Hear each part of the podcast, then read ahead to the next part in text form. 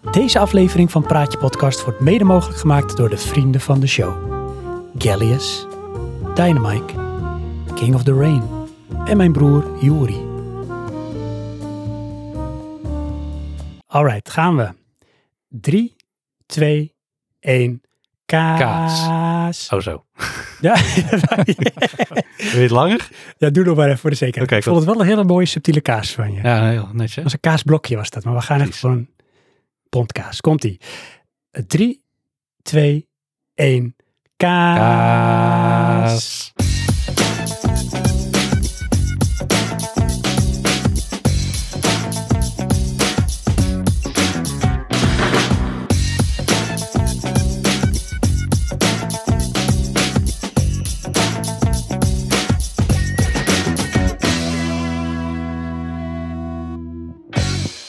Johan, ben jij er klaar voor? Ja hoor, Heb je er ook zin in? tuurlijk. Echt? Ik ben hier al, ik denk, weken mee bezig in mijn hoofd. Ja, want ook voor jou, eh, Niels, en ook eh, lieve luisteraars, welkom. Oh. Ehm, het was bijna zo, of we hadden deze opname eh, misschien of nog een keer moeten uitstellen, want hij is al een keer verplaatst, of we hadden hem verderop in de avond moeten beginnen. Oh. Want jij had je trein gemist. Oh ja, klopt ja. Ja, de, de goden waren tegen. Ja. Vorige keer was ik ziek. Ja, Ging het ook niet door?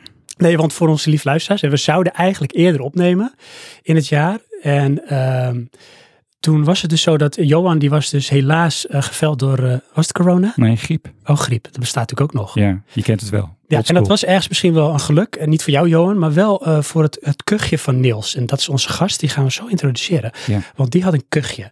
En doordat we nu later opnemen, is dat kuchje denk ik weg. Dat gaan we straks horen. Maar misschien heb jij nu een kuchje, dat weet ik niet. Nee, ik had het kuchje ook. Maar is die ook weg nu? Eh, zo goed als. Oké, gelukkig. Ik heb hem de hele dag nog niet gehad. Dat is fantastisch. Want ik voel een beetje anticipatie. Voel jij het ook? Ik eh, voel een beetje nervositeit. Ja, en het is ook een beetje, zeg maar, eh, noem het alsof je liefde voelt.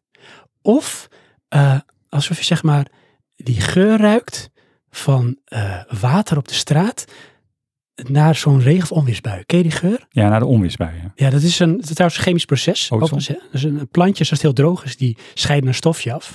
En als het dan gaat regenen, dan wordt dat stofje, als het weer verdampt, het water, en het regenbui, wordt dat zeg maar omhoog gebracht. Dan ruik je dan. En weet je hoe ze dat noemen? Nou, Petrichor. oké. Want dat is anticipatie, maar dat komt omdat deze aflevering staat eigenlijk compleet in het teken van films. Ja. Eh, maar om dat goed te doen hadden wij zoiets, daar moeten we hulp in schakelen. Inderdaad. We hebben hulp nodig. Ja? Ja, want weet je wat het is? Nou, Praatje podcast is een beetje als zeg maar dat lokaal waar dan zeg maar de leraar onverwachts wordt weggeroepen. En zodra de leraar dan de klas uit is, dan breekt de hel los. ja? Ja, dan wordt een geitenbende en Oké. ene sterke verhaal aan het andere. En het is onsamenhangend. Oh. En het wordt chaotisch, maar totdat, totdat de leraar weer binnenkomt. En dat is dan zeg maar de gast in deze, Oké. deze structuur. Iedereen zit op zijn plek, muisstil, er is aandacht. Ja. Hè, we weten meteen waar we aan toe zijn. Even tussendoor. Je beseft dat we dan praktisch maar vijf goede afleveringen hebben. Nou kijk, dat is dus ook zo. Dat komen we straks nog op als we, de, de, de, zeg maar, als we Niels echt geïntroduceerd hebben. Eh, we krijgen als feedback terug van, dat was een goede aflevering. En dan ga ik kijken en dat is altijd als er een gast is. Ja? Ja, het is, het is eigenlijk is gewoon het niveau gaat omhoog als we Oh, een nee, gast hebben. Ja. Dus dat moeten we af en toe doen. Maar wie hebben we in de, de uitzending? Ehm, dit is wel zeg maar eh, de René Mioch van de Nederlandse podcast over films. Het is zeg maar echt een filmconnoisseur. Oké. Een fijnproever. Ja. Het is een autoriteit. Oké. Het is, als films een wijn zouden zijn, dan was deze persoon was de finoloog. Nee, wacht, nee, deze persoon was de neus van de finoloog. Oké. Daar zit alle kennis. Ja. Dit is de man achter de Filmfans podcast. Ik denk een van de grootste en bekendste podcasts in Nederland over films. Oké. Mag ik een daverend applaus, wat gaat nu echt gebeuren, voor niemand minder dan Niels Timmer.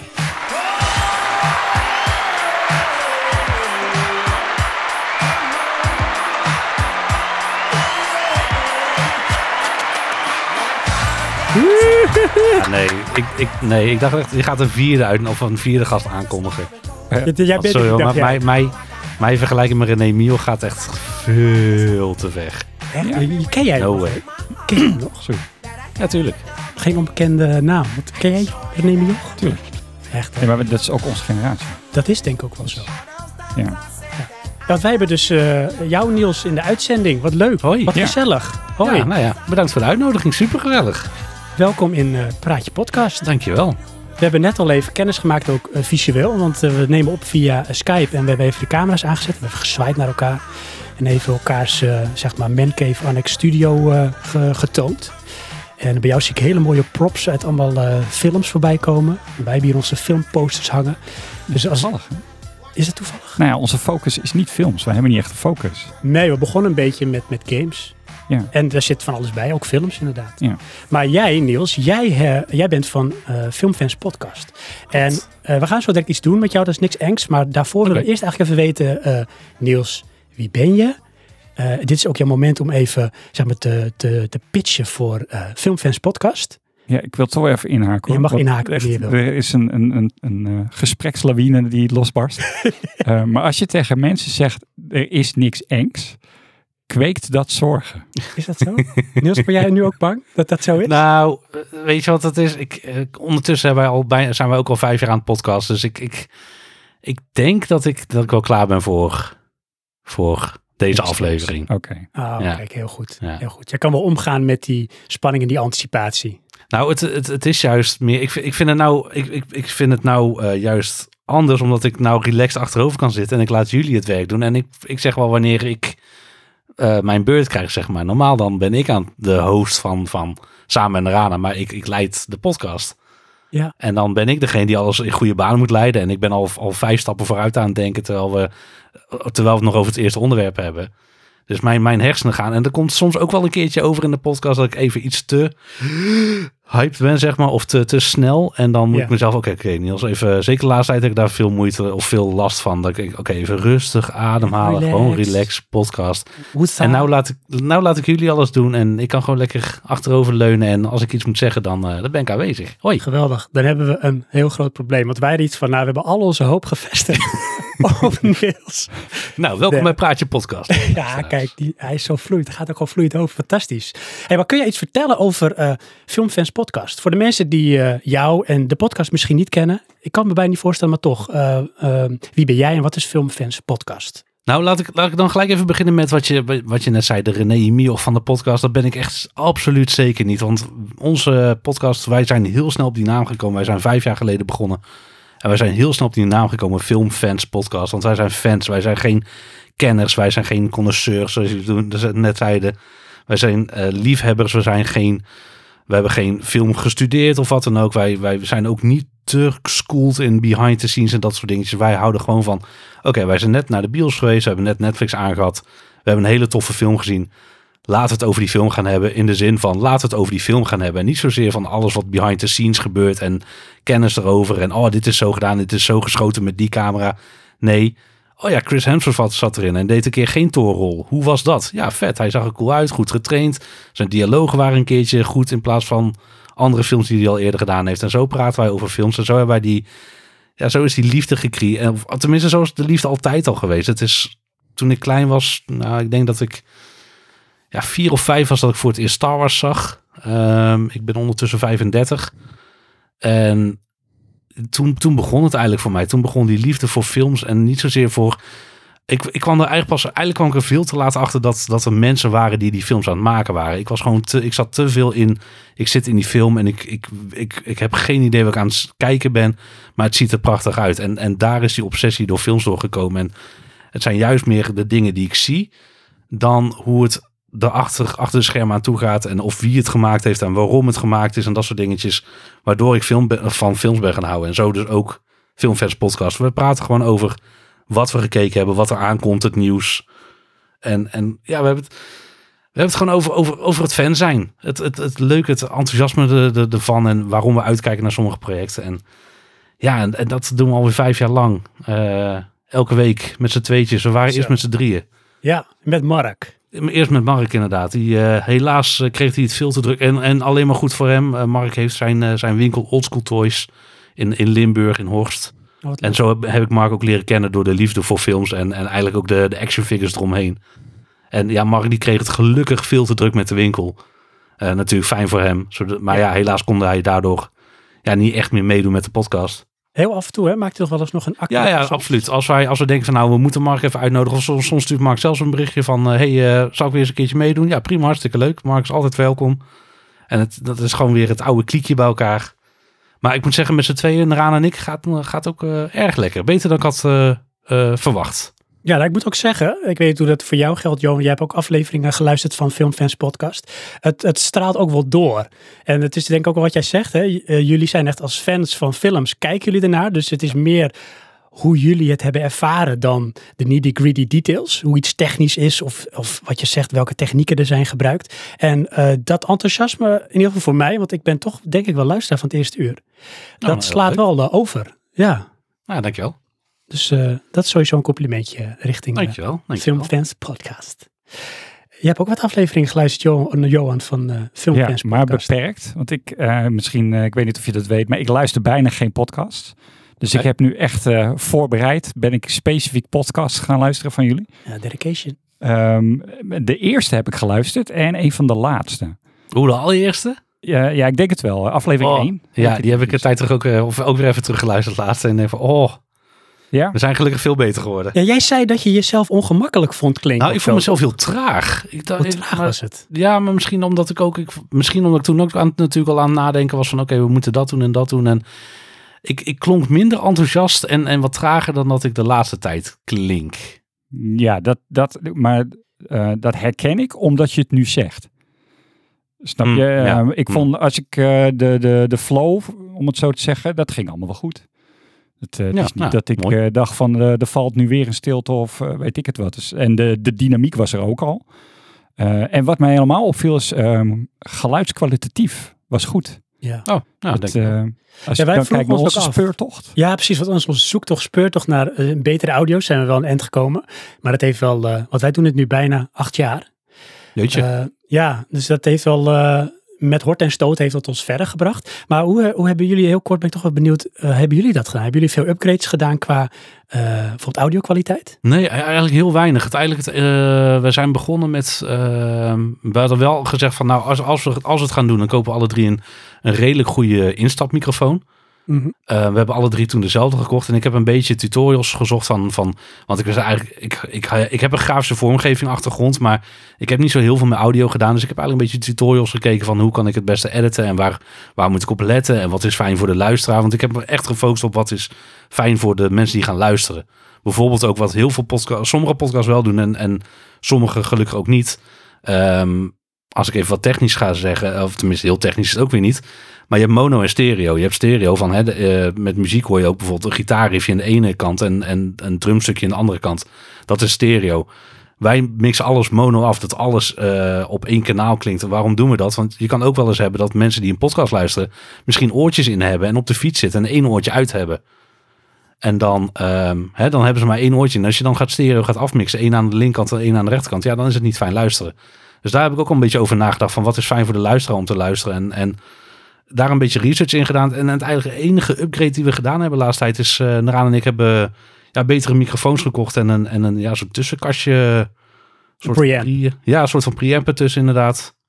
En dat is eigenlijk het enige. Verder hebben we niet heel veel gedaan. En ik moet wel zeggen, ik ben wel heel blij dat we dat gedaan hebben. Want deze, deze microfoon is gevoeliger, maar ook weer... Ik kan bijvoorbeeld mijn ventilator aan hebben staan en dan, je hoort hem wel, maar zodra ik dan een beetje ga editen, dan is hij ook heel snel actief. hè. Ja. Ja. En ehm, ja, de kwaliteit is gewoon helder, ja, hel, helderder, dur, dur, dur. Dat klinkt echt wel goed inderdaad. Ja, ja, dankjewel. Dat, eh, maar verder meer dan dat eigenlijk ook niet. Het is misschien, ik denk dat het ook voornamelijk te maken heeft met gewoon dat we ons gemakkelijker, ja, we, het is makkelijker om te doen na al die jaren. Ja, Ja, dat herken ik dat ook hebben wel. wij ook wel. Ja, want als je onze eerste aflevering terugluistert, ik was sowieso bloednerveus. We namen op in een veel te warm klein zolderkamertje met een speldmicrofoontje waar we dan allebei dichtbij moesten zitten. En eh, ja, Kansloos. en ondertussen zijn we dan eh, USB-microfoons. Uiteindelijk eh, overgestapt naar dynamische microfoons. Eerst nog een audio-interface, toen overgestapt naar een mixer. Ik zou uiteindelijk toch nog een keer terug willen naar een audio-interface. Vooral met meerdere personen in een podcast, dat dat makkelijker is. Maar voor dit zijn we eigenlijk ook wel tevreden. Ja, nee, ik, moet, eh, ik, heb, ik heb ook jullie eh, al heel wat geluisterd, nou, een al heel wat uren zo. En ik vind audio van jullie ook, eh, ook heerlijk, dus eh, het is fijn om te luisteren. Kijk, top, top. Geef eens zo eens even complimentjes over en weer. Dit wordt een hele harmonieuze aflevering, Johan. Ik voel het. Tot in meteen. Ja, als we elkaar wel beter kennen, dan kunnen we elkaar ook gaan afzeiken straks. Dat mag, hè? eh, Zeker. Maar dat komt, Dat- eh, dat komt later. Dat komt vanzelf, ja hoor. Eh, want we hebben iets bedacht, Niels. Want ja, eh, ook voor onze luisteraars. ehm, Die kennen jou misschien niet, of die kennen jou nu ondertussen ietsje beter. We hadden iets bedacht. We hebben namelijk eh, een soort shootout. En dat zijn eh, tien vragen of zinnen die jij moet beantwoorden of afmaken. Die stellen we om en om. Mag. Johan en ik. Mag, je mag ook een joker inzetten. Het is, het is, hè, we houden het alles heel erg vrolijk, vriendelijk en eh, gemoedelijk in Praatje Podcast. En eh, die vragen zijn eh, dermate dat we jou iets beter leren kennen, eh, Niels. En misschien ook jou in relatie tot films. Oké. Dus de vraag is, ben je er klaar voor? Ja, absoluut. Dat is een makkelijke. Ik krijg al de moeilijke vragen. Ja, ja. Eh, Johan, Ja. ehm, wil jij beginnen Ehm, met de eerste vraag? oh, is Heb je ze voor je? Nee. Ik hou van die voorbereiding. Ja. Nou, meestal lees je toch alles op, dus dan eh, Oh, dat is ook zo. doe ik wel mee. Ik hoor heel veel van onze podcast terug hier. Lekker hè? Heerlijk. Als ik eerlijk ben, dat vond ik dus ook andersom. Ja? Ja, Oh, echt waar? Herken, herken- Ja. Herkenning. echt. ehm, moet ik dat zeggen? Jullie hebben een beetje een bepaald rollenpatroon, om het zo te zeggen. En dat hebben wij vergelijkbaar. Nou, weet je, weet je wel, en ik, ik, ik, ik weet niet, ik, ehm, kennen jullie de Dik voor elkaar show? Ja, zeker. Van André van Duin toch, was dat? Ja, met André van Duin en, en Jan de Groot.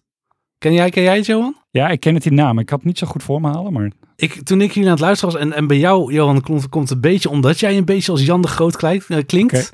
Maar het, jullie show voelt een beetje als de Dik voor elkaar show. Maar ik vind ook, jullie, jullie praten heel snel op elkaar in en zo. Dus ik, het, toen ik aan het luisteren was, had ik het gelijk een beetje dik voor elkaar gevoelens. Oh, wat grappig. Dus dat is ik- dus precies wat een collega van mij ook zei. Oh, serieus? Nou ja, doe ermee Ja. wat je wil. Ik vind het voor me, als ik het zou krijgen, zou ik het een compliment vinden. Want André van Duin, ik hou niet zo van veel van Nederlandse producties.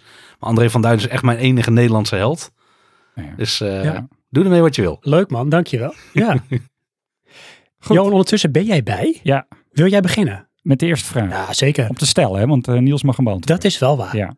Ehm, wacht even. Wil je ook dat ik er een muziekje onder zet? doe dat. Dat is dan voor de edit. Dat hoort Niels niet. Nee? Oh. Nee, komt-ie.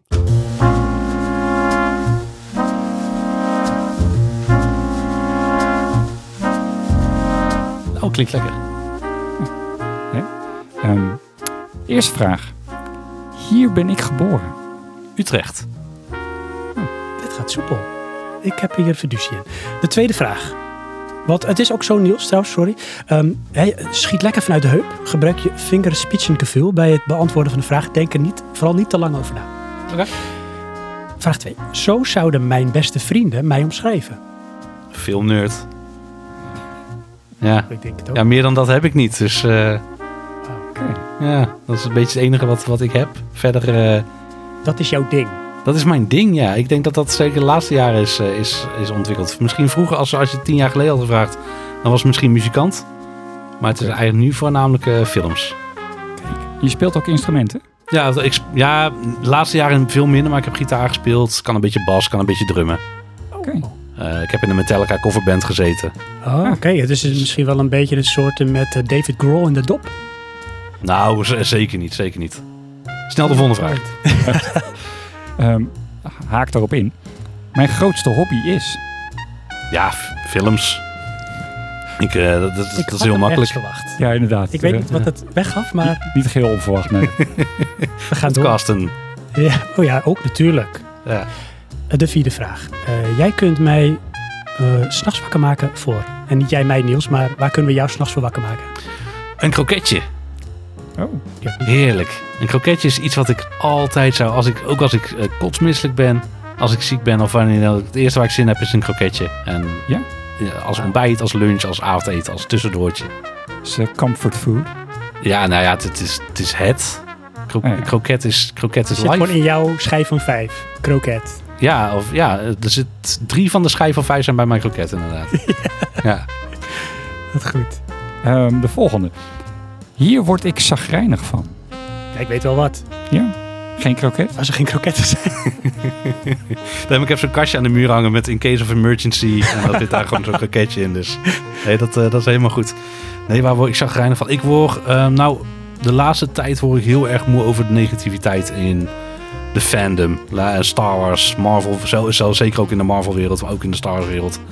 Daar ik een beetje chagrijnig en moe van. En dat is ook iets wat we proberen te negeren in de podcast. Want ik- ben er helemaal klaar mee. Ik zeggen, ik merk daar niet echt veel van in de podcast. Nee, nee, eh, eh, met, met, eh, ja, met de reden. Ja, oké. Nou, mooi eerlijk antwoord. Maar dan is zeg maar de contravraag hierop. hier word ik blij van. Ehm, een goede nieuwe film. Een, een, film waar ik weer... ehm, ik heb er laatst er eentje gezien. Ik, was, ik ben al, al sinds, sinds begin ben ik Toy Story fan. En toen kwam Lightyear in de bioscoop. Eh, en ik hoopte van nou laat Lightyear een, een toffe, toffe toevoeging zijn. Of gewoon een coole alleenstaande film waar ik van kan genieten. En die film maakte alles waar bij mij. Dus eh, een goeie, ja, weer een goede film waar ik me helemaal... Waar ik de action figures van wil hebben. Daar word ik altijd blij van. Oké, Wauw. ja, dat is wel eh, duidelijk. Ja. Andere toon. Naar deze muziek heb ik laatst nog geluisterd. Ehm, Paolo Nutini heeft er net een nieuw album uit. Eh, Johan, die- jij kent hem. Johan kijkt met vraagtekens boven zijn hoofd. Ook al slecht in namen. dus dat- ja, je, kent, je zou hem misschien kennen van... eh, hey, I put my new shoes on and suddenly everything is right. Dat, is was, een, dat was Yes. eentje... ehm, stem. Ja, Sven die ken ik. probeert bij mij een bevestiging af te dwingen, maar nee. nee. Nee, ja, eh, is... Ja, wat is, wat, het is een beetje soul. Het is een beetje eh, funk. Het is heerlijk. En hij heeft net een is hij dan een tijdje eruit geweest, eh, Niels? Of is hij gewoon wat minder, zeg maar, op de voorgrond? Omdat er... Ik- Eh, nou ja, ik, ik, ik heb eigenlijk geen idee. Eh, hij had een album, ja, toen hij groot werd, zeg maar. Toen, toen dat album was heel erg fijn. En ik moet zeggen, ik luister niet zo heel veel radio. Want ik luister eigenlijk ook altijd gewoon alleen maar podcast.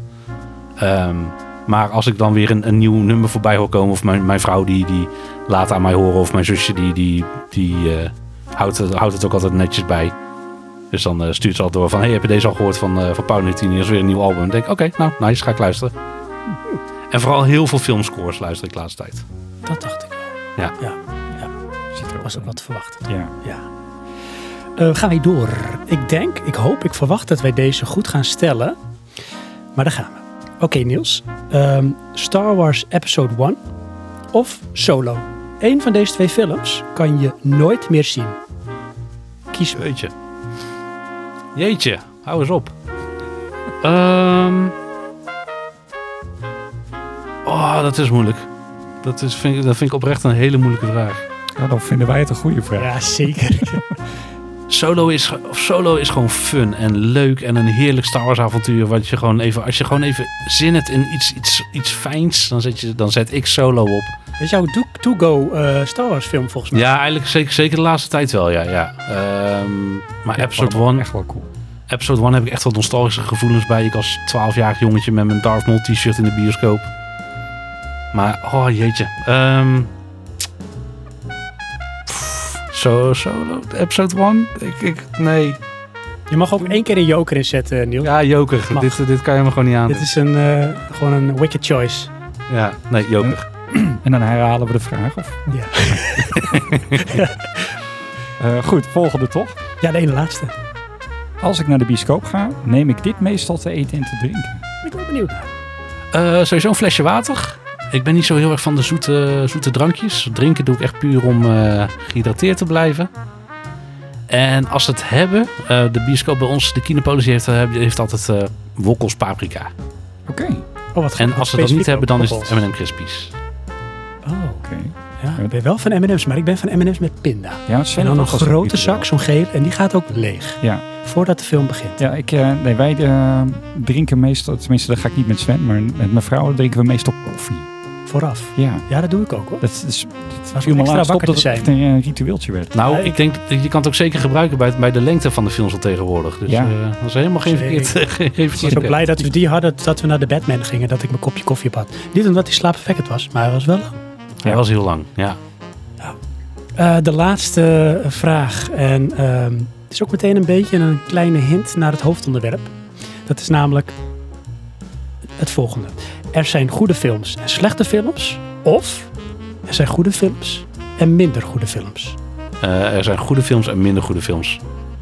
Want slechte films, eh, en ik, ik, daar gaan we het zo meteen zeker even goed over hebben. Maar er zijn geen slechte films, want het, het is smaak. Er is ook geen slechte kunst. Er is ook geen slechte muziek. Want als jij iets heel slecht vindt, dan vindt iemand anders vindt het prachtig.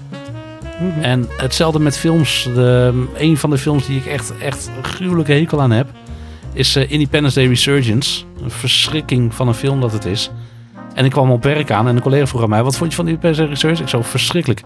Nee, man, was super tof. Bewijs maar weer. Ja, ja, Het is voor iedereen inderdaad. anders. Smaak Dus- is niet te koop, maar over smaak Nee. valt ook niet te twisten. Nee, zeker niet. Nee. En, en wij zeggen het heel vaak in de podcast, en daar sta ik helemaal achter. Niemand heeft de bedoeling om een slechte film te maken. Nee, nee, dat is zo. Nou, behalve Michael Bay hoor. Nee. Nou, zelfs hij heeft een paar pareltjes. Nou, dat is wel waar. Dat is ook zo. Ja, ja die geef ik je dan. Ehm, Niels, dit was de shootout. We hebben jou als het goed is nu iets beter leren kennen. Je bent zeg maar door de vuurdoop heen. Mooi. Hè, het ijs is gebroken. Eh, nu, eh, als je nu iets lelijks wil zeggen, mag het ook gewoon. Dat komt gewoon minder hard aan. Maakt niet uit. Eh, maar voordat we naar het hoofdontwerp gaan, gaan we eerst even lekker bijpraten. En bijpraten, hè, voor onze luisteraars is dat een bekend concept. Voor jou, Niels, misschien ondertussen ook, omdat je het een paar keer geluisterd hebt, Praatje Podcast. Mhm. Maar je mag gewoon een onderwerp aandragen. En als je er iets over wilt zeggen, dan mag je daar iets over zeggen. Stel ik ook voor dat we, omdat jij ons gast bent, onze guest of honor, eh, dat jij gewoon mag beginnen. Dus waar wil jij het over hebben, Niels? Oh jeetje, ehm, ehm, ik, ik weet niet. Ehm, dat vind ik, vond ik het leuk van jullie podcast. Ik denk dat dat misschien een nadeel van jullie podcast is, maar daar kunnen we misschien nog wel wat later over hebben. Mhm. Is dat jullie, jullie onderwerpen heel gevarieerd zijn. Heel breed. De ene keer gaat het over eh, cameralensen, eh, omdat jullie aan de fotografie doen. En de andere keer is het opgroeien in Den Helder. Ja. ja. Ehm, of, of, of waar dan ook, waar jullie, waar jullie geboren zijn. Maar, maar Ja, ik, wil een, ik, heb, eh, ik, zou, ik zou het graag, of tenminste, eh, action figures vind ik altijd leuk om het over te praten. Want dat is iets wat ik, eh, wat bij mij ook een heel groot onderdeel is van films. Maar wat ik misschien ook wel leuk vind, en het is nu misschien ook een nadeel, want het is nou, ik, ik had bij jullie kunnen zitten, maar jullie wonen zo ontiegelijk ver weg. Mhm. Eh, helemaal in het noorden. Het is nou echt Ja. Noords meets eh South, eh, frietjes meets patat. Klopt, we zitten aan de andere kant van The Wall. Ja, precies. Ik, ik was zelfs nog een paar uur geleden nog in België, dus moet je nagaan hoe ver ik, eh, oh, nee. nee, hoe dat, ver weg ik dat ben. doe ik je niet na. Nee, daarom. Maar ehm, ehm, ik heb wel, en daarom, vind ik, vond ik, daarom ehm, trok jullie podcast mij heel snel. Ik heb een heel groot deel van mijn leven in Den Helder doorgebracht. Een heel groot deel van mijn jeugd eh, heb ik herinneringen uit Den Helder. Hè? Nee. Want mijn vader is geboren in Den Helder. Echt? Ja, zeker. En mijn eh, opa en oma woonden er toen nog steeds. Mijn, eh, mijn oom, eh, mijn oom en tante woonden nog steeds in Den Helder. En wij gingen heel vaak op vakantie in Den Helder. Wij stonden heel vaak op de camping Donkere Duinen. ja. En ehm, nou ja, mijn oom zit dus bij de marine. Dus ik heb heel veel ins en outs van de marine gezien. Heel vaak vroeg naar de vlootdagen geweest. Maar ja, als mijn oma aan het werk was, dan zag ik natuurlijk veel meer dan, dan het grote publiek. mhm. En ja, de vakanties, eh, heel veel van mijn vakanties in Den Helder doorgebracht. Ik, ik, ken, ik weet niet of jullie de, de ijsjes van Laan kennen. Ja, ja, Eh, zeker. dus- de dus ijsjes ook- van Laan zijn gewoon, zeg maar, befaamd, berucht. Dat bedoel ik. maar De, ook de, zelfs. de ijsrollies en als het logo op je stokje staat, dan krijg je er nog eentje. Ja, Eh Ja. Alle soort dingetjes. proef het ook Eh, gewoon, hè? Eén één ding wat we ook altijd deden was een frietje halen bij hoe heter, hoe beter. Zo noemde ik het al toen, toen het klein Ja, dat riep die man ook altijd aan. Hoe heter, hoe beter. Hoe Ja, heter, hoe beter. precies. Markt, hè? Stond de markt volgens Ja. Stond op de markt gelijk helemaal in het begin. Ja, daar bij de HEMA. Ja, ja. Dus, eh, dus ik, ik, ik, had, ik voelde een beetje een connectie toen ik jullie aan het luisteren was. Van ja, het, het, ehm, alsof, alsof jullie jeugdvrienden zouden kunnen zijn, zeg maar. Omdat- ja, het zou dus ook zomaar kunnen, Niels. Wie weet heb ik jullie ooit wel eens een keer gezien. Dat zou, eh, Precies. Hebben we elkaar kunnen. keihard genegeerd of misschien iets tegen elkaar gezegd? Je weet het niet. Dat zou Dat zou zomaar zomaar kunnen. Misschien ook al een keer een stok naar je toe gegooid. Was jij dat? Sorry alvast. of nog. Of nog? Nee, maar, eh, leuk zeg. Ja, nee, ik, ik had graag naar jullie toegekomen. Maar ik zeg, het is zo ontiegelijk ver rijden. Eh, misschien, eh, misschien gaat het nog wel een keertje gebeuren. Vast nog wel een keer. Maar ja, ik, Den Helder heb ik toch heel, heel dicht bij mijn hart altijd. In ieder geval die, die kant. Ik, ik hou van de zee. Ik hou, of tenminste niet zozeer om in te zwemmen, om te kijken naar de zee. Vind ik heerlijk. En ja, dus, dus, dus ik, ik, vond, ik vond, dat vond ik wel leuk. Ik, ik had er graag bij willen zijn. Of in ieder geval eh, fysiek bij jullie in de ruimte. Ja. maar, ja, eh, ik vind, het, ik vind het wel een heel mooi dingetje zo inderdaad, eh, Den Helder. En het, geeft ook meteen weer een stukje connectie. Ja. En er is nog meer connectie, gewoon een kleine zijstap. Want Johan, dat weet jij misschien niet. Nou, Maar eh, wij hebben ook met z'n drieën naast Den Helder hebben we nog iets gemeen. podcast. Eh, dat ook. Inderdaad, we hebben nog iets gemeen. We hebben denk ik dus best wel veel dingen gemeen. Hmm. Maar iets heel specifieks namelijk. Nou, vertel. Het was raar dat je Ja, ik- oh, ik ben hekel aan dat die raden. Dat ben ik gek op en jij hebt er een hekel aan. Eh, wij hebben alle drie een bloedhekel aan Nederlandse films. Hey. Ja, we kunnen elkaar allemaal nu zeg maar een, een man-bro fist geven.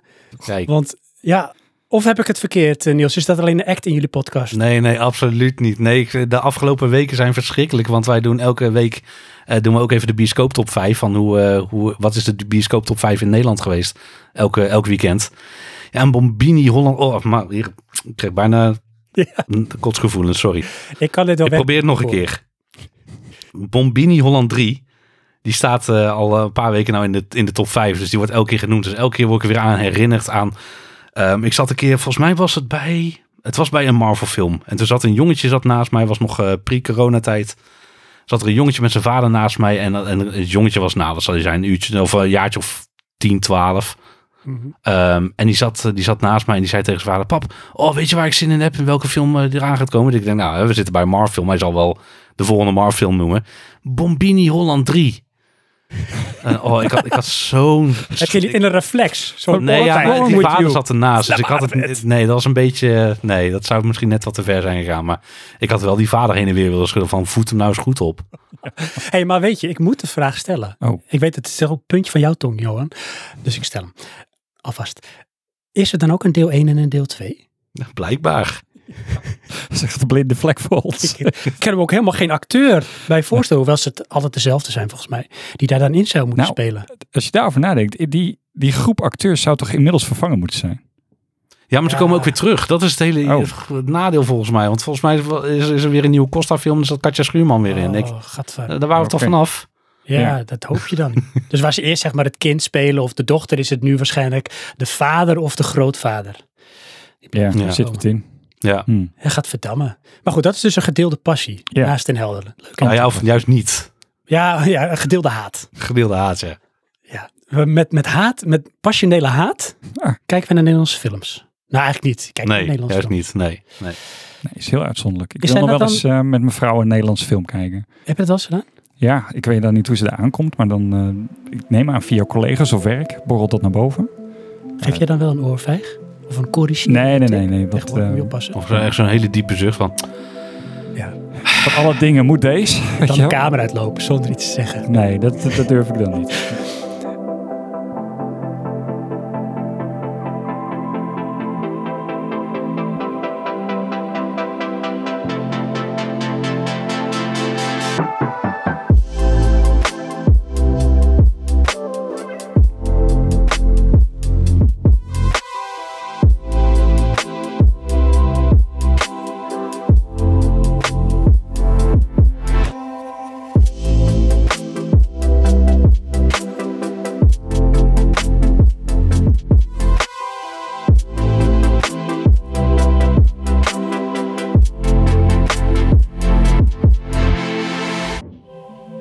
Den Helder. Altijd goed. Ja, Altijd Heerlijk. zonnig. Familie, strand, feestje, Johan. Hè? Als ik een vaste factor ben of zo. Nee, niet. Maar, Eh, Johan, had jij iets leuks ook nog voor eh, bijpraten? eh, nou, ik heb een, een tip, maar dat Tip? is eh, voor de luisteraars. Ja. En eigenlijk een beetje de muziekliefhebbers. Ja. Het is een beetje moeilijke Misschien muziek. kan je Niels ook wel overtuigen. Je weet het niet. nou, dat is een dingetje, dat kwam ik tegen via een, een ander YouTube-kanaal. Dat die persoon, maker, creatieveling, Ja. die heet, als het goed is, eh Jero Beam Fenderson. Ik weet niet of je dat toevallig kent. Nee. Maar die maakt dus ehm, visuele muziek. En eigenlijk dus oscilloscoopmuziek. Oh. Maar die is dus, ehm, ja, je kan het ook downloaden, je kan het ook gewoon op je computer kijken, maar je kan het dus ook naar een echte oscilloscoop sturen en dan werkt het. En dan krijg je dus animaties in je oscilloscoop oh, dat is wel op basis van muziek. Oh, wauw. Maar is de muziek ook echt wel muziek, muziek? Nou, het is wel heel techno-achtig. Alleen het jammer is, ik, eh, toen ik dit ontdekte, bleek dus, eh, ik denk drie jaar geleden, is er in Utrecht een expositie geweest van hem. En dan kon je het allemaal zien eh, met, met apparaten. Maar ehm, ja, ik dacht, past in ons eh, scala aan onderwerpen. Ja.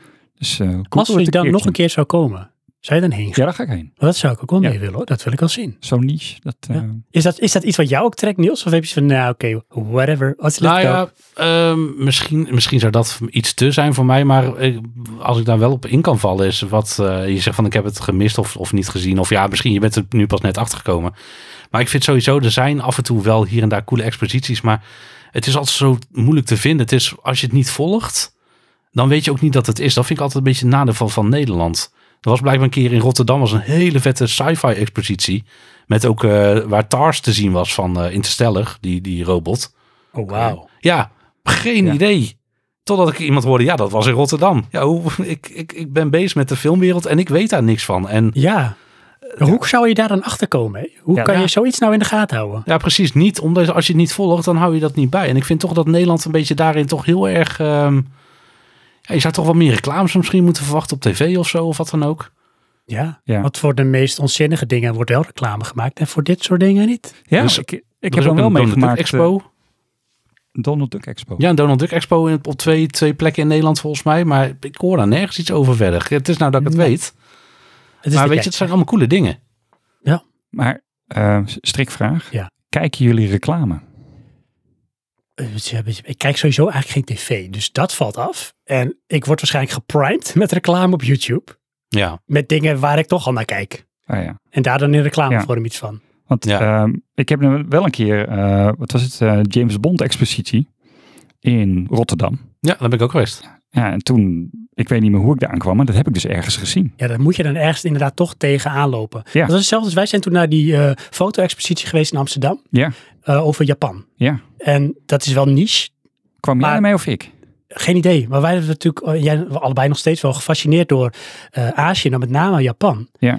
Eh, door manga ook en zo. Maar er was dus een fotograaf die eh, volgens mij echt mooie urban fotografie deed. Dus echt eh, de gebouwen en dingen. En die had dus een expositie in eh, In een of andere een of herenhuis andere in Amsterdam. ja. Prinsengracht, eh, een huisje in Amsterdam. En daar zijn we toen heen geweest. Maar ja, kom er maar eens achter. Daar ben ik waarschijnlijk toevallig tegen aangelopen. We hadden toen met school gingen we naar een, een anime-expositie, 100 jaar geleden. En daar hadden ze dus ook gewoon een Star Trek-expositie.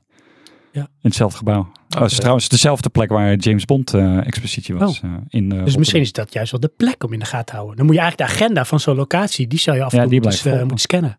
Ja, dan hebben Ja. ze ook weer een moderne kunst, uh, bladibladbla. Daar ben je, heb je minder mee. Nee, daar heb ik niet zoveel mee. Misschien, eh, misschien moeten we dat voor de podcast ook maar even gaan doen. Meer dat soort dingen in de gaten houden. Nou, daar zeg je wat. Kijk, het, het is misschien niet direct film, maar wel film gerelateerd. In het geval wat jij zei over Interstellar. Dat zijn toch wel toffe dingen. Ja. Als je Ja, dat van tevoren kunt mededelen. Ik ben Zou naar ik eh, welke, oh, de Pixar Expo in, eh, in Amsterdam geweest. Daar werd toen wel veel reclame voor gemaakt. Ik ook. Eh, maar dat was fantastisch. Originele schetsen, originele kleinmodellen stonden daar. oh, tof. Eh, ja, dat was, was echt waanzinnig om al die dingen daar te zien. Dat soort dingen moeten gewoon meer komen. Zeker. Ja, ik verwacht ergens ook wel dat dat dan zo is. Want ik, ik bedoel, film wordt voor mijn gevoel steeds toegankelijker en eh, breder gedragen. Genres die, eh, zeg maar, gaan wat vloeiender in elkaar over. Je bent niet meer echt een nerd als je sci-fi kijkt, om het zo maar te zeggen. Mhm. Dan zouden dit soort dingen toch ook gewoon meer gemeengoed moeten worden. ja, maar, ja, maar dat is toch wel echt voor de fans. Ja, dat, dat is het. Dat Kijk, is het dan. eh, bij mij op mijn werk vinden ze het raar als ik films meermalen kijk. Denk, Ja, ja, die, die opmerking hoor ik ook heel vaak. Het zijn dan niet de mensen die naar zo'n museum gaan, snap je? Dat, eh, Nee, nee, dat is waar. Ja, die komen Nee, in dat, in dat opzicht zit- is Nederland gewoon een heel klein landje. En dat is dan ook wel een, een nadeel. Ze maken slechte films en ze maken weinig reclame voor dit soort toffe dingen. Precies. Dit is Maar Nederland. misschien is dat bewust. Dan Ja. blijf je bij die slechte Dat films. zou het zijn. Nou, maar hebben ze niet. No way. Tenzij de soundtrack dan gemaakt is, dat is dan mijn Achilleshiel door Hans Zimmer. Spinvis. Oh. En dat is een dingetje, dat heb ik dan. Dat is het enige Nederlandstalige muziek, want ik heb ook helemaal niks met Nederlandstalige muziek. Behalve Spinvis, dat vind ik echt een, eh, een poëet. Oké. Ik noem hem wel de Nederlandse eh Flaming Lips. Ah ja, ja. Dat heeft dan eh, wel mijn aandacht. Nou, Maar dat is Ja, maar dat kan ook te maken hebben. En dat vind ik, dat vind ik heel belangrijk bij muziek. Het, het, het is misschien niet zozeer de Nederlandse taal, maar het is meer de, de melodie en de, de gevoelens die je erbij krijgt. Eh, ik, Ja. ik, heb, ik heb dat zelf bijvoorbeeld heel veel, ook met best wel veel met Franstalige muziek. Eh Stromae vind ik, eh, vind ik erg gaaf. Maar ook ehm, eh, de, die inzending van, eh hoe heet ze, Barbara Paravi. Eh, dat was de eh, inzending van Eurovision van vorig jaar. Eh super mooi Frans nummer, voilà. Oh, die weet ik niet meer. Oké. Ik, kijk, ik vond, eh, oh nee, Italië was dat. dit jaar vond ik Italië goed. Oké. Maar een van de weinige aardige liedjes vond het slecht jaar. Oké. Ja, Ja, ik dat vond op zich. ik eh, ja, nou ja, het was inderdaad vorig jaar was, was vond, ik- vond ik eh, wat leuker. Maar het, het is meer ja, een gevoel. Hetzelfde bij films natuurlijk, maar ook zeker bij muziek. Het is meer als mij een goed gevoel geeft, dan, dan ga ik daarna meer naar de inhoud luisteren en de, Ja. en de, de, de teksten of eh, welke taal Ja. is het gezongen of wat dan ook. Ja, het moet goed klinken en daarna komt de rest. Ja, ja dat vind ik zeker bij muziek. Ik ben benieuwd. Dat gaan we straks gaan we daar ook dieper op in in het hoofdonderwerp. Want Oh. ik weet ook ik ben benieuwd hoe dat met films zit. Heel benieuwd naar. Ehm, leuk, Johan. Leuk. Ehm, Niels ook. wat zei je ook? Ik weet niet waarom ik leuk ben, maar goed, het zal. Je bent echt leuk. Je bent mijn co-host. Oh ja, En mijn beste vriend. Ja. Ehm, nu Ja. dan. ik heb nog een klein duitje in het zakje. Oh. Het is wel brekend nieuws. Wat gaat een stuk? Met name voor jou, Niels. Oh jee, Want ik weet niet of je het al weet. wat heb ik gedaan? Al wist. Maar ehm, er komt nog een Nederlandse podcast die over films gaat bij. In de al drukke Nederlandse podcast even. Weer concurrentie die ik af moet laten maken. Ik denk het wel. Ja. En ik ben een van de twee culprits. Oh, God, ja. Ja, joh. ja, ja. Nee, we zijn zeker geen concurrentie hoor. Maar ik ga met ehm, eh, Michael Bunschoten. En dat is eh, een van de mannen van Button Bashers. En dat is een eh, een podcast die over gamen gaat. Dedicated over gamen. Ze hebben ook een forum en daar, daar ben ik ook lid van. Eh, maar goed, zij hebben dus ook een podcast. En ehm, ik heb ook eh, wel regelmatig contact met hem. Hij is ook een paar keer bij ons in de uitzending geweest. En hij komt eh, volgende maand, nee, wat zeg ik? Ja, volgende maand komt hij langs met zijn compaan Niels, met wie hij de podcast opneemt. Maar ehm, hij heeft nog een passie. En dat is een gedeelde passie en dat is films. En hij kan zijn ei niet kwijt over films in zijn game podcast. Dus hij had zoiets van, waarom zouden we niet een korte snackformat podcast kunnen maken, wekelijks? En dat is na veel voorbereiding eh, is dat eh, nu eindelijk eh, gebeurd. De eerste vier opnames zijn al gemaakt en de allereerste aflevering, de proloog heet die, die komt aankomende maandag, voor het moment dat we nu opnemen, komt die uit. En ehm, het heet de Filmblik, de podcast. En waarom de Filmblik en niet het Filmblik? Daar moet je de podcast voor luisteren. En daarin gaan we dus elke week een film gaan we bespreken. En die kan heel oud zijn, weet ik wel, Gone with the Wind. Of hij kan heel recent zijn, bijvoorbeeld Lightyear. En eh, dan gaan we net als, eh, nou niet net als jullie, want dat is net zo het stelen. Maar we gaan het ook meer hebben over wat wij ervan vinden. We gaan niet iets, eh, zeg maar, de grond in boren of de hemel in prijs. Wij vinden er gewoon iets van. En dan kan je dan eens luisteren mee doen wat je wil. Kan je denken, hé, hey, nou, dan ga ik die film denk ik ook wel eens kijken. Plus daarbij hoop ik, doordat we ook af en toe wat out of your comfort films bespreken. Zoals bijvoorbeeld eh, Power of the Dog van Jane Campion. Dat die we ook film misschien... die jij mij probeert te laten zien. Klopt. Ja, dat was Cobaan. Mooie Ehm, film, Johan. Kijken. Ja, Ja. kijk, zie je, ik heb een medestrijder. Eh, we proberen ook, zeg maar, dus de filmsmaak van de luisteraar iets te verbreden. Om ze een beetje te kietelen, om hun comfortzone een beetje te verbreden. Heel mooi. Dat, is, eh, dat is de propositie. En dat is gewoon dus wekelijks. En dat is maximaal een kwartiertje. En dan een film. En daar hebben we het dan over. Nou, lekker. Dus geen concurrentie hoor, Niels. Maak Nou je ja, niet weet, ik, er is ook geen concurrentie. Ik vind, eh, en dat vind ik ook heel erg leuk. Ik ben door het podcasten ben ik heel veel eh, mensen leren kennen. Film, de mensen van Filmers podcast, YouTube programma zijn ondertussen goede vrienden geworden van ons. Ja, leuk Ruud. Vos van een Duimpje Worstelen. opgebouwd. Sorry? Jullie hebben echt wel een groepje opgebouwd in de Ja, community. nou, als het het ware. is, ja, we hebben inderdaad, want wij zitten ook allemaal een beetje in dezelfde regio. Eh Duimpje wordt zit in Nijmegen, uh, Filmers zitten in, in Arnhem. Dus wij zitten allemaal ook een beetje in, in, in dit, dit, dit, dit stukje van Nederland, zeg maar. En we hebben elkaar leren kennen door, dankzij Filmers, die hebben zo'n film, toen tijdens de corona-lockdown hebben zij een eh, online YouTube filmquiz georganiseerd. En, daardoor, en daarmee allemaal filmpodcast en, en YouTube mensen uitgenodigd om, eh, om mee te doen. En zo zijn we allemaal een beetje elkaar leren gaan kennen. En eh, ook een, echt een, een, een kliekje is ontstaan. Eh, waar we laatst ook even mee zijn uit, uit eten zijn geweest en zo. En dat soort dingetjes. Dus eh, weet je, hoe meer ziel, hoe meer vreugd. Dat, Zo is het zie ook. ik het. Ik heb ook inderdaad sowieso, misschien wel in podcastland. ehm, er is niet echt concurrentie inderdaad. Iedereen gunt het elkaar. Iedereen heeft zijn hele eigen draai in hoe hij iets doet. En iedereen heeft ook zijn schare luisteraars. Dus er is genoeg voor iedereen om te kiezen. En Als jij nou is zou zeggen van... eh, wij, wij, wij starten met, met de top 5, of de, de BIOS top 5 en daarna dit. En we doen daarna het nieuws en dan daarna... nee, dat komt later. Eh, Kijk, dan zou ik misschien zeggen van... eh, misschien wat andere... Kon je niet wat anders verzinnen? Ja, precies. Dat is wel Ja. heel creatief. Ja, precies. oh, wat, wat leuk. Het is nog niet. Nee, Ja, maar, de hitman eh, komt morgen langs. Ja.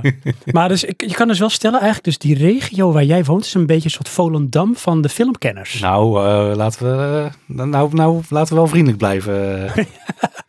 Hè, dat is een palingsound, dat is echt zo typisch iets Volendams. Maar blijkbaar in de regio. De podcast sound van, ja, van de het zuiden. podcast sound. Dat komt daar vandaan. Ja, ja. Nou ja het, eh, misschien. Ik, ik, ik vind wel dat, dat er een, wel een verschil is met, met, ja, met ja, toch wel ja, ons kliekje uit het zuiden tegenover eh, wat meer de grote, wat meer mediapodcasts hè, die geproduceerd worden door de VARA en dat soort dingen. Die Ja. toch allemaal een beetje uit de Hilversum regio komen. Ja. Ehm, en ik, ik, de, de, je merkt toch wel een soort van meer een, een ander, ander sfeertje erin. En ik moet dat, zeggen wat dat, grappig. hè? En hoe, hoe, hoe zou je dat dan omschrijven? Hè? Dat sfeertje of het verschil? eh, ehm, ja, ik, ik, ik, wil, ik wil niet negatief gaan zijn of zo, maar ik heb meer, Nee, een dat beetje, het- ik heb meer een beetje het gevoel van, van dat, soort, dat soort dingen van ehm, eh, wij zijn wel filmkenners. En luister naar ons, want wij hebben gelijk. Ah, die hebben Oh, ja. gewoon te veel snot in hun neus. Ja, een be- ja dat, dat, dat, gevoel heb ik een beetje bij die kant. Ja. Maar eh, weet je, andere mensen hebben daar iets heel anders bij. Dus eh, voor ieder wat wils natuurlijk. Ook dat. Dat is ook Maar zo. ik, ik hou juist van, en eh, daarom ben ik, ik ben, ik ben een import Brabander. Ik ben geboren in Utrecht, maar ik woon al bijna mijn hele leven in Brabant. Maar ik, ik ben wel blij dat ik in deze kant woon, omdat het, het is hier gewoon lekker relaxed. En dat is, dat is echt zo. Een vriend van mij, die, eh, die is ook opgegroeid in Brabant. Die woont ondertussen al heel het jaar in Utrecht. En die komt eh, volgend jaar bij mij om de hoek wonen. Want hij mist het zuiden, hij mist Brabant, hij mist de gezelligheid. En, en daar heeft hij helemaal gelijk in. Ja, dat kan ik me zeker voorstellen. Het is ook zo. Want het is hier, moet ik heel eerlijk zeggen. Als ik dan wel eens op vakantie ging met vrienden of met familie. Of nu zelf nog wel eens eh, naar Noord-Brabant. Het is wel een heel andere beleving, een ander sfeertje. Het Ja. is hier dan, misschien is het de zeelucht. Ik weet het niet. Is het hier toch wat killer en Ja. afstandelijker? Ja, en, ja, want ik, ik, en dat is oprecht. Als ik die kant op kom, dan voel ik dat ik op vakantie ben. Maar dat komt omdat ik natuurlijk ook vroeger altijd op vakantie ging. Ja. Ja, oké. Maar het is, het is, de omgeving is anders, de mensen zijn anders, eh, het dialect is natuurlijk anders. Dat vind ik ook wel het hele mooie. Eh, patat en friet, dat is een goed voorbeeld natuurlijk. Zeker, want het is Eh, patat. Ja, pre- nee, ja precies. Het is, het Oh, is het is zeker friet. Ja, friet. Oh. helemaal gelijk. Het is friet. Ja, daarom. zie je. Het is mooi zo translate. Ja. Je hoort gewoon wat je horen wil. maar, eh, ja, maar ja, ik, ik, ik weet niet. Ik, laat ik zo zeggen, ik hou van het zuiden. Ja. Nou, fantastisch. Hou je ook van Guus Meeuwers? Ben ik gewoon benieuwd naar. Of vind je dat dan weer verschrikkelijk? Nee, dat is... eh, nee. Het is Nederlands. Nederlands, hè? Ja, dat- precies. Ja, Eh, daarom, nou, het is een soort gewetensvraag. Ah, oké. Nee, Ja. nee ik, eh, ik, sta eh, niet aan een, eh, borst en dan leef ik in Brabant. eh, ja, je bent er niet ingestonken. Heel goed, nee, Niels. Nee. Oké, maar dan weet je dat, Niels. Er is niks aan de hand. Je kunt gewoon rustig luisteren. Eh, de filmblik. En- Ik ben heel benieuwd. Ik ga zeker Ja. luisteren. Alle domeinen zijn geclaimd as we speak. Precies. Ehm, ja, even kijken. Heb, ik, heb jij nog iets, Johan? Dat je denkt, nou, dat moet ik even delen hoor met de wereld. Voordat Nee, we doorgaan naar het hoofdonderwerp. Dat, eh, we gaan door naar het overal. We gaan door naar het hoofdonderwerp. Ehm, ik heb begrepen dat wij doorgaan naar het hoofdonderwerp. Dus wat we even gaan doen, lieve luisteraars en Niels en Johan. We gaan even een korte break nemen. En daarna gaan wij dus eh, afdalen. Ja, en wat dat betekent en hoe en waarom, dat wordt zo direct duidelijk.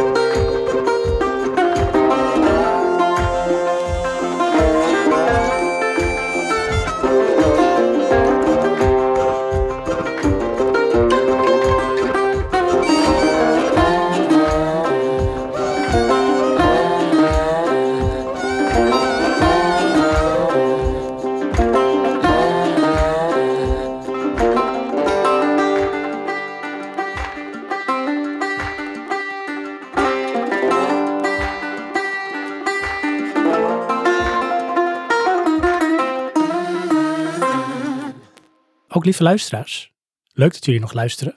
Als jullie nog luisteren. Want Johan, denk je dat ze nog luisteren? En dat ze ook nog lief zijn. Eh Eén van de twee. Kan niet alles hebben. Dat kan niet alles hebben. Nee. Je kent ehm, Eat Your Cake and Have It of zoiets. Dat weet ik niet. Dat is zo'n uitspraak. Zou kunnen. I don't know.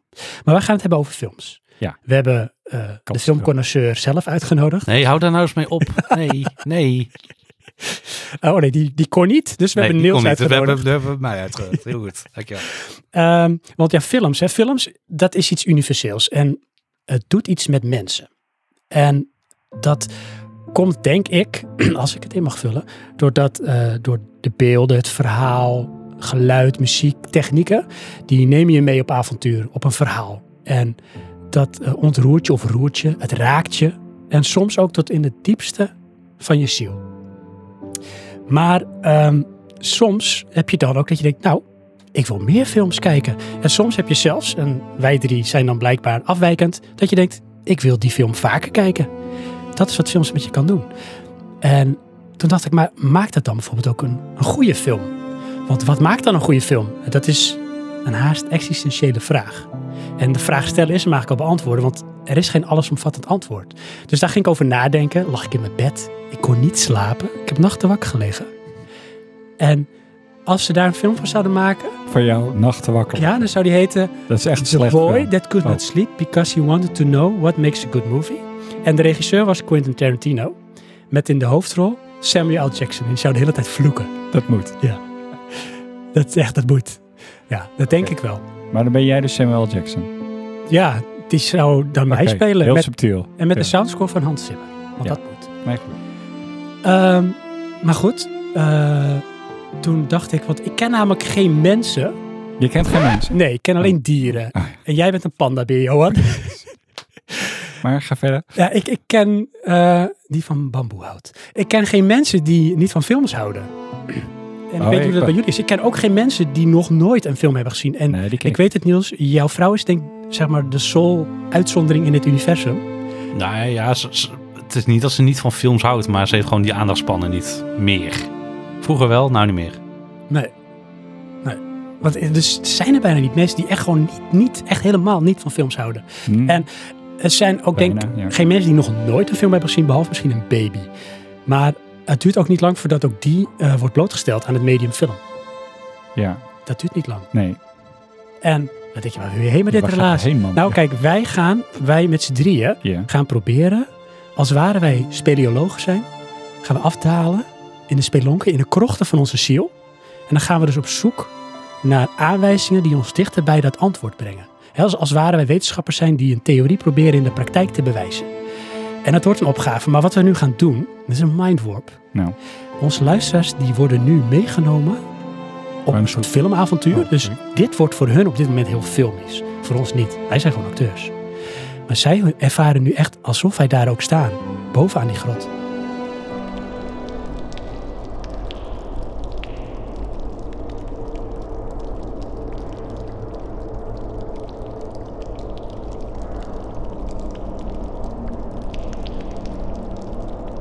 En wij staan hier nu.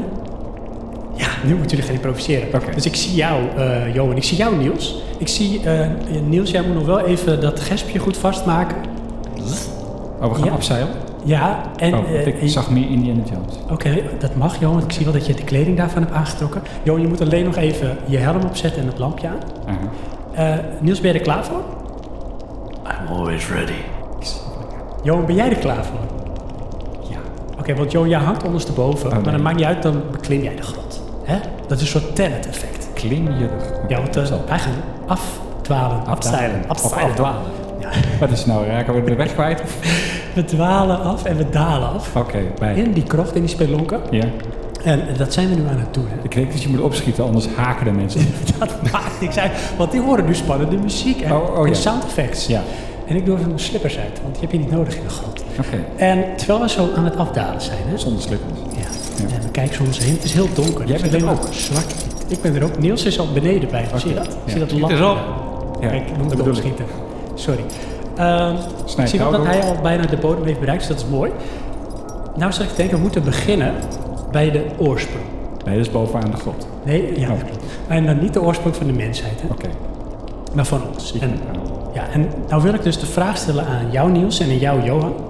En Niels heeft het al een beetje gedaan. Eh, we beginnen bij jou Niels. Ja. Ik, wij zijn benieuwd, luisteraars natuurlijk ook. Eh, ja, wat voor soort jeugd heb jij gehad? En hoef je helemaal niet in details te treden of zo.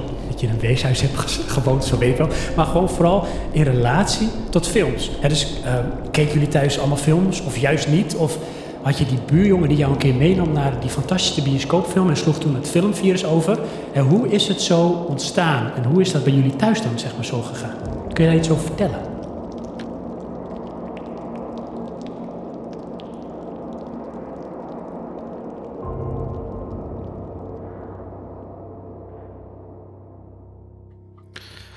Eh, eh, eh, eh, ehm, ik kijk films zolang ik het weet dat ik het kijk.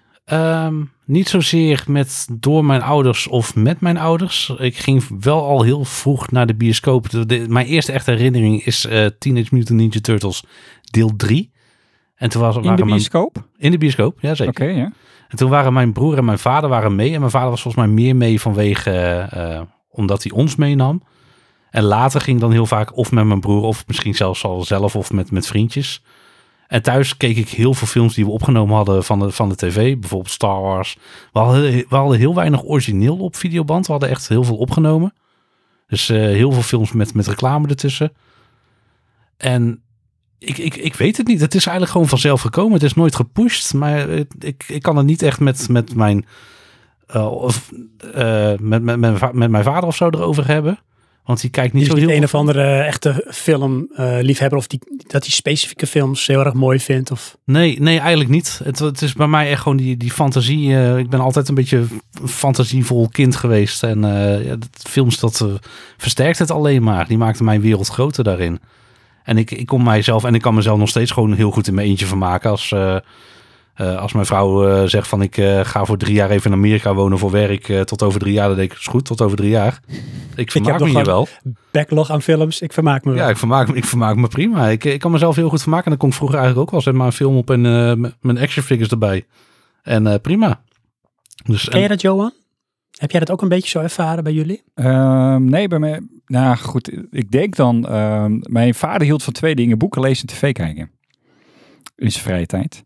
En wij keken dus wel echt tv en dan films ook. En dan met name eh zomers, dat je eh mei maand filmmaand. Oh, mijn maand film. had. En dan, eh, ding, toch? Ja, dan keken we echt die, die, die week lang alleen maar films. En dat, ja, mijn vader die, die vond dat best, weet je, want dat vond hij ook wel leuk. Alleen die had dan wel, mijn vader las dus een heleboel boeken, met name van Tom Clancy. En dan krijg je dus van die effecten als je, eh, nee dat is dan trouwens Ludlum, maar de Born Identity. Ja, dan gebeurt dus zeker zo dit. Ja, de film heb ik al gezien. Maar had hij de film nog niet gezien, had hij het boek gelezen. Ja. Dat, eh, maar goed. mocht, mocht, mocht jij alles kijken toen je, toen je klein was? Ja, veel te veel. Ja, ik, ik, ik, hetzelfde. Als ik het eng vond of wat dan ook, dan eh, moest ik het maar gewoon afzetten. Maar ik heb nooit restricties gehad.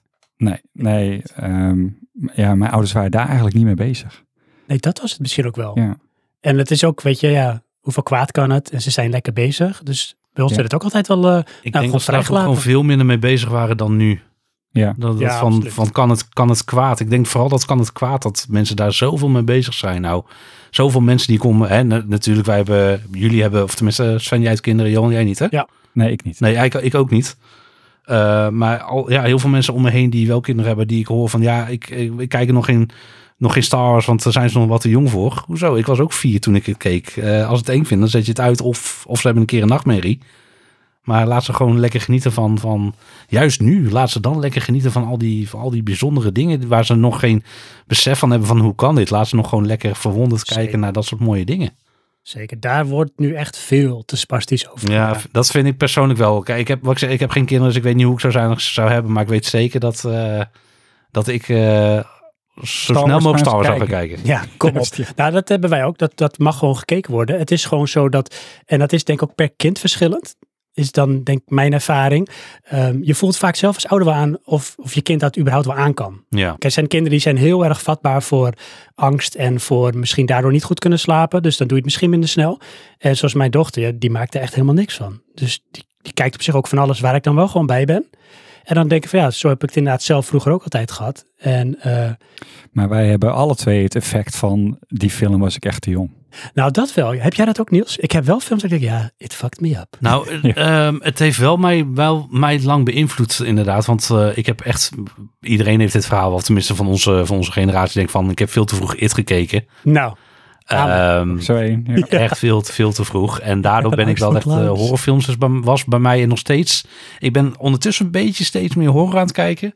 Maar horrorfilms is voor mij echt heel lang een no-go geweest. Want ik was wel echt heel snel, eh, oh. heel snel bang. ik heb Maar dan vind ik dan wel grappig, hè? Want heb je dan eigenlijk niet het effect wat zo'n ouder zou willen? Ja, van dan ga je het niet meer kijken bedoel je? Ja. Ja, maar is het dan... Ik heb het zelf ervaren, dus is dat dan erg? Nee. Nee. Kijk, het is alleen als het je leven dermate ontregelt dat jij niet meer functioneert.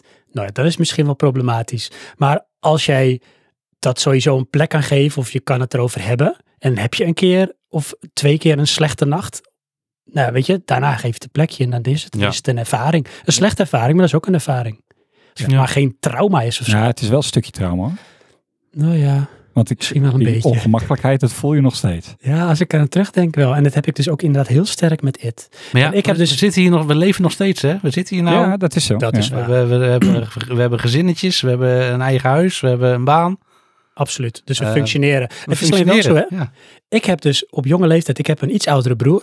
En eh, die was echt wel helemaal into de horrorfilms. En wat doe je als kleine broertje? Dat wil je ook. Ja. En mijn ouders hadden dan ook zoiets van, ja, prima. Maar als het, hè, het echt heel erg erg is. Ze ging wel van tevoren kijken, oké, maar nou kijk maar. Nou, als het bang is, dan eh, eng is, dan loop je maar weg. Ehm, ik heb zoveel horrorfilms gezien in mijn jeugd. Dat op een gegeven moment heb ik er toch een beetje aversie tegen gekregen. En ik kijk nu dus ook niet zo graag en ook niet zo makkelijk meer horrorfilms. Zo is er dus eentje die, en voor mij is het van een eh, A24 Productions, als ik dat goed zeg, eh, Hereditary.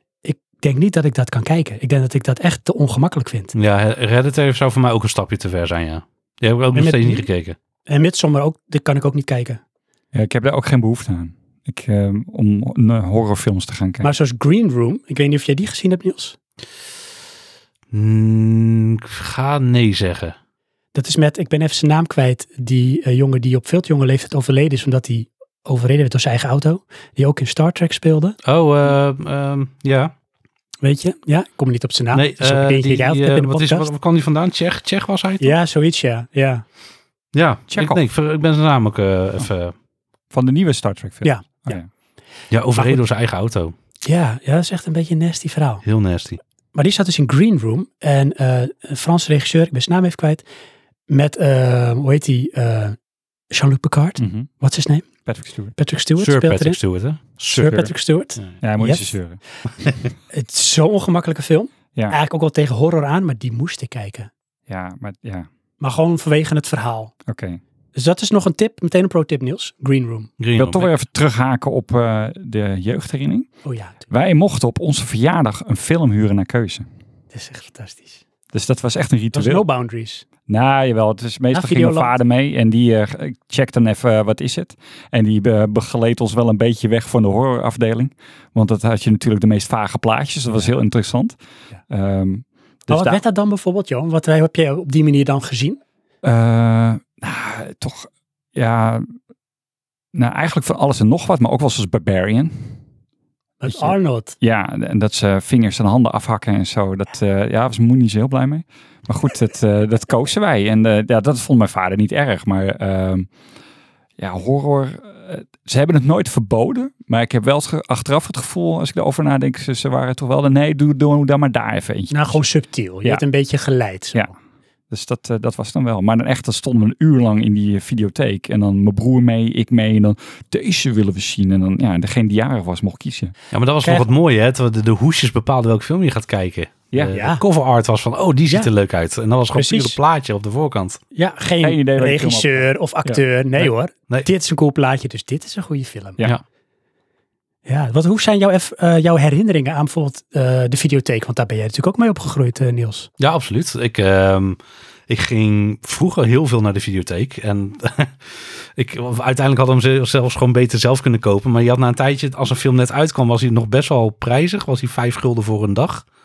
En naarmate dan, als ze ouder werden, werden ze 2 gulden 50 voor een week.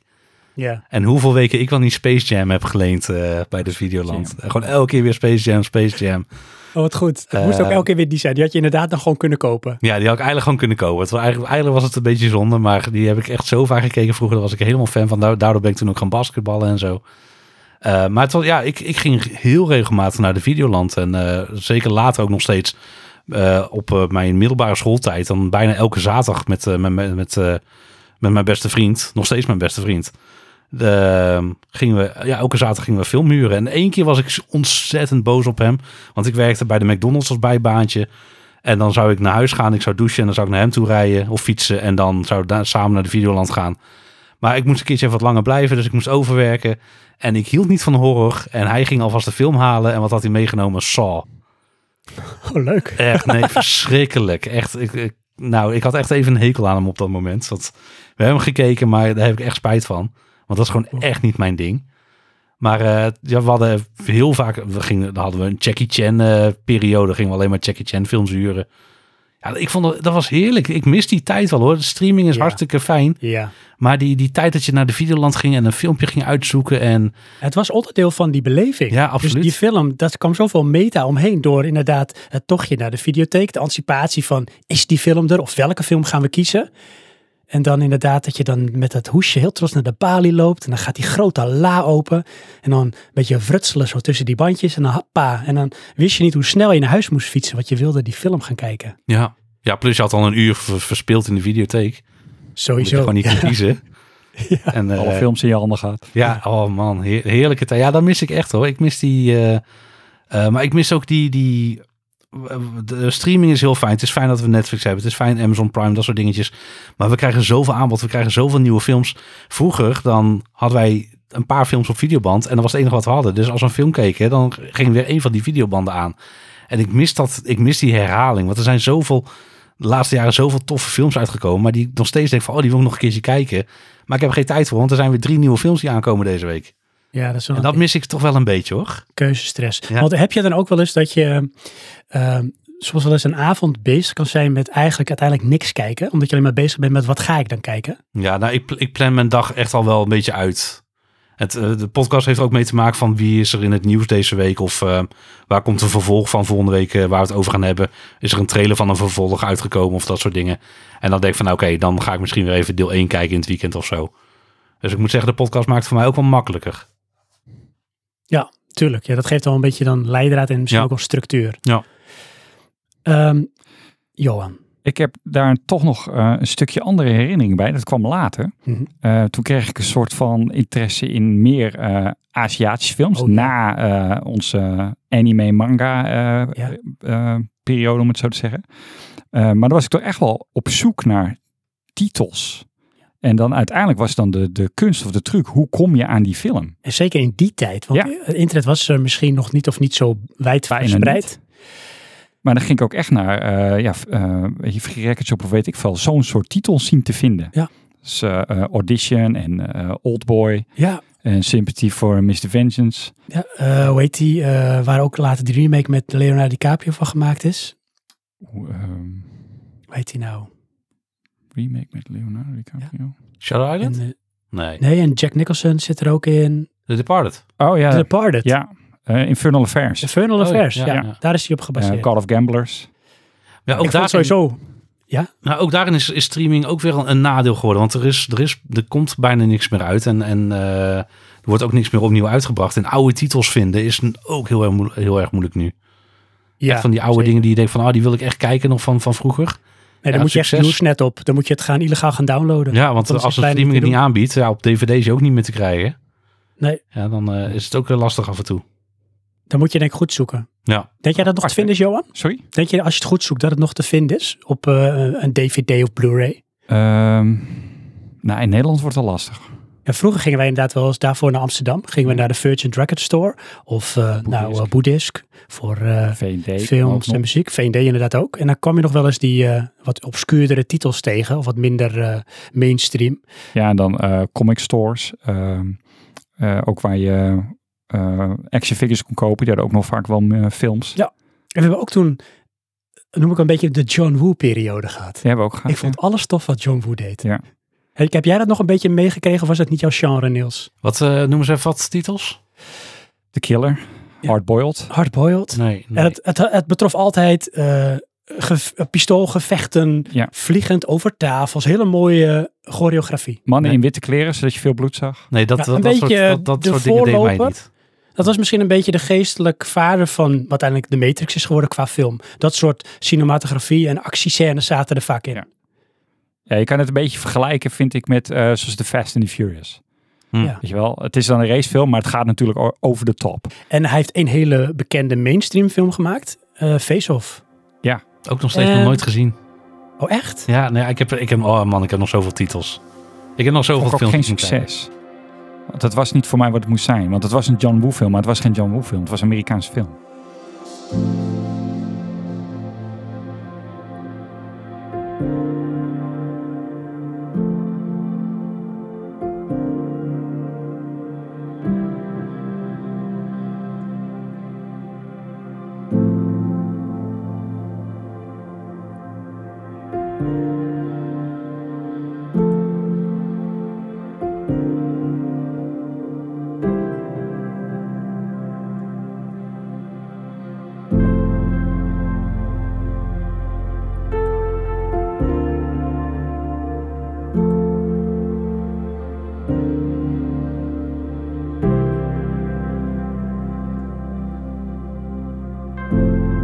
Zo zijn er denk ik wel titels inderdaad die door de historie een bepaalde status hebben gekregen. En die wij, waarschijnlijk dan een van ons, nog nooit heeft gezien. Zoals Niels met, ehm, hoe heet het, eh Face-Off. Ja. Wat toch wel een dingetje is.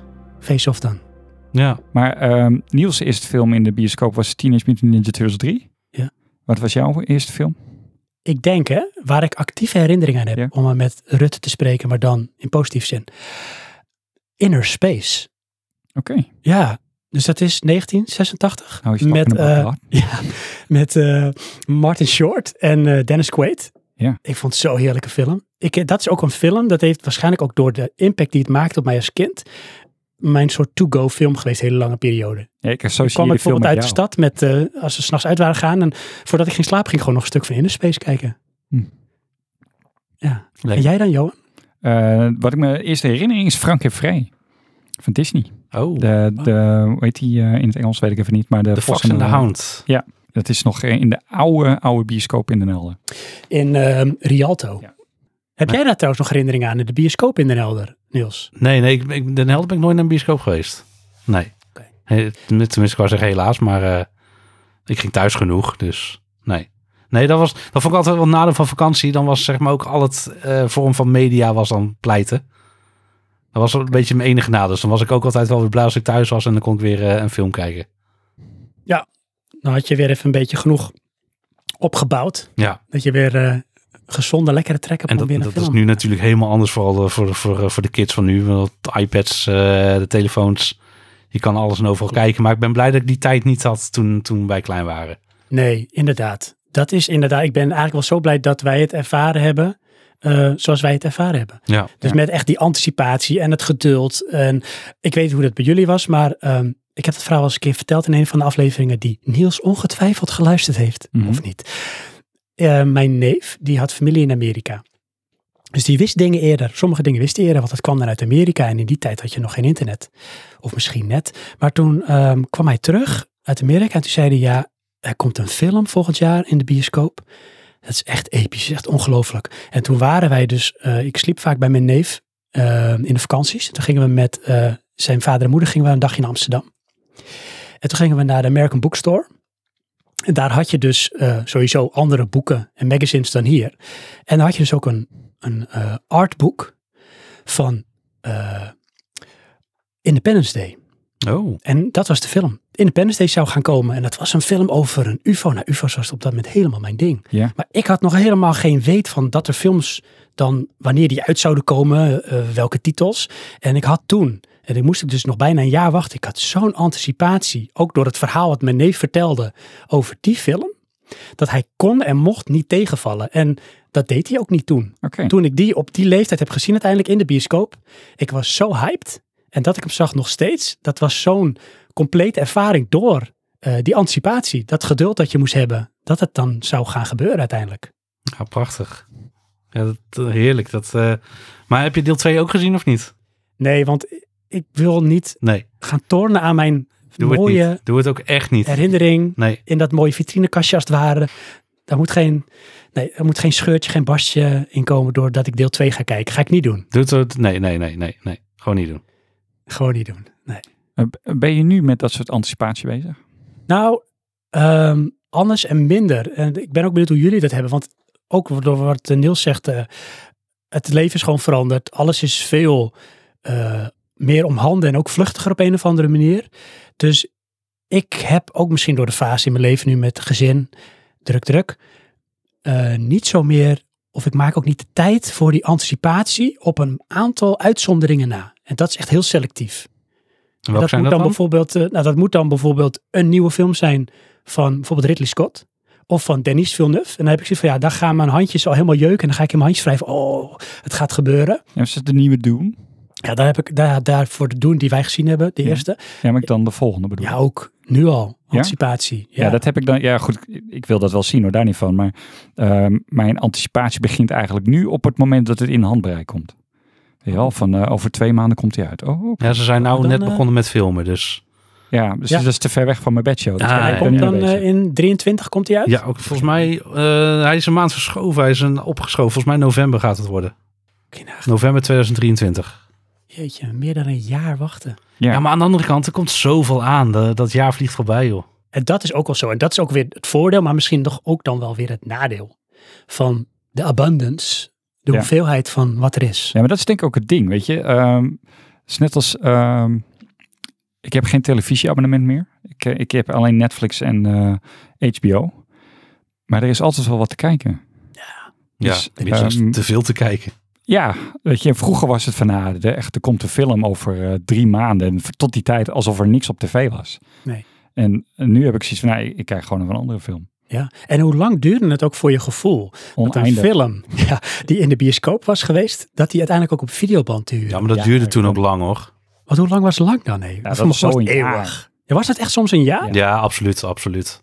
Wauw. Ja, Als je toen had gezegd hè, van nou, er komt in de toekomst iets en dat heet streaming. En dan kan het zijn dat binnen 30, 40 dagen die film uit de bioscoop, dat die gewoon al te kijken is. Ik vond dat wel een beetje anticlimax hoor, met Ban- eh, The Batman. Dat Dat zo wij in de bioscoop gezien Ja. en een maand later is hij op HBO. Ik stapte in de auto, kwam thuis en daar was hij. Nou, bij praktisch, spreken. Ja. Ja, ook, maar ook dat is wat streaming veranderd heeft. Jawel hè? Die, die snelheid van, eh, van wanneer iets uitkomt. Ja, de keuze is nou, ga je hem in de bios kijken of wacht je inderdaad een maandje en dan eh, staat hij op een streaming. Ja. En dat zal voor de HBO, voor de, voor de Warner Brothers en de, de DC-films zal dat eh, voor altijd zo blijven.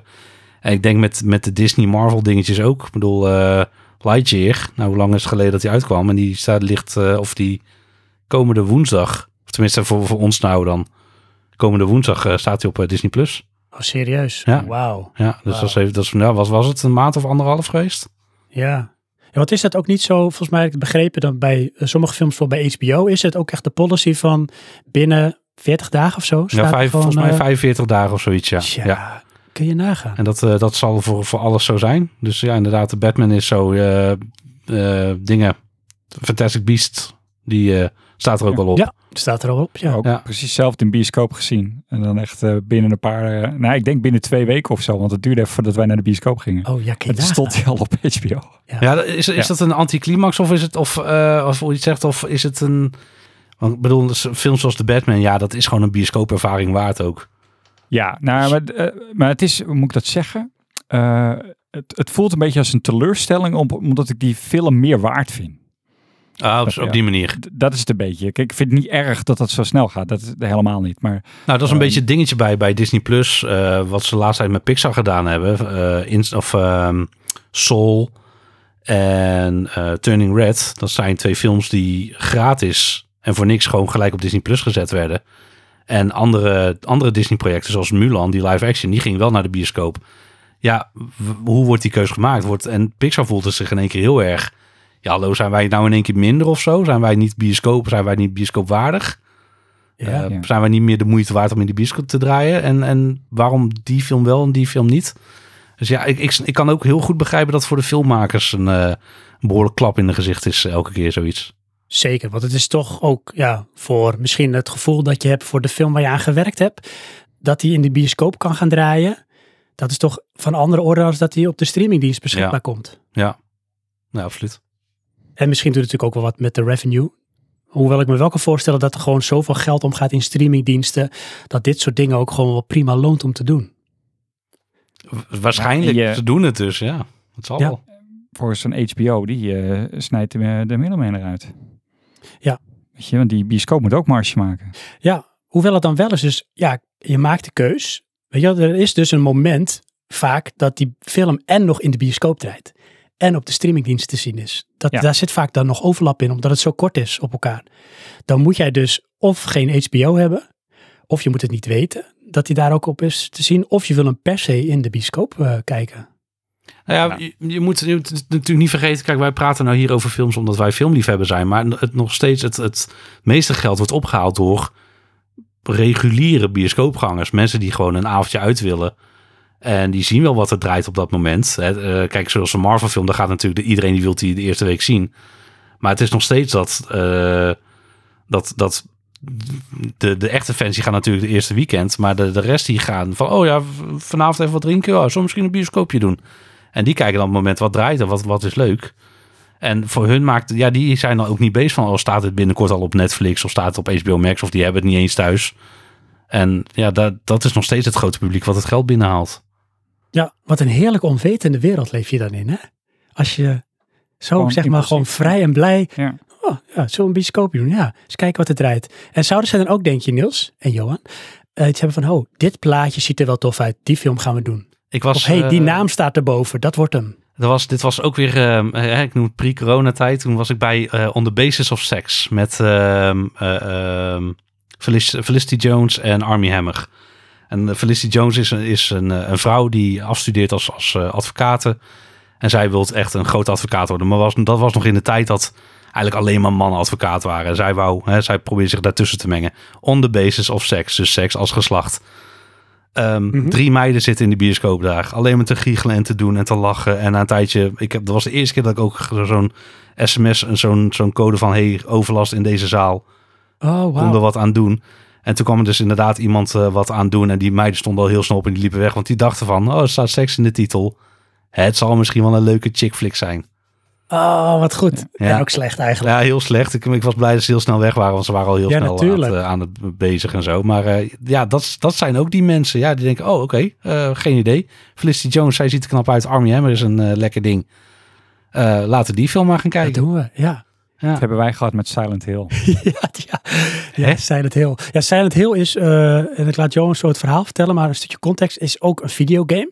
Mhm. En eh, Johan en ik, die hebben daar wel een bepaalde historie mee. Die, eh, we hebben deel 2 samen helemaal gespeeld en dat was echt een van de engste ervaringen. Psychologische thriller is het eigenlijk. Maar daar kwam dus ook op een goed moment een, Een film. bioscoopfilm van. Ja. En daar gingen wij heen. En dan zitten we in die zaal en dan kwamen er ineens twee eh, oudere dames ook die zaal binnen. En ik denk dat we in totaal met zes man waren in die hele eh, bioscoop.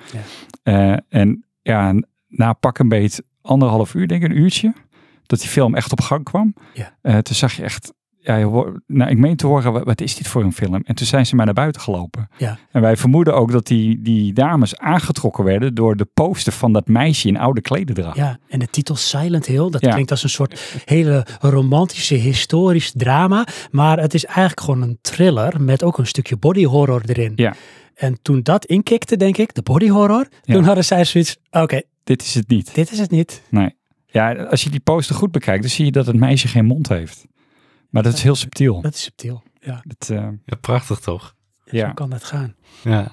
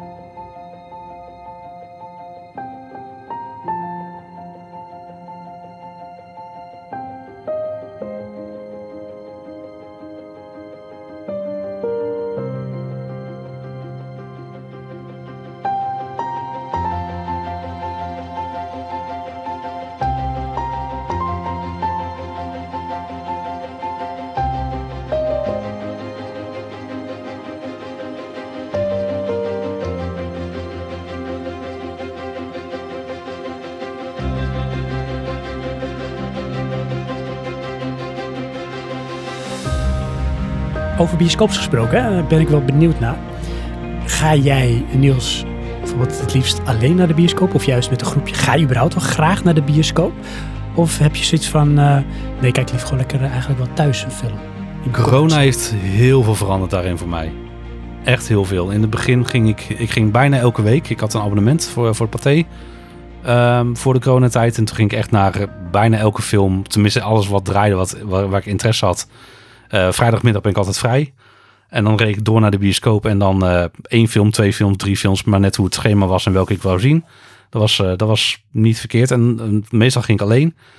En toen kwam corona. En daarna had ik ook gewoon even gewoon echt geen zin meer om te gaan. Hè. Het, hele afstandgedoe en, en alles. En ik was toch ook heel erg voorzichtig. Ook vanwege het werk van, van, van mijn vrouw. Dat ik, ja, ik kon het niet riskeren om ziek te worden. Om, zodat ik haar niet kon besmetten en dat soort dingetjes.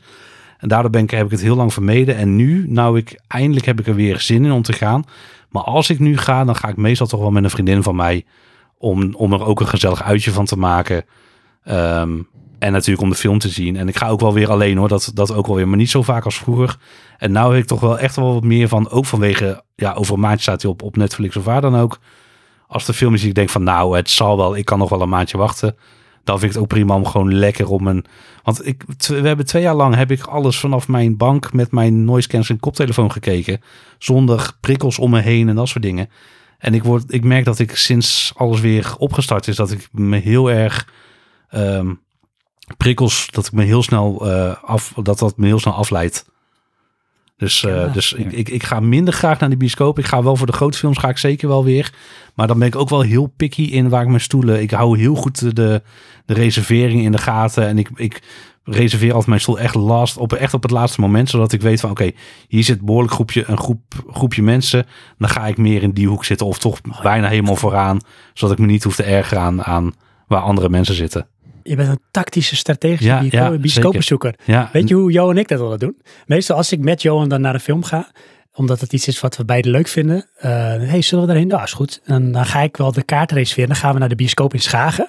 Want daar hebben ze dus altijd VIP-stoelen. En dat zijn stoelen die staan aan de zijkant van de zaal verhoogd. Dan kijk je op het klootjesvolk, zo je wil. Maar dat zijn vaak eh, maximaal twee rijen van twee stoelen achter elkaar. Daar betaal je ook meer voor. Maar dan weet je zeker dat je niet tussen kuchende of mensen die met hun telefoon lopen te spelen, dat je Ja, daar er zit niemand naast je. Nee, en daar heb ik zo hekel aan. Ik kan dus ook heel snel uit een film raken, doordat ik geïrriteerd raak door mensen, factoren om me heen die me Ja. afleiden. Ik Ja. ook. Nou, ik, eh, ik herken het helemaal. Dus eh, zo gaat dat bij mij ook. Ik probeer de beste stoel te pakken waar ik het minst last heb van andere mensen. En als dat betekent dat ik helemaal vooraan moet gaan zitten, dan ga ik gewoon lekker helemaal vooraan zitten. Prima. Ik vind dat, ik vind dat echt geen probleem. Eh, over bioscoop gesproken, nog een stapje verder daarin. En we hebben het ook nog een beetje over onze jeugd. Noem eens een paar echt weergaloze films, jij ook Johan, die je in die bioscoop hebt gezien. Die toch echt een indruk hebben achtergelaten, die misschien ook wel een beetje je smaak hebben bepaald. Johan, jij eerst? Eh, de eerste is de Matrix. Dat was ik eh, zo van ondersteboven. Ik wist ook geen, ik had geen idee waar we heen gingen. En we kwamen te laat in die film. Ja, dat weet ik nog En ik was echt flabbergasted. Ik ben zo eh, doorbewogen op de terugweg in de auto nog van man wat een film. Ja. Het, eh, tot dan toe nooit zo meegemaakt. 1999. Wij waren volgens mij dus 19 jaar oud. Ja. 18, 19. Inderdaad, met de auto naar Herengewaard, denk ik. Hè? Want daar was de goede bioscoop. Ja. En ik weet wel dat we daarna alle drie, Bram, jij, Johan en ik, een leren jas hebben gekocht. Ja, klopt ja. Zo, eh, het is- ja, het is ook een soort cultureel fenomeen geworden, de Matrix. Want iedereen had het erover op een gegeven moment. En iedereen Ja. wilde zo'n schuifmicro of eh, telefoon van Nokia. En zo'n coole zonnebril en zo'n leren jas. Ja. De Matrix. Was het bij jou ook een toppertje, Niels? Of had je het van, nou, was net even een beetje eh, voor mijn tijd? Nee, nee, de, nee, zeker niet. Nee, de eerste Matrix eh, eh, was ook echt een ding van holy crap, wat heb ik net gekeken. En toen helaas kwamen deel 2 en 3 daarna, die een Hm. stuk minder goed waren. Ja. Maar de, nee, de eerste Matrix zeker. Maar van de film die voor mij zoiets heeft gedaan was, was Lord of the Rings, The Fellowship of the Ring. Oké. Eh, die stond niet in de planning toen we met een groepje vrienden gingen naar school, fietsten naar de bioscoop. En toen gingen we ook gewoon naar de bioscoop en kijken wat er draaide. Volgens mij wouden we naar de Scorpion King, volgens mij toen. Maar die draaide op dat moment niet. En toen dachten we, oh, zullen we dan maar naar die Lord of the Rings film gaan? Nou, en ik had, ik had, volgens mij had ik wel een trailer gezien of zo, maar het zat niet echt meer in mijn hoofd van, nou ja, die film draait ook. Maar wauw, die, eh, nog een heel goed moment weet ik van, eh, we hebben, je hebt eerst heel dat Minds of Moria gedeelte gehad, allemaal in donker. En daarna lopen ze de, de mijn uit en dan is het weer super veel licht. En denk ik, oh, dat licht in mijn ogen. En die film heeft echt eh, heel veel voor, voor mij veranderd. En het is nog steeds mijn favoriete film. Maar eh, dat, ja, dat was Hele echt een, een dingetje, ja. Ja, ik denk voor de mensen die toen dat in de bioscoop hebben gezien, dat is ook weer zo'n zo'n moment. Echt zoiets, weet je, gigantisch. Echt zo'n fantastische film die één keer in de zoveel tijd komt er zo'n film of filmreeks die dat Mhm. doet. Maar Ja. het is wel zelden hoor. Het is zelden. Nou ja, we hadden ik ook ervaar het te die zelden, tijd hadden we. Lord of the Rings en toen kwam Harry Potter.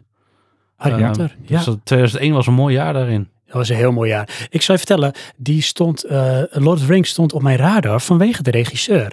Want eh, Peter Jackson, Ja. daar had ik toch wel een bepaalde relatie mee in die zin. Dat kwam door mijn broer en Johan is daar ook door beïnvloed. Want mijn broer die hield heel erg van horrorfilms en um, gore films, om het zo maar te zeggen.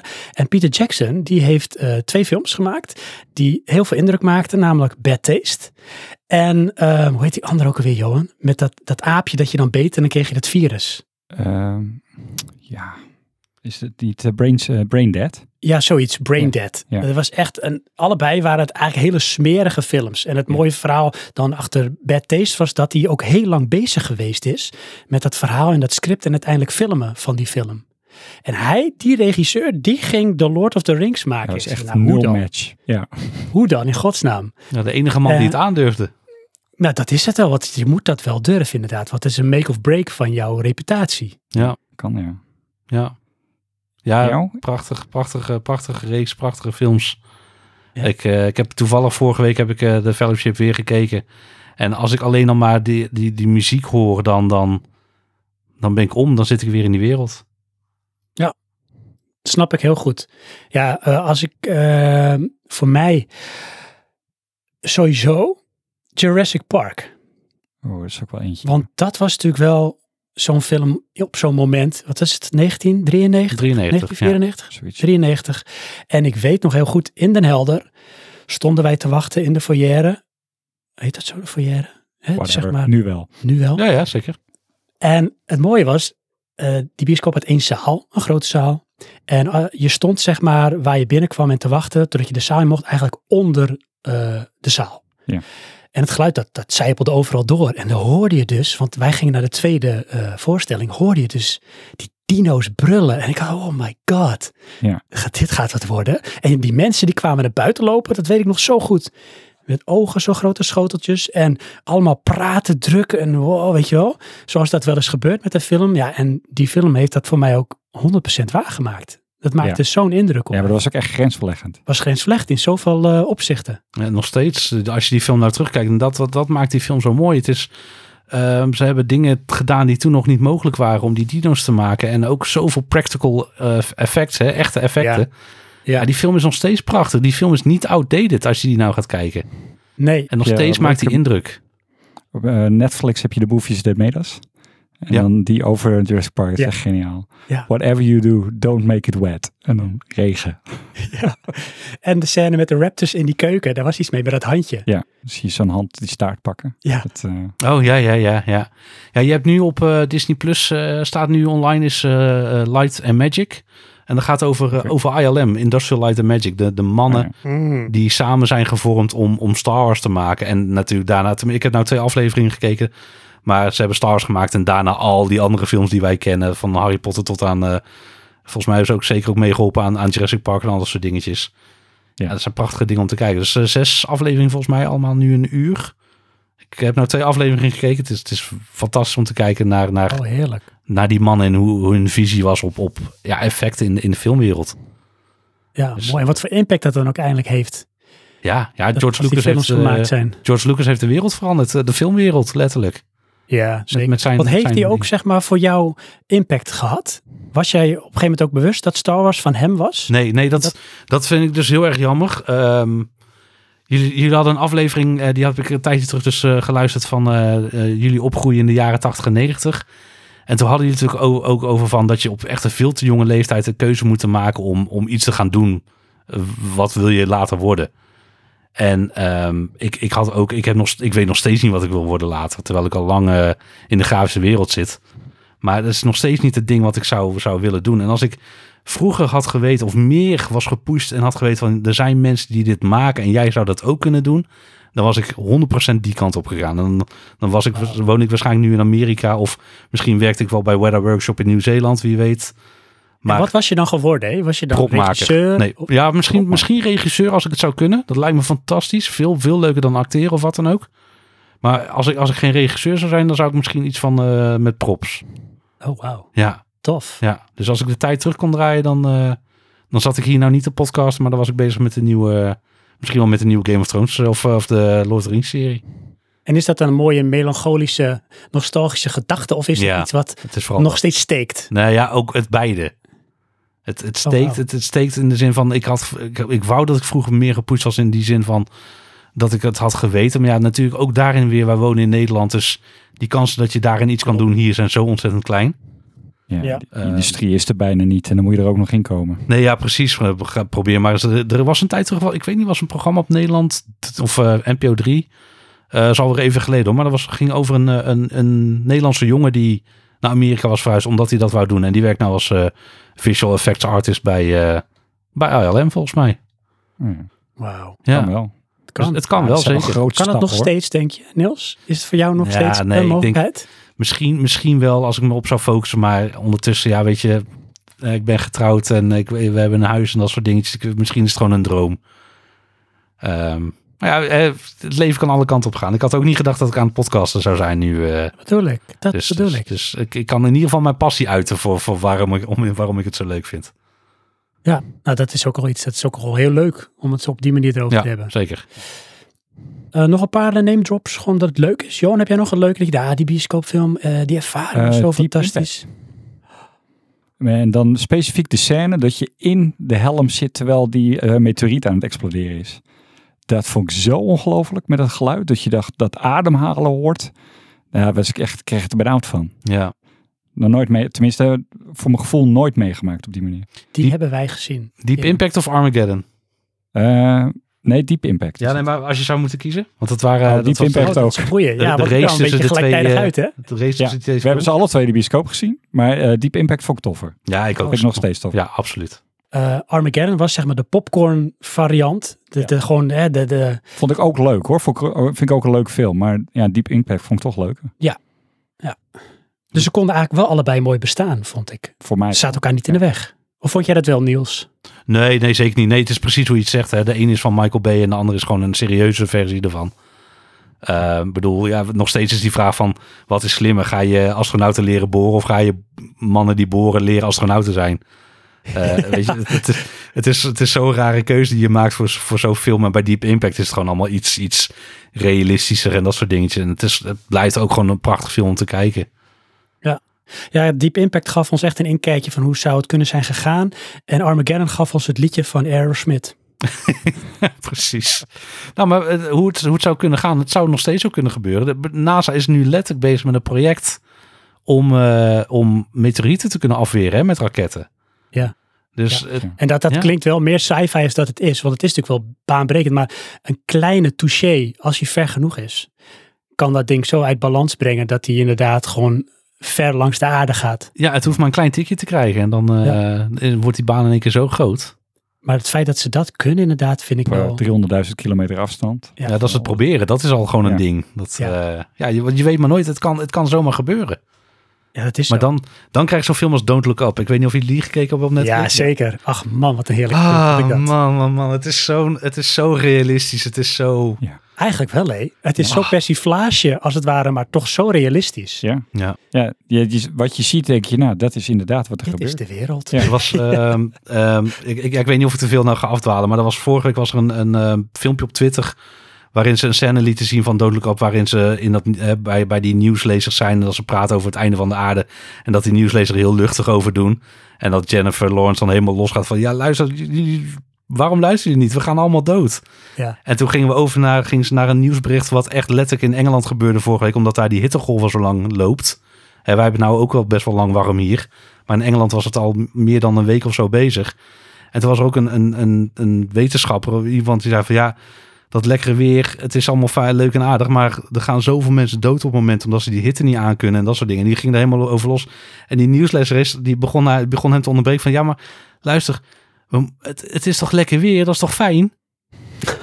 Ja, nou precies. Het was Zit gewoon nou naar film look te kijken? Ja, echt hè? Oh, ja, het was, het was gewoon echt tenenkrommend en beschamend dat, dat in de wereld waarin we leven, dat die zoveel lijkt op.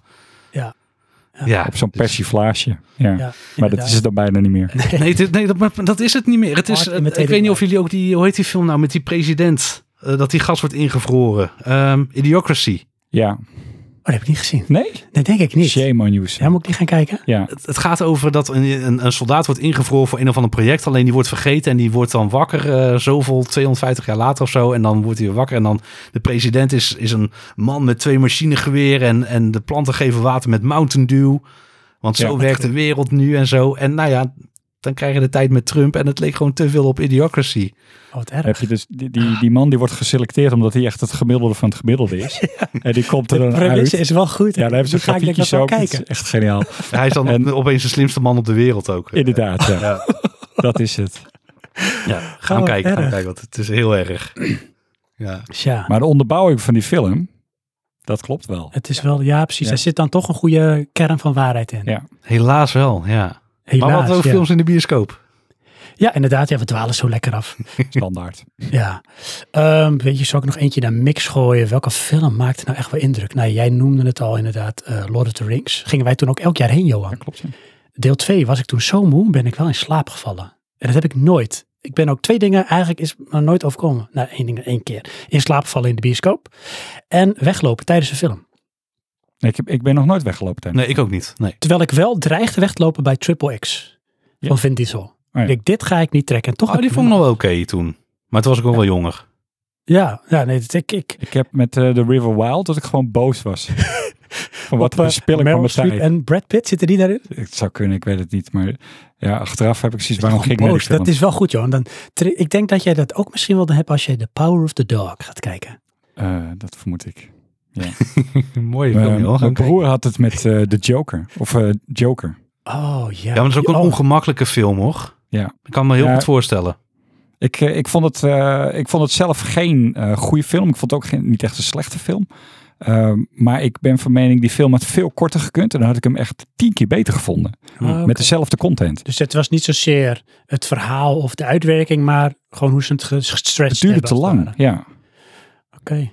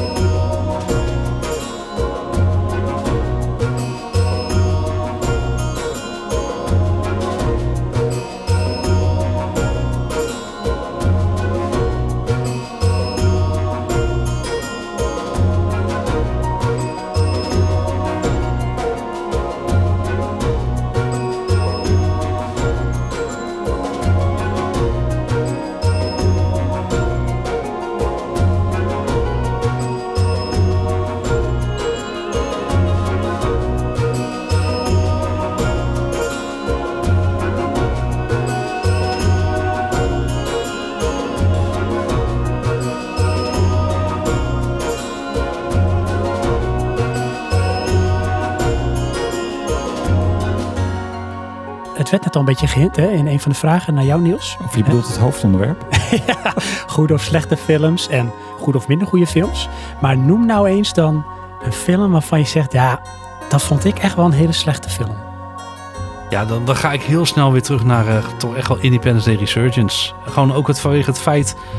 Independence Day is inderdaad nog steeds een vette film. En gaaf in de visual effects en, en de, het ruimteschip wat overkomt op de, op de, over de steden. En denk van jeetje, wat is dat groot. En je kan het gewoon niet voorstellen. Hele vette film. Eh, misschien een beetje over de top, maar goed over de top. Zeker voor, voor die tijd was het gewoon... Het is echt zo'n lekkere jaren 90 film. En dan dezelfde regisseur, Ronald Emmerich, gaat deel 2 maken. En Will Smith die ging niet meedoen. En wij dachten, eh, ze zeiden toen eerst vanwege schema's, scheduling, dingetjes waardoor hij niet mee kon doen. Maar toen ik de film gezien had, dacht van, oh, hij doet niet mee vanwege het script. Want man, wat is die... Die film slaat gewoon echt helemaal nergens op. De aliens komen terug, maar dan sterker. Ondertussen hebben we een beetje van hun technologie overgenomen. We werken op de maan. En wat drinken we op de maan in de kantine? Maanmelk. Weet je, allemaal dat soort, dat soort stomme dingetjes. En dan wordt de film wordt alleen maar stommer en stommer. En dan eindigt de film bijna. En dan wordt hij nog stommer, want er komt nog iets dommers bij. en het is... Het, En ik zeg niet vaak van de film is stom en zo. Eh, Een film vind ik stom. nou, je hebt nou al zes keer het woord stom in de mond Ja, genomen. maar eh, da- omdat ik dat vind en niet omdat het zo is-. Dit was Maar- echt erg. Deze film komt wel heel erg in de buurt bij het is. Ja, het, dit eh, zou de dus film- een film zijn waarbij het script door een dronken baviaan zou kunnen zijn geschreven. Maar het is dezelfde regisseur als de eerste. Hoe, Misschien hoe- hij wel een Tia of zo. waarom doe je dit? Ja, weet dus toch de eerste zo- was Lucky Shot. Ja, dat is wel inderdaad wat heeft die. Weet je dat toevallig, Niels, heeft die regisseur ook nog andere goede films gemaakt? Nou ja, ik, ik, tenminste, ik vind zelf, Of, eh, ik vind The Day After Tomorrow, Oh, is ook van. eh, dat is ook van hem. Ja, hij is echt de man van de rampenfilms. En Ja, hij ja, heeft echt wel hele toffe dingen gedaan. Dus, dus ja, ik, ik snap. Maar ik snap dan ook niet als je, je bent bezig met, misschien omdat je bent bezig met een film, schiet je natuurlijk niet van punt A naar punt B. Maar je zal toch op een moment wel moeten denken, denken misschien als filmmaker, als, als cameraman, als crew zijnde. Ik denk niet dat dit iets gaat worden. Nee, oké, Dat, dat, maar ja. er zou toch Zit in je contracten doorgaan. Ja, ja, ja, dit wordt uitzitten, jongens. Ja. Ja, ja, ik denk dat dat. oh, nou ja, als Independence Day je lief is, ga dan alsjeblieft geen deel 2 kijken. Want het, het, nou, het verpest Independence Day dan weer net niet, maar het, het, ja, het geeft wel zo'n. Hè. Ja. Ja. Ja, dat had ik eh, met de, de laatste Matrix. Dat wilde ik net zeggen. Dat vond ik heel ongenuanceerd. Echt De, wel de, een de nieuwste? Resurrections. Ja, Ja, die heb ik nog steeds niet stront. Sorry dat ik het zo zeg. Nou, dat Nee. ehm, ja, vond ik zonde. Ik ook. Onnodig. Ook. En ehm, niet duidelijk. Zeker niet. Eh, haast. Alles. Ja. Ik zeg alleen maar eens. Ja. Ja, ik, eh, weet je, en dit was wel weer eentje dat hij op mijn radar kwam, was er toch anticipatie, maar die was een beetje nostalgisch gedreven. Ja. Want Ja. de Wachowski Sisters, of hoe ze tegenwoordig heten, Het was Ja, dat een moet van de twee. ja. eh, nou, die gingen wat doen. Nou, ik vond de eerste vond ik fantastisch, twee en drie vond ik ook inderdaad niet goed hoor, maar ik heb wel genoten van de films omdat het, het de trilogie compleet maakt. ja, en het Ik zag ook cool. vet uit. Die Sentinels en die, die vette. De wereld en zo is heel gaaf gedaan toen. Ja, ik vond met die films het, het minpunt ervan, het, het, eh, je kan die eerste indruk maar één keer krijgen. Ja, dat. En ja, die mis je dus bij een deel 2 en 3. Maar Ja, plus vond nog steeds tof films. Ja, en de eerste maakte gewoon op een of andere manier, het moment was daar. En het heeft zo'n culturele impact gehad. Mhm. Het heeft zoveel veranderd in de filmwereld. Door de dingen die ze daar deden. Maar ook hoe mensen daar, zeg maar, gewoon eromheen. Hoe de cultuur daarmee om is gegaan. Ja, maar ook, eh, ik weet niet of je kan herinneren, maar je had toen eh, van Heineken, dan kon je je telefoonnummer opgeven voor een, een of andere actie. En dan deed je dat en dan kreeg je een sms'je, welcome to the Matrix. Ja, dat is toch, hey, Nou, Oh, dat is ongelooflijk. Ja. Ja. niks mee gedaan verder, maar dat was ongelooflijk. Ja.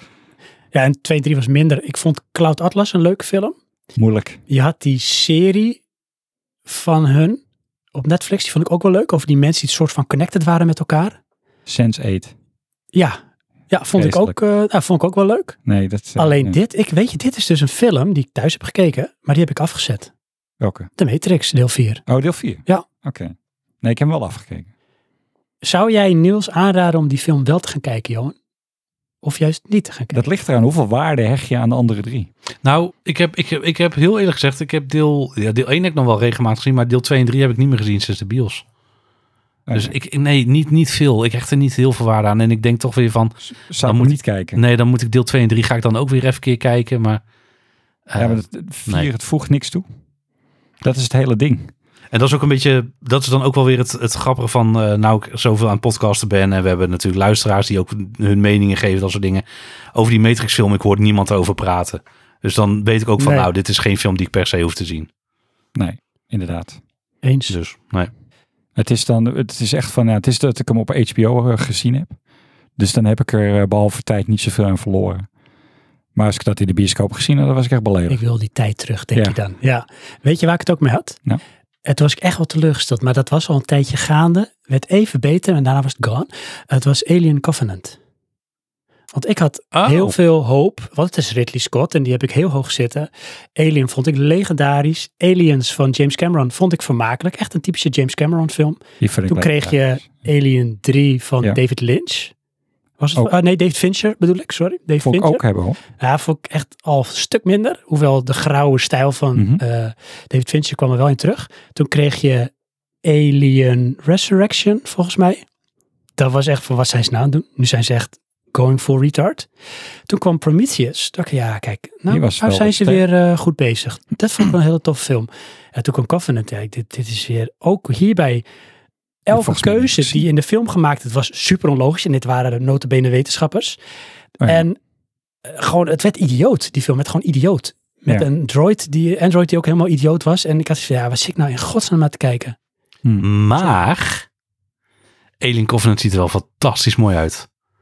Set design is waanzinnig. De, ik vind ook de nieuwe aliens vind ik cool ontworpen. De hele de kleurstellingen van die film is echt heel erg gaaf. En dat is waardoor ik die film wel best wel van heb genoten. Gewoon puur om hoe die eruit zag. Dat zou heel, heel goed kunnen inderdaad. Want ik moet ook zeggen, doordat die film mij zo tegenviel en dat had met de anticipatie te maken, heb ik daar denk ik niet genoeg aandacht aan geschonken. En misschien als ik het op die manier zou insteken, zou ik die film op waarde dan misschien wel op die manier kunnen waarderen. Ik, ik denk dat je hem. de- eh, als jij ook houdt van, van films vaker kijken. ik, deze zou je wel een tweede kunnen gunnen. En dan misschien daar met die insteek proberen te kijken. Valt hij minder tegen. Dat zou best Ja. kunnen. Ja. Misschien moet ik dat nog eens proberen. Ja.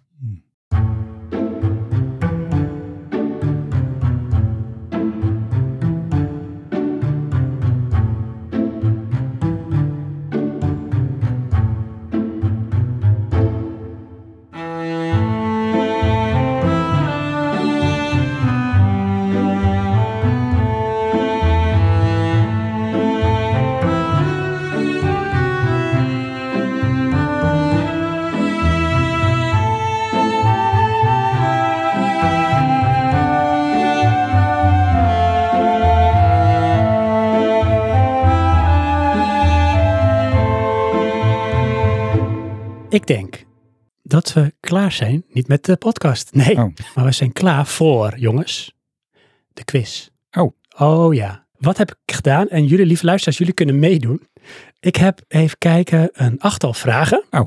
En Dat valt mee. ik zou zeggen, lieve luisteraars, zet je bakje krokenchips even opzij en je glaasje oranje. Pak Ik wil even heel even inhaken. Vind je het heel erg? Wat wil je? Nou, het, wat mij heel erg opviel aan de, de Filmfan podcast. Ja? Ze zeggen luisteraar. Oh, en ik praat in meervoud. Ja. Luisteraars. Ja. Zij Dat betekent was, de dat was een, een tip die ik ooit, van wie was het? Volgens mij was het Michiel Veenstra. Ehm, die dat zei, omdat hij het ook altijd op de radio doet. Dus omdat op dit moment, kijk, er zullen inderdaad meerdere mensen luisteren. Maar er is maar eentje die nu luistert. Op dit moment nu. die ons op de dat oren heeft. persoonlijker. Dus Ja, het, is, ik het vond het voelt wel wat persoonlijker. Ja. Dit, ik hou van de live feedback. Dankjewel Johan, dankjewel Niels. En dankjewel ook lieve luisteraar. Ja. Dat jij je nu op dit moment aangesproken Want er zijn er maar weinig die met anderen een podcast luisteren. Ja, dat is wel waar. Ja. Jeetje, wat een eye-open. En dat Ja. zeg jij dus, Johan, na acht jaar podcast maken. Ja, Dankjewel. gewoon klappen in je gezicht. face. Ja. Het werd nu eindelijk eens een Niels lacht me ook nog eens uit. Ja. Ik denk, eh, Niels is erbij, ik kan het kwijt. Ja, nee, je hebt gelijk. Dit is een safe environment. Dus ik, ik accepteer hem. Ik incasseer hem. Oké, Dus lief luisteraar. terug naar je quiz. Juist. Zet je bakje oranje. Nee, nou, zie je? Bakje je Bakje dan? oranje, en, dat en, wel- en je flesje krokenchips. Oh ja, Nou, ik ben helemaal van mijn padje. liquid krokie. nou goed. En jullie ook, eh, jongens, Niels, Johan. eh, iets waarbij je iets kan opschrijven. Het mag digitaal, het mag analoog. Dat laat ik aan jullie. Dingen. Want jullie gaan strijden. Oh. En eh, de winnaar die wint sowieso enige eeuwige roem.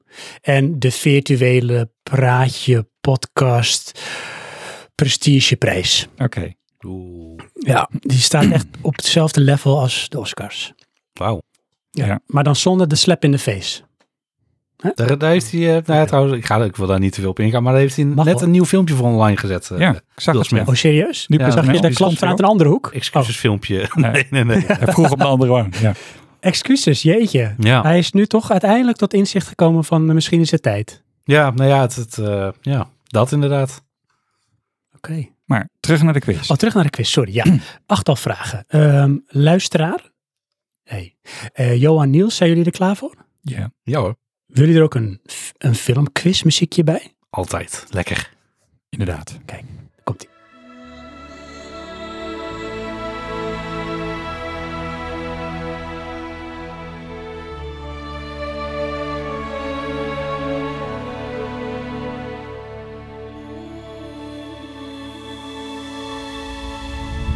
Eh, vraag 1. Noem twee films. Die hoef je niet te noemen, maar die mag je opschrijven. Want we gaan eerst alle vragen doen, dan de antwoorden bespreken. Eh, noem twee films uit de jaren 70. Jeetje. Gaat er weg. Ehm, jaren zeventig ook gewoon. Ja. Jij, lief luisteraar, jij weet dat. Want dat was jouw era. Of misschien juist niet, maar had je er toch bepaalde gevoelens bij. Nadat je een keer zo'n film had gezien. Johan zie ik heel druk. Tikken en ik, Niels hoor ik hier gewoon denken. Nee, ik ben al lang klaar, joh. Yes. Yes? Ja. Voor een yes. Oké, gaan we door. Vraag 2, 2, 2. Zet de juiste regisseur bij de juiste film. Ik noem nu drie regisseurs. Daarna noem ik drie films. Jullie moeten de touwtjes aan elkaar knopen. Komt-ie. Tony Scott. Terrence Malick. Steve McQueen. Tree of Life. 12 Years a Slave. Man on Fire. Ik zal het nog een keer herhalen. Tony Scott, Terrence Malick, Steve McQueen, Tree of Life, 12 Years a Slave, Man on Fire. Dit is wel jammer. Ja? Dat zou ik moeten weten. You should know. Je kan anders ook gaan afstrepen, weet je wel? Als je dingen wel weet, dan blijft er minder over. Ja, maar nee, degene die ik ook zou moeten weten, weet ik niet. Maar ja, oké. Ik denk dat Niels hem ook nog heeft. keer? Oh, zeker, ja. Tree of Life, 12 Years a Slave, Man on Fire. Oké. Ja, kan... Ja. ja. Dan moet ik hem neerleggen. Gaat hij trillen misschien? Oh nee, oh nee, ik zat van... eh, Type die is type. waarschijnlijk helemaal goed. Ik ben zo benieuwd. Oké, nou jongens, nu komt het hoogtepunt van de podcast. Vraag 3. Vraag 3. Ik ga mijzelf nu helemaal blootgeven. Oké, Jazeker. Figuurlijk dan. gelukkig. Ik ga Jij gaat weg? voor... Oh. ja, ik ga doei. Eh, daarom is Johan mijn co-host. Hij is zo ad rem. Dat is onbetaalbaar. Ehm, ik ga voor jou, lieve luisteraar, en voor jullie, Johan Niels, een liedje neurien. Oh ja. van een film. Als jij weet uit welke film dit liedje komt, mijn interpretatie dan, hè, een soort met van de The Best Song in the World, dan krijg je een punt. Als je ook weet wie dit liedje heeft gemaakt, krijg je nog een punt. En als je ook weet wat de titel is van het liedje, dan krijg je nog een punt. Dus je kunt drie punten winnen. Oké. Ik ga ervoor zitten. Ah, Johan, als jij me de action geeft, dan ga ik beginnen. En Q. En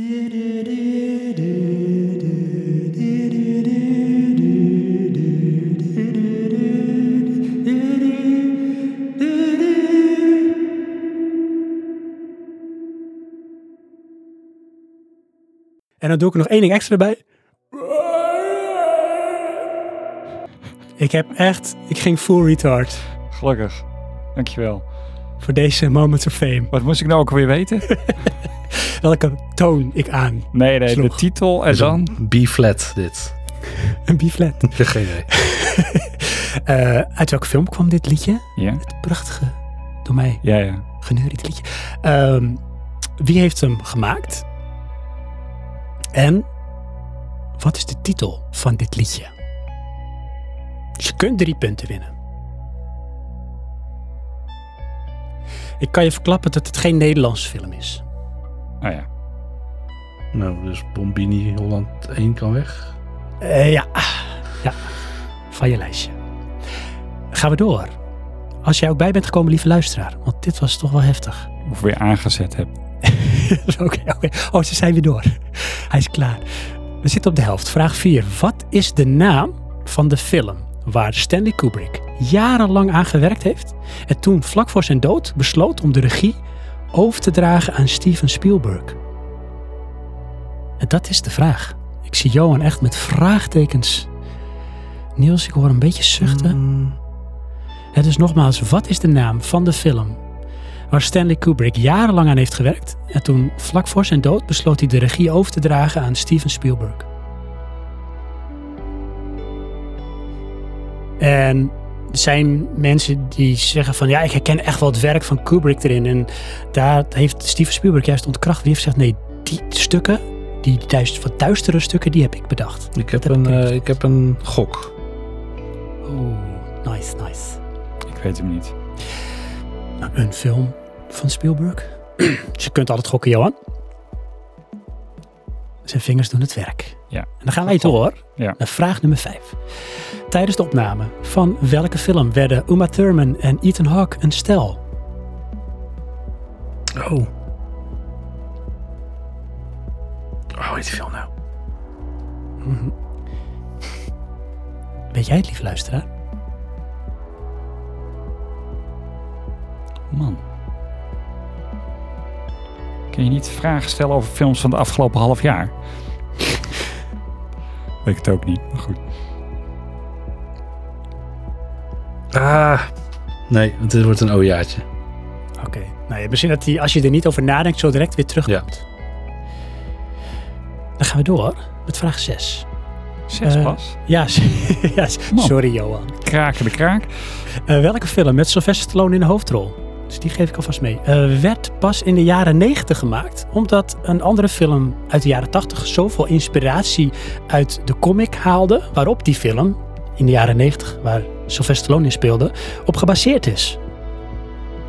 Dus er is een film uit de jaren 90 met Stallone in de hoofdrol. Die zou eigenlijk al in de jaren 80 worden gemaakt, maar er was een andere film in de jaren 80 die zoveel inspiratie opdeed uit, zeg maar, eh, de comic waar die film, waar Sylvester Stallone speelt, op gebaseerd is. Dus welke film is dat? Ik denk dat jullie dat weten. Stop or my mom will shoot. Dat zou zomaar kunnen. Als daar een comic van is. Geen idee. Hoop het niet. Dit is eentje, daar kunnen jullie gewoon, dit is eh punten in de pocket jongens. Eh, noem drie films waar het woord big in de titel zit. B-I-G, big. Nou, als je goed luistert, geef ik er al één weg. Knipoog, knipoog. Oké. Johan zie ik echt in de diepte kijken. Man. Het is een, een gaze, een glare, een stare. Johan heeft allemaal titels. Star Wars Big. Nee, shit. Uh, Independence Day Big. Nee, ah, ook niet. Mag ook meer trouwens, hè? Als je wil uitsloven, doe je er meer dan drie. Dat is te veel werk. Heel goed. Vijf en een half is ook een voldoende. Daarom, Ja. precies. Johan? Ik zie je denken. Ik, ik hou het hierop, ik gok het maar. Echt. En dan de laatste. Oké, ik dacht dat dit de laatste was. Nee, sorry. En daarna is het echt klaar hoor, met de suffering. Ja. Eh, uit welke film komt deze quote? Dus ik ga nu een paar regels voordragen. Ik speel beide characters. En dan moeten jullie raden uit welke film deze quote komt.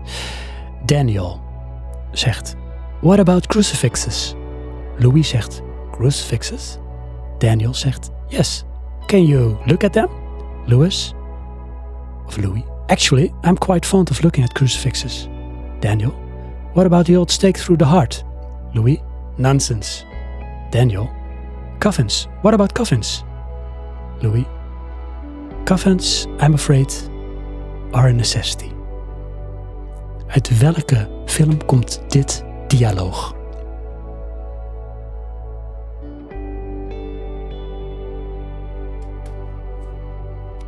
Zo. Hoppa, pen en neer hoor ik al. Ja, die zou ik moeten weten. Ik, ik eh, kan het gesprek, maar ik weet de film niet. Oh, lieve luisteraar, jij wel? Ehm, dit was hem, dit was de quiz. Maar nu gaan we natuurlijk punten tellen. Ja. Dus dan beginnen we bij de eerste vraag. En de eerste vraag is, noem twee films uit de jaren 70. Johan. Eh, ik had Star Wars. Die had ik ook. Ja. En En dan eh, welke Star Wars? Star Wars. Ja, met als subtitel. Star Wars, want toen heette hij alleen nog maar Star Wars. Kwam dat later? Dit ja, kwam Nieuw erbij? Hoop is er pas later bijgekomen. Oh, wat dat scherp van jullie, dankjewel. Hoppa. Ik zeg gewoon ja, dat weet ik het. dat is Ehm, goed. En de tweede had ik 2001 A Space Odyssey. Mm, 1973. Oh, is 73? Ja, want dat is de eerste opname van... eh, nee, in 1974 is de op, eerste opname van de aarde vanuit de ruimte. Oh, wauw. Oké, ja. in 2001 A Ik zeg, Space dat Odyssey... je gelijk hebben, maar ik moet toch even opzoeken. En Niels, wat had jij nog als, als tweede film? Alien. Ja, dat is 79, hè? Of 77? Nee, Eh, 79. 79. En 2001? Eh, 2001, een zwerftocht in de ruimte. Ja, het is niet goed, Johan. Het is eh, 1968. Stanley Kubrick, hè? Crap. Dus ja, je zat er dicht tegenaan. Het schuurde tegen de 70 jaar aan, maar het was Jammer. 68. Dus ik ben te vroeg. Hoe die film ook, dat is... Ik heb die natuurlijk niet toen gezien, maar ik heb die later echt gezien, eh, leren waarderen. En dat vind ik echt wel een hele mooie Kubrick film. Ik vond het eh, een eh, hele aparte film, maar ik kan me niet goed herinneren. Maar wel dat ik ermee bezig was. Ik moet hem ook eens een keertje gaan kijken. Ja, zoveel technieken en sowieso het verhaal. En toch wel tot de verbeelding spreekt het. Zeker als je nagaat in welke tijd die film dan gemaakt is. Heb je dus een, een plaatje van de aarde voordat we een foto van de aarde Dat is hadden? toch bizar, hè? Ja. Eh, tweede vraag. Eh, zet de juiste regisseur bij de juiste film. Eh, dan zeg ik, eh, Niels, kan jij Tony Scott eh, de juiste film aandragen? Nee, ik heb Man of Fire. Dat is goed. Oh, Ik ook. Dat is Oké, degene Johan die ik goed had moeten hebben, maar ik heb een gokje. Oké, Johan, wat heb jij bij Terrence Malick? Tree of Life. ik had En 12 jij, Years a Slave. Dat is Tree of Life. Oh, dat is ook goed Ja. gegokt. Man of Fire, die kijk ik elk jaar. Oh, echt waar? Ja, standaard. Het is echt- Zodra ik hem ergens zie, oh, dan moet ik weer weet je, kijken. bij Die film, alleen in de bios gezien, daarna niet meer. Ja. maar bij die film voelde ik me episch. Dat had ik toen ook met die film met Lime Neeson. Teken. Voelde ik me episch. Oh ja, Dat heb je wel eens met films. Greasy Bear. Ehm, dus dat was Tree of Life. En ja, Steve McQueen is dan 12 Years Slave. 12 Years Slave. Heb je die gezien, eh, Niels? 12 Years Slave wel. Ik heb Tree of Life niet gezien. Man of Fire wel. Hugh Grant, toch? of uh, Hugh Jackman toch? Tree of Life. Eh, nee, Tree of Life nee, dit is The Fountain. met Brad Pitt. En Jennifer, hoe heet het? eh, Chastain? Jennifer Chastain, heet ze zo? Jessica Chastain. Jessica Chastain, yes, dank je. Wel een hele zware film hoor. En dat zijn een heel, zeg maar, filosofisch, diepgaand. Het zijn vaak wel melkfilms, maar op zich wel mooi. Drama. Heb jij die gezien, eh, Tree of Life, Niels? Nee, nee, die moet nog kijken. Een mooie film. Als je van mooie films houdt. Klinkt als Ja. eh, Fountain of Youth. Oké, ja. Dat is ook een beetje eh, Ja. zwaar. Die Ja. heb ik wel gezien en ik dacht in mijn hoofd dat dat, Dat die dat film was. was, ja. Ja. De derde, ja, van welke film? En het was niet Bombini, What's His Name, deel 1. Neuriede, neuriede ik het liedje. Eh, het was Sven wil graag beroemd zijn. ja, dat is hem. Oh. Dat is hem. ja? Met subtitel A Newer Hope. Ja. Nee. En jij, Niels, wat had jij? Had je hem echt niet, Johan? Jawel, jawel. Jurassic Park. Ja, Jurassic Park van John Williams. Alleen de titel weet ik even niet. Wat, en wat, wat, Oh, John wat Williams. zou je gokken? Johan, wat heb jij als titel? Eh, titel heb ik Jurassic. En hij is geschreven door Daniel Ino. maar dan krijg je namelijk D. Ino. Oké. Het is John Williams inderdaad. Who else? En het is Theme from Jurassic Park. Oké. ja. Ik, Ja. ik, ik had gegokt Welcome to Jurassic Park. Ja. Want het is wel dat ik- moment. Ja, nou ik heb hem dus wel echt ja, schade toeberokkend, dat geef ik eerlijk toe. Maar goed dat jullie hem, knap dat jullie hem hebben eh, geraden. Jij misschien ook luisteraar. Dan, ja, wat is dan de naam van die ene film hè, waar Kubrick heel lang aan heeft gewerkt. En die heeft toen het stokje overgedragen aan Spielberg van maak hem maar af, ga het maar doen. Oké. Ja? Ja. E.T. Oh, dat is wel een afkorting, maar dat was hem niet. Oh. Wat heb jij Niels? Ik denk Close Encounters of the Third Kind. Nee, Nee, ook niet? Ja. nee, Dat, dat Nee, het is, eh, ook een Kubrick film. ja dat is wel Ik vind E.T. inderdaad. geen Kubrick film, maar dat is de enige film die in mijn hoofd opkwam. Nee, het is AI. Oh. En ehm, Oh. eh, The Boy That Sees Dead People. Die nu echt The Boy That Eats Dead People heeft opgegeten. Hoe heet die? What? Joe Holy Osmond of zoiets? serieus? Ja. Oh, oké. Ja, is dat een eh, anticlimax, Niels? Ik, ik wist dat niet. Oké. Heb jij die film wel gezien? Eh, welke, de eh, AI? Ja. Nee, AI nog niet. Nog steeds niet. Ja, ik vond dat. Ik heb die film toen volgens mij in de bibliotheek gekocht. Daar lag hij toen op DVD. Toen heb ik volgens mij ook pas gekeken. En die film maakte wel indruk. Omdat ik het zo'n mooi verhaal vond. En er zat heel veel S- Spielberg magie in. Ik wist helemaal niet dat, eh, totdat ik dit later had opgezocht. Het Kubrick eraan heeft gewerkt. Jarenlang. Oké. En die kwam er gewoon ja, niet goed doorheen of aan toe of weet ik wat. En die heeft toen gezegd van eh, Spielberg, zou jij dat willen doen? En er zitten dus duistere stukken in die film. En mensen schrijven dat toe van, nou, dat is typisch Kubrick. En dat is dus de joke. Dat is juist het werk van Spielberg geweest in die film. Ik eh, ga hem heel snel kijken. Zeker doen. Het is gewoon een heel mooi klein verhaaltje met, ja, Spielberg magie zit daarin. Vind ik. Oké. Eh, geen punten. Je, je moet zelf maar even punten behouden, jongens. ja, ja, ik, ik schrijf mee. Ik heb er al 34. je heeft overal punten. Ehm, tijdens de opname van welke film werden Uma Thurman en Ethan Hawke een stel? Ja, dit wordt mijn oudejaartje. Eh, Jude Law speelde hier ook in. ja, dan weet ik het helemaal niet. Als de man in de rolstoel. Oh. Ehm Gattaca. Yes. Ik wist het niet, maar nu wel. Oh, nee, ik dacht aan een Niels? andere. Dus geen ojaatje. Nee, ik dacht aan een andere film. Een van de mooiste soundtracks, vind ik, van Sterk films. Film. Er was ook heel veel over gefilosofeerd. Ja, heel mooi. Heb jij die film gezien, Niels? Gothica? Nee, ook niet. Ja? Nee, sorry. Oh, ga Nee. die alsjeblieft kijken.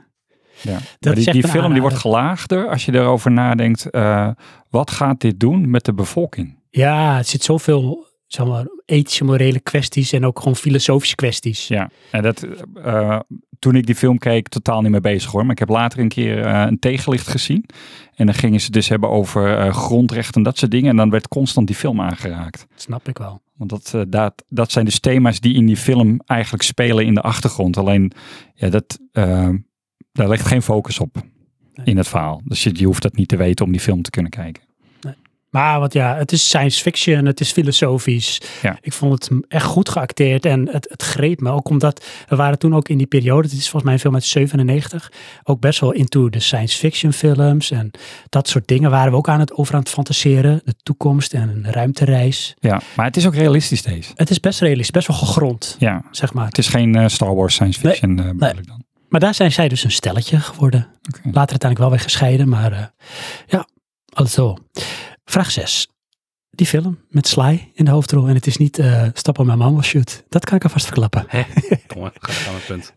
Ja, sorry. Wat had je Niels? Ik eh, denk eh, I am the law. Oh, Judge right. Ja, Heb ik ook. klopt. Is dat ook? Oké. Helemaal goed, ja. Ja, en weet je ook de film die dus heeft voor gezorgd dat deze film pas in de jaren 90 uitkwam? Nee. Wat denk je? Ehm, oh, even denken hoor. Robocop? Oh, Ja, knap. Inderdaad. Robocop heeft heel veel inspiratie opgedaan. Paul Verhoeven, geregisseerd. Ehm, uit eh, de comic eh, Judge Dredd. Hmm. Voor het karakter van eh, Robocop. Ja, zie ik ook wel. Dat, dat herken je ook wel een beetje wel hè, erin. Ja. Als je het een beetje zo maar er was dus geen comic van Robocop voor de film. Dat weet ik dus niet. Oh, want zou er is wel een zijn. comic van Robocop, Ja. dat weet ik dan wel. Maar, Maar ik denk de film adaptation hebben zij dus heel veel leentjebu gedaan eh, bij de comic van, eh, hoe heet het, eh, Judge Dredd. Oké. Eh, fun fact, in deze film met Sly is er heel veel gesteggel geweest tussen Sly en de regisseur. Want hij wilde per se, omdat hij zo'n grote actor is, zijn helm afzetten. En er is één ding, een soort doodzonde. En in de comics is het ook nooit gebeurd dat Judge Dredd zijn helm afzet. oh ja. In de film met eh Carl Urban, die ik Ja. zelf veel beter vind. Ja, maar het zijn ook twee hele andere films. Mm. Doet hij dat volgens mij ook niet? Houdt hij hem de hele tijd Nee, op? nee, die was inderdaad trouw aan, eh, aan de regels. Ehm, Ja. Die vond ik ook wel weer tof om te zien, maar die eh, deed niet dan die andere niet. Nee, dat vond ik ook. Het waren Ja. eigenlijk ook hier weer... Ja, ik vond eh Judge Dredd met Sly, met Stallone echt gewoon een hele vermakelijke film. En eh, hoe heet hij ook alweer? Die eh, Roy, eh, die comediant. Mr. I'm the Law. ja. Ja. ja. Wat vond jij van die film, Niels? De eerste Toen. de en nieuwe? nu, de eerste. Ehm, te lang geleden voor mij, denk ik.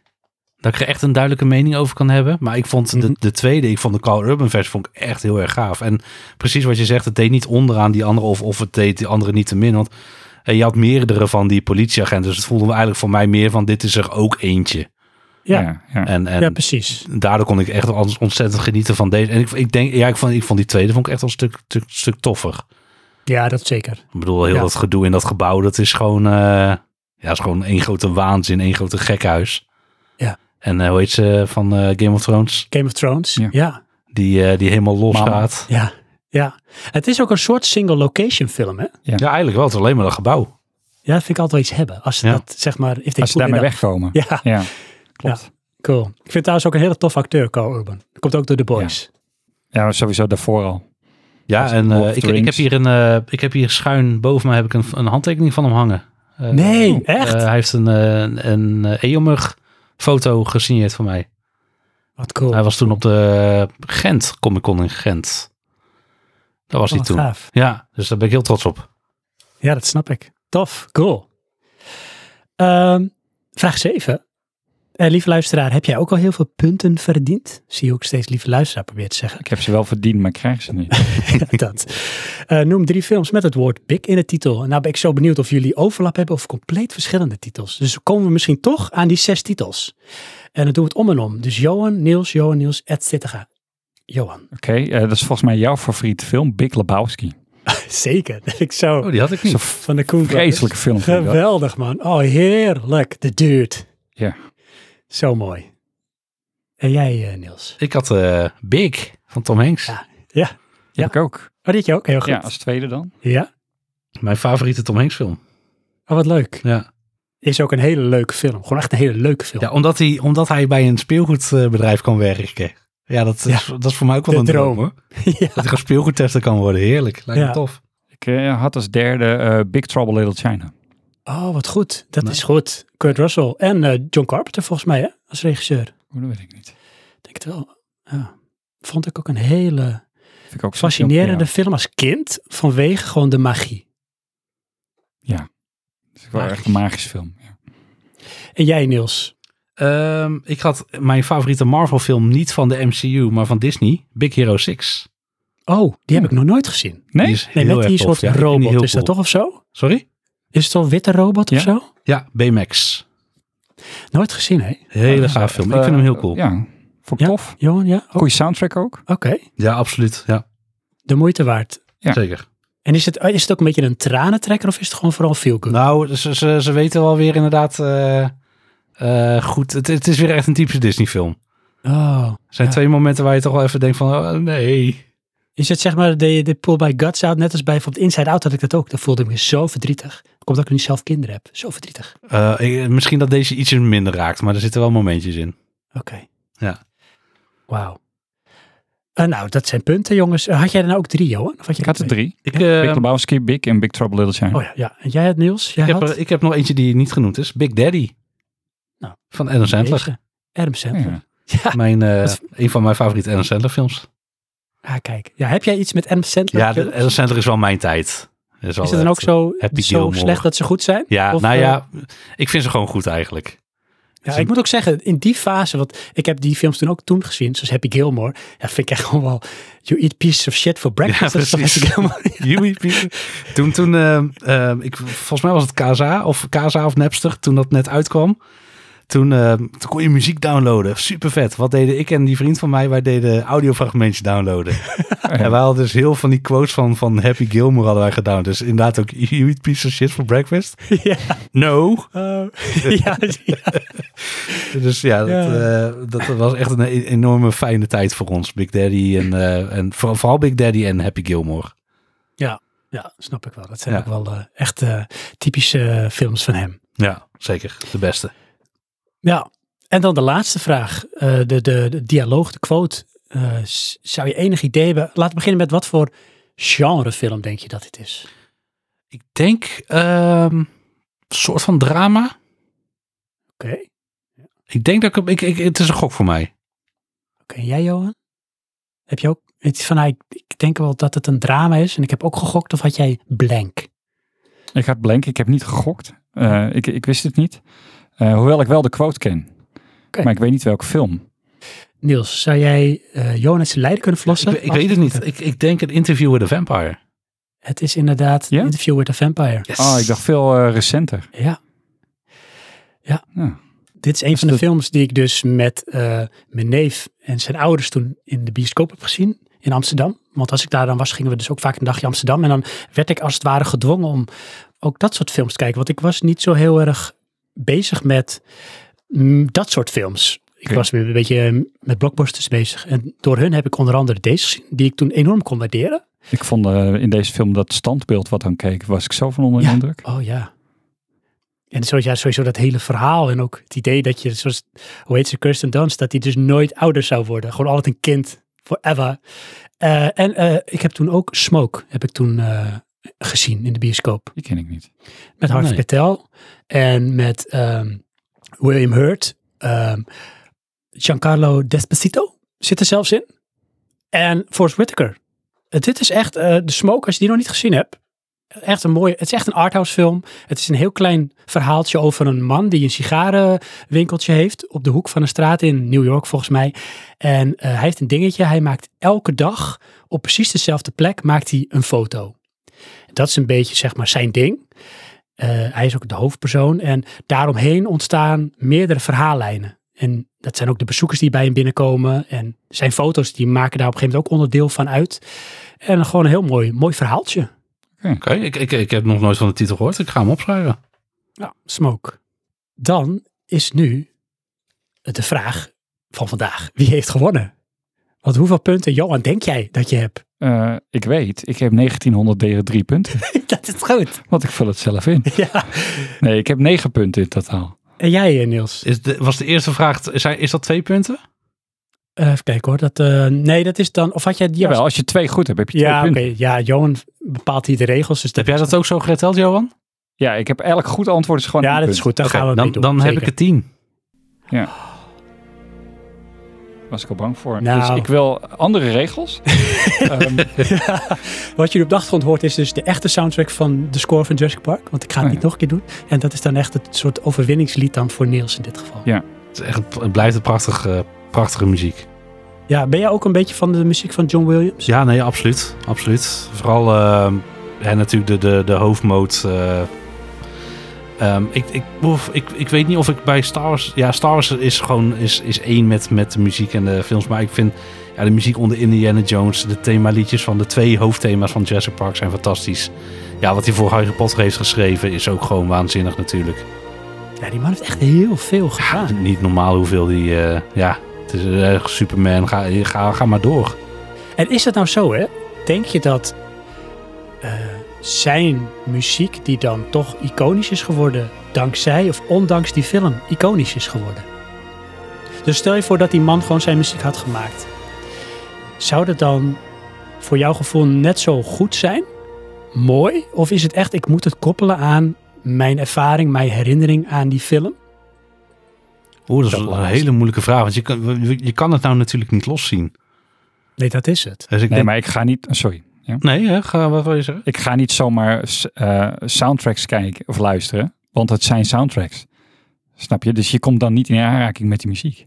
Nee, heb je ook niet dat je bijvoorbeeld wel een soundtrack luistert van een, een componist van een film die je kent en dan kom je in aanraking met werk van een film die je nog niet kent. En dat je denkt, oh, maar die muziek is dan dermate, dan ga ik die film ook wel kijken. Eigenlijk Oeh. niet. Nee, ja, dat heb ik ook niet. Want ik mis- misschien wel, eh, dat is dan wel weer leuk. Mijn vrouw is toen meegeweest de eerste keer dat we naar Hans Zimmer gingen. Die was toen in de Ziggo Dome, Daar 2017. een keer heen. Heel gaaf. Ja, dat was heel vet. En mijn vrouw die ging mee, want ik had het toen opstaan op de, de computer. En ik had mijn boxjes aan. En mijn vrouw vroeg, oh, wat is dit? Ik zei, ja, dit, dit is Hans Zimmer. Oh, dat klinkt wel heel vet. Ik zei, ja, ik kom naar Amsterdam. Ga je mee? Ja, is goed, ik ga wel mee. En sinds dat we naar Hans Zimmer geweest is, bijna elk jaar haar top 10 van de eh, Spotify-lijst is eh, Hans Zimmer op nummer 1.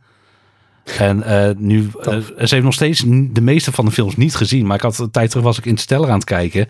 En toen was ze vanuit een ooghoekje zo mee aan het kijken. Toen ja, kon ze de link leggen met de film en de muziek. De muziek vond ze Oh, prachtig, serieus? maar de film had ze nog niet gezien.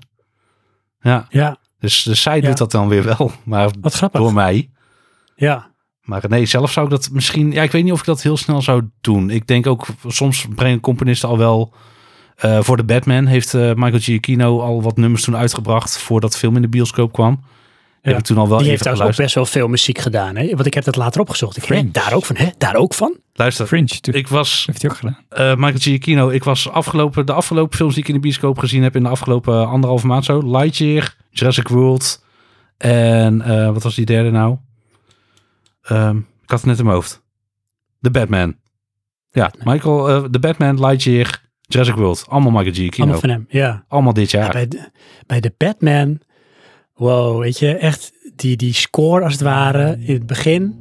Met eigenlijk een hele simpele, dat aanswellende, herkenbare toontje, zeg maar, het theme Ja. van Batman. Zo opzwepend, zo zwaar, echt geweldig. Ja, ik vond het wel echt weer een hele mooie film.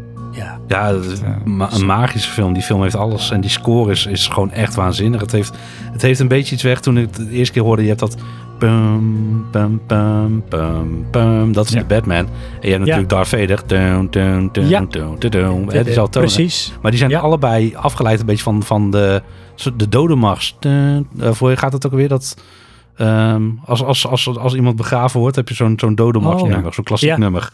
En Ja. daar is, is, is de, de, de Darth Vader thema een beetje van afgeleid. En ik denk dat Michael Giacchino daar ook voor, voor de Batman van heeft geleend. Dat moet daar zo, want daar zit inderdaad heel veel gelijkenis in. Maar ik denk wel dat dit zijn beste werk is tot nu toe. De, de Batman-score van Michael Giacchino is gewoon... Ook als je die nu aanzet, die score... dan heb je gelijk zin om die film te gaan kijken. Ja, maar precies bij dit dan, hè, wat jij nu zegt. Is dit nou omdat je de Batman ook zo'n fantastische film vond? Of had jij dit ook gevonden als je die film niet had gezien? Nou ja, ik heb, dat is dus, ik, heb, ik, heb het, ik, ik ben hem aan het luisteren omdat ik de Batman een vette film vond. Maar als ik de film niet had gezien en, Mike, en ik zou fan zijn van Michael Giacchino...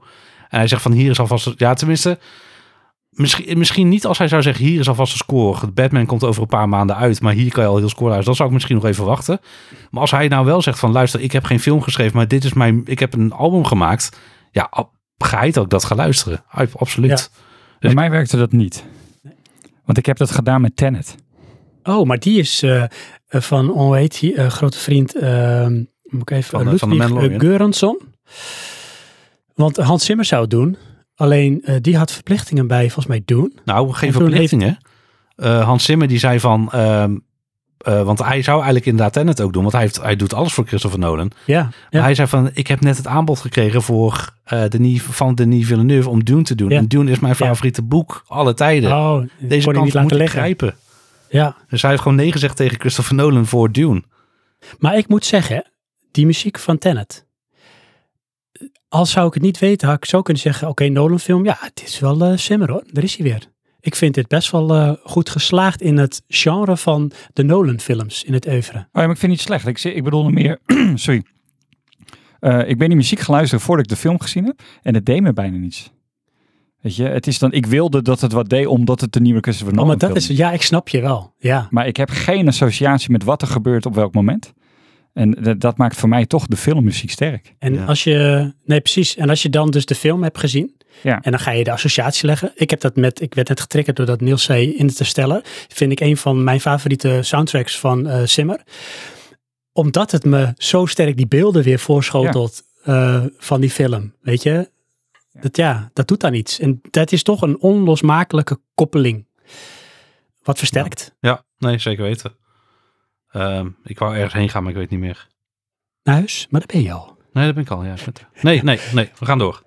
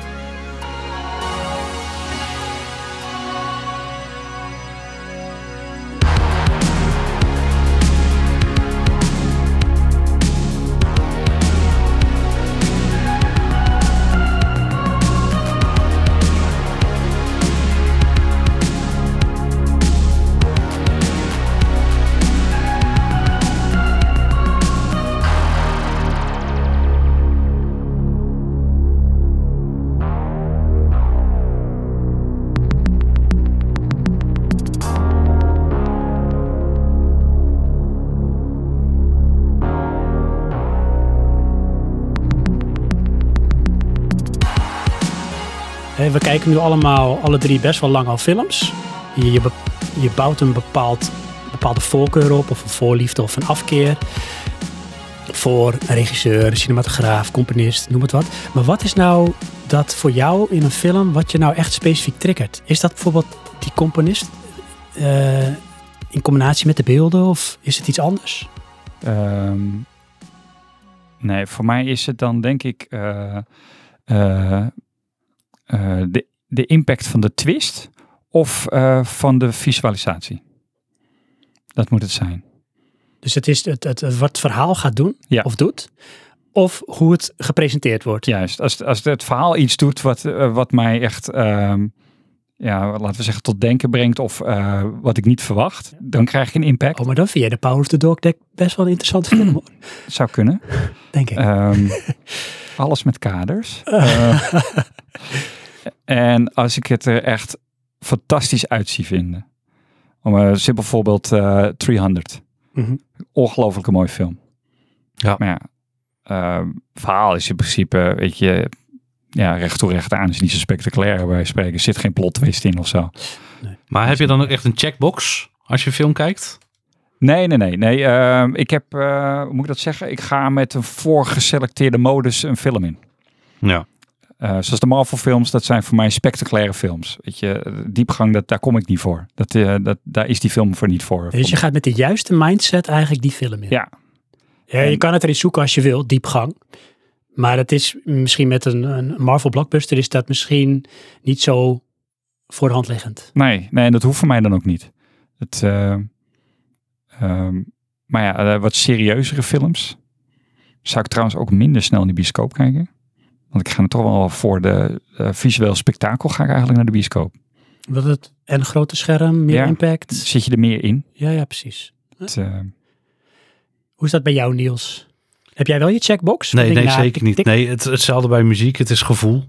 Het is echt gevoel bij eh, een film. En dat, dat heeft te maken met of er kan komen door beeld, de, beeld, eh, ehm, de beelden die je ziet, de muziek die erbij zit, of de, de, de geluiden die eromheen zitten, de kleurgebruik. ehm.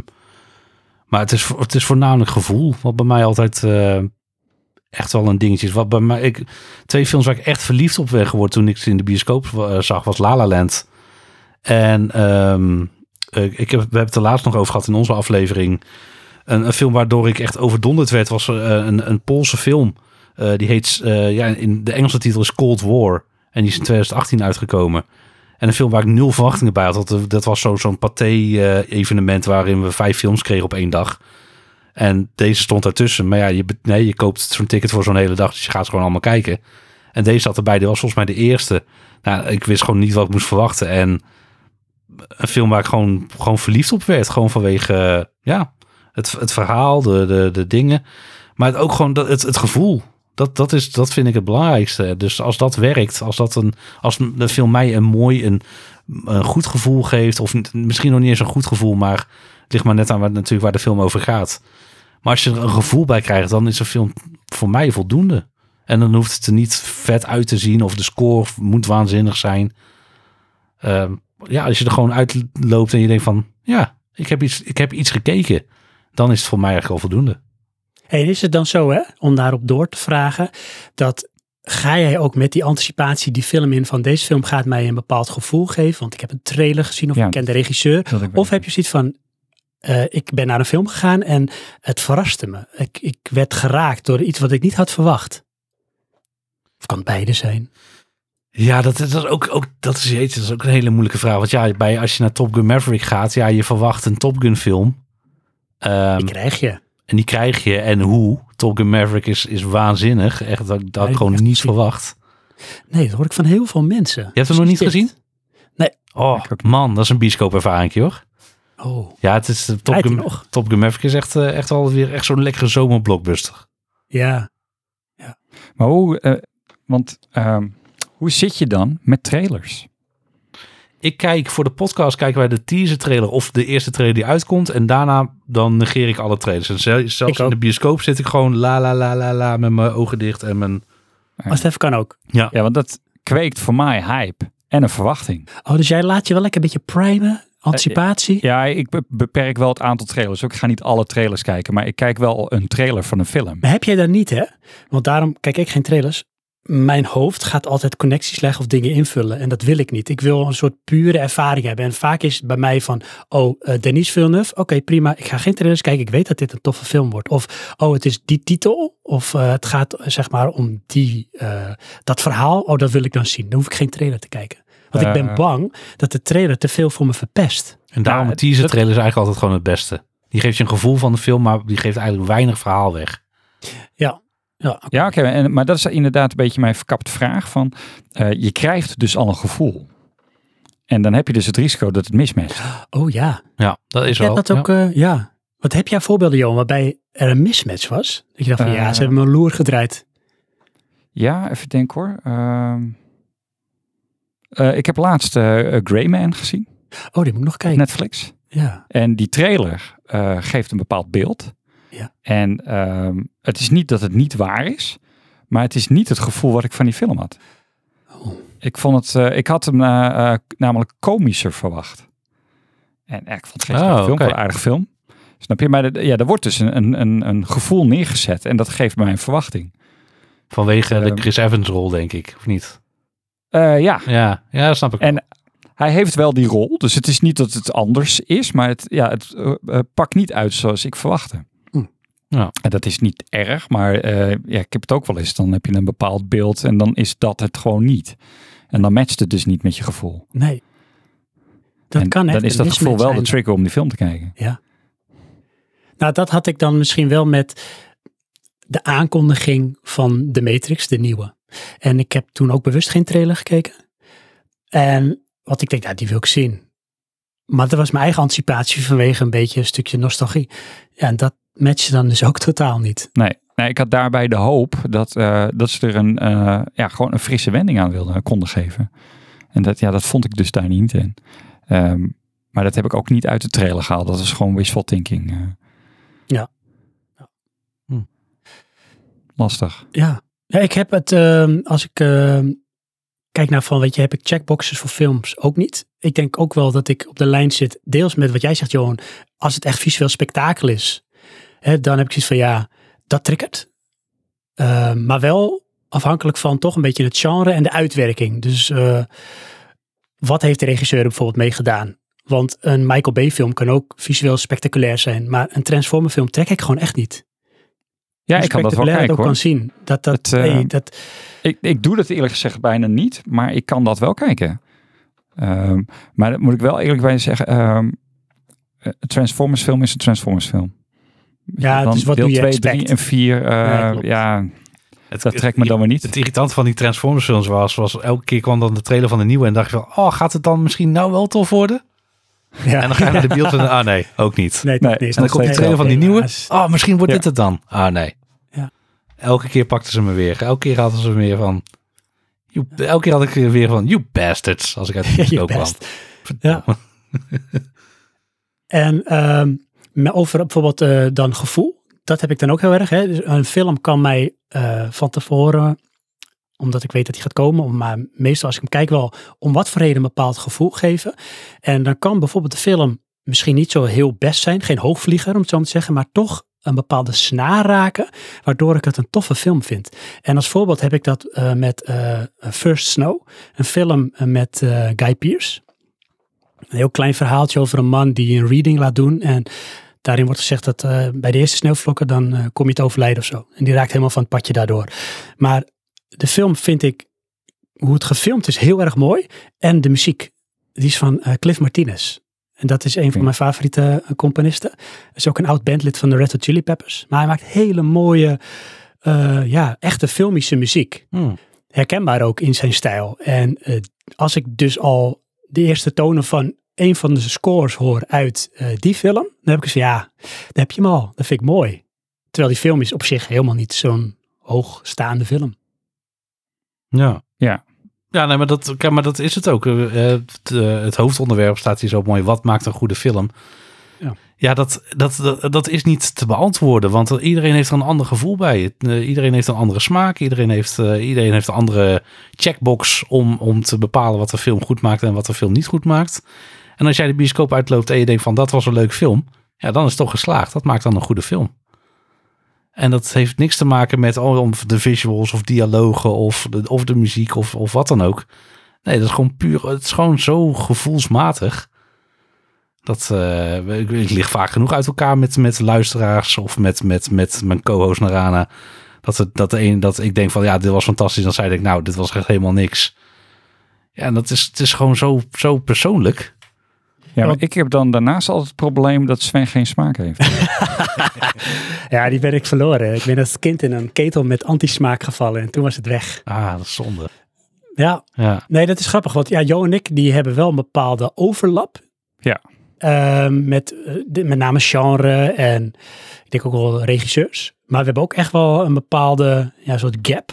Een soort Grand ja, op Canyon. uiterste als het ware, waar, waar het wegdraait van Ja. elkaar, denk ik. Ja. Ehm, in jouw ehm, keuze of zoektocht naar films, ben je daarin veranderd? Oh. Ehm, Nee, ik, ik, ik, ik ben nog steeds altijd wel op zoek naar wat is die nieuwe groot... Die, een, een, groot, een groot ding is voor mij, waarvan wil ik de action figures hebben? Dat vind ik altijd een dingetje. Oké, ja. Dat is altijd voor mij van, als, als, ik, als ik ook van de Lightyear film, nou, ik ben, hè, ik, ik ben vandaag even naar België gereden, want er is een speelgoedwinkel in België die wat Lightyear dingen had, die hier in Nederland niet te koop zijn. Ehm, dus dat was mijn tripje vandaag na, na werk. Hm. En dat, dat, dat, maakt dan voor mij een goede film, omdat ik, ik, wil daar, ik wil daar dingen van vasthouden. Ik wil daar dingen van in mijn handen kunnen ronddraaien om, om gewoon van 360 graden te kunnen bekijken. Dus dat is echt al een, altijd een groot criterium voor mij geweest. Ja, en verder, ik denk toch wel verder. ehm, ik denk dat ik de laatste tijd wel veel meer naar looks kijk dan, dan naar wat dan ook. Moet hoe ziet de film eruit? Hoe, eh, qua, qua visuals, qua eh, cinematografie. Eh, we hebben mooie films. We noemen al, al een paar keer nou de Batman. Nou ja, visueel is het een, een Oh, prachtige film. Dune is ook, ook dat to- toevallig weer allebei van Greg man. Ja, zelfde Ja, cinematograaf. cinematograaf. Hij heeft nou de Oscar gewonnen voor Dune. Ik, ik hoop dat hij nog mee kan gaan in de running voor de Batman volgend jaar. Want die verdient hij ook voor, voor de Batman in ieder geval. Want wat Ja. een prachtige films zijn dat. En ja, als je, dat zijn toch ook echt wel dingen waar ik naar, waar ik naar kijk. Maar ja, niet elke film kan zo zijn natuurlijk. Dus ja, ik, eh, ook dat weer is weer gevoel. Wat, wat doet de trailer met me? Of wat is, doet de aankondiging? Welke regisseur is het? Welke acteurs zijn het? En wat... Ehm, ik heb bijvoorbeeld bij Bullet Train is nou een, eh, een dingetje wat Raan en ik hebben gedaan bij Bullet Train. Die binnenkort in de bioscoop komt. Supercast. eh, het verhaal Mhm. klinkt cool. Wij hebben geen trailer gekeken, expres. Gewoon om te kijken van oké, hoe gaan wij die film ervaren zonder ook maar de trailer gezien te hebben.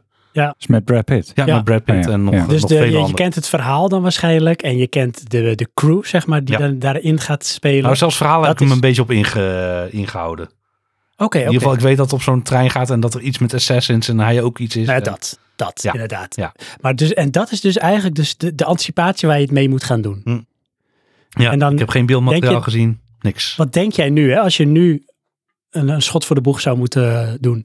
Wordt dit een goede film? Ervaring? Ik denk dat er in ieder geval een goede lekkere, filmervaring? ik denk dat er lekkere actiescènes in, in gaan zitten. En ik, ja, ik denk wel dat het een fijne filmervaring gaat worden, ja.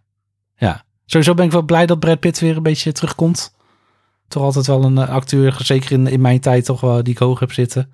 Ja. Ehm, Moet je City of Lost kijken met Sandra Bullock. Die moet ik nog zien. Eh The Lost City. Ja, The Lost City. Ja, die moet ik nog steeds kijken. Ja. Met Sandra Bullock en eh Channing Tatum. Ja, Ja. De, de gehuurd mevrouw wilde hem zien. En goed, ik, eh, de meeste Sandra Bullock films wil ik ook wel zien. Vind ik leuk genoeg. Ja. Eh, en Channing Tatum vind ik goed. En daar zit dus ook Brad Pitt in. Ja, ik Oh. moet die nog, ik moet die En nog jij kijken. zegt het op Ja. zo'n manier, Johan, van, oh, maar daar zit dus ook Brad Pitt in. Dus moet die je moet ik echt even gaan kijken. Oh, Nee, oh my god. het is, weet je, eh, het is een Sandra Bullock film, dus het is grappig, maar niet hilarisch. Maar er zitten echt een paar stukken in, die vond ik zo goed.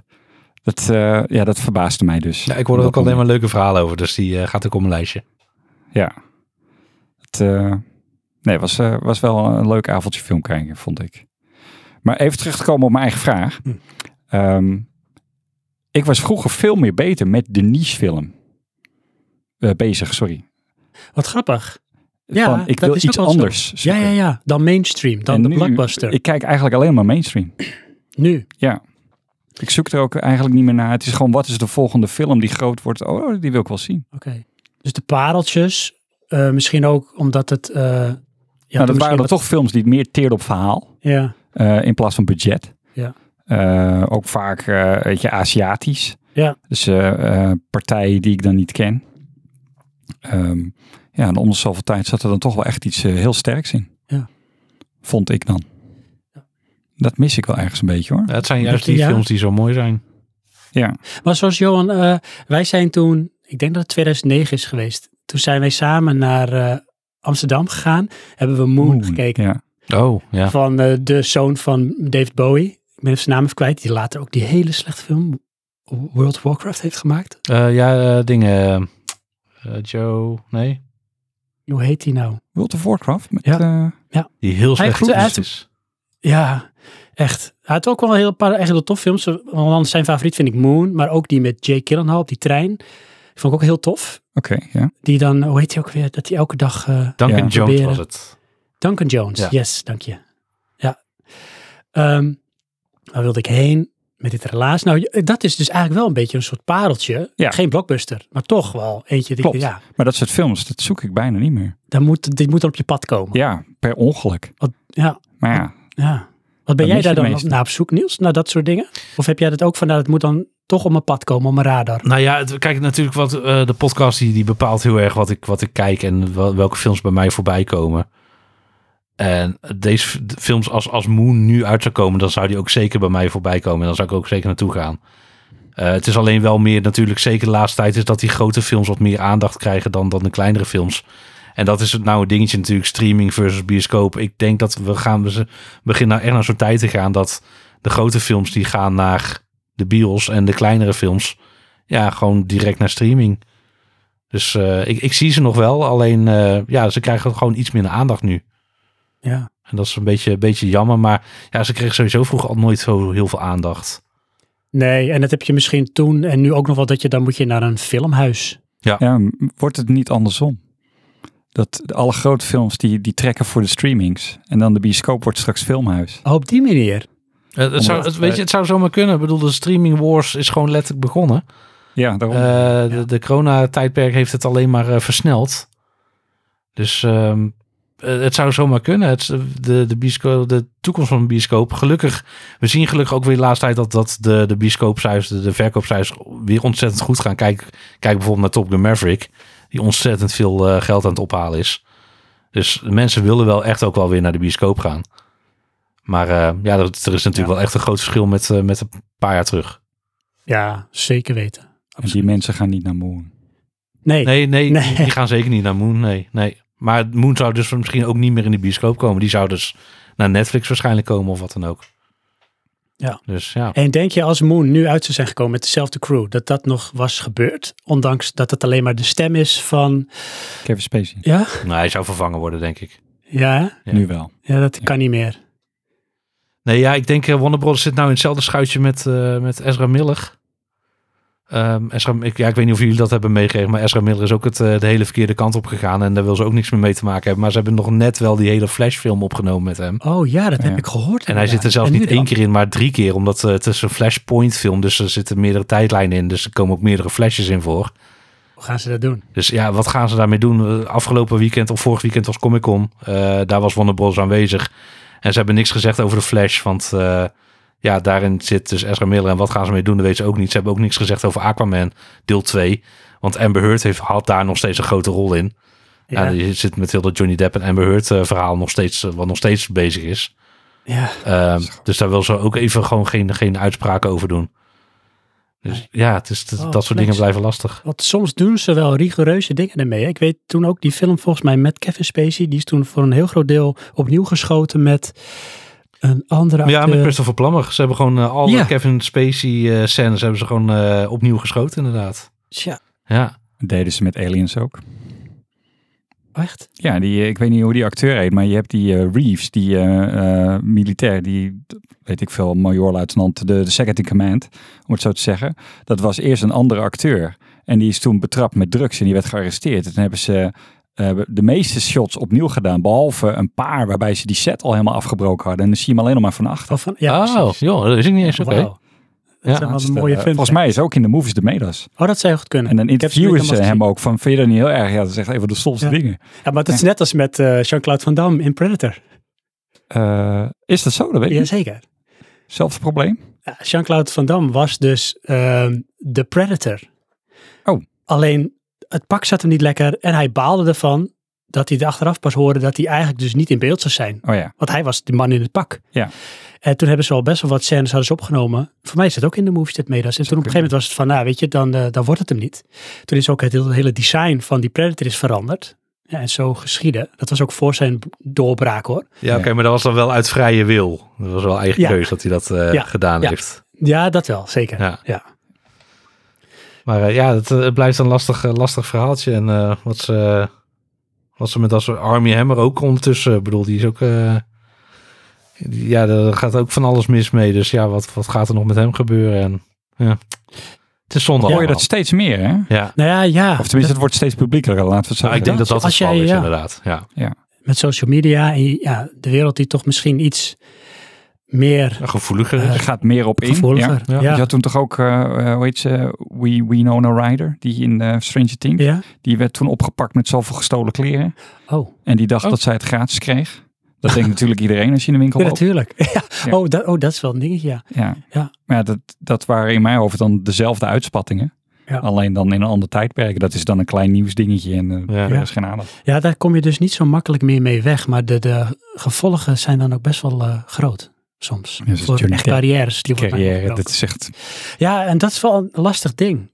Ja, niet om weer een hele rabbit hole in te duiken. Nee, ik wou zeggen, laten we niet te veel erover op, eh, op ingaan. eh. Nee, nee. Eh, gaan we niet doen. Weet je wat we wel gaan doen? Nou.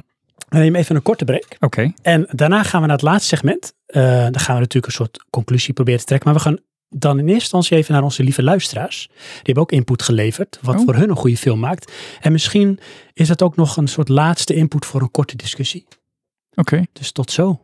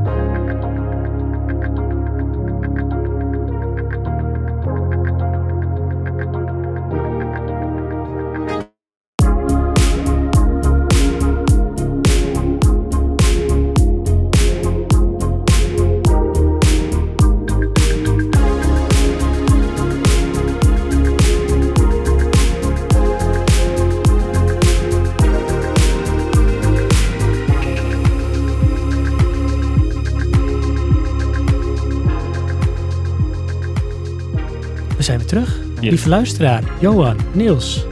Hoi. Ben. Toch een hele enerverende, diepgaande, mooie, als het ware avontuurlijke film. Oh, we, we zijn weer omhoog geklommen. Nou ja, hey, Behalve jij, want jouw touw is stuk. En je laten me achter. Ja. Lampje gaat inmiddels uit. Nou, we zijn wel verder in de grot, want het wordt wel steeds warmer. Oh ja, Dat is wel zo. Ja. Misschien komen we wel bij de kern van de aarde. Hm. Dat is in de een core. hele diepe grot.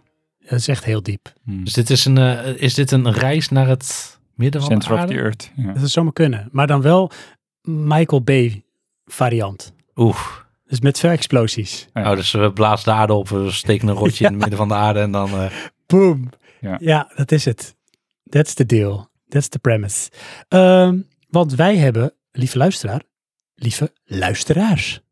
Hm? Ja, we hebben dit luisteraars. Ja. We hebben luisteraars. Als het goed is nog steeds. Als ze nog eh, aan onze lippen hangen. Maar het moet wel met zo'n nee, autoriteit. dat zeg je. Rustig aan. Filmfan. Nee, Het die filmfan Niels.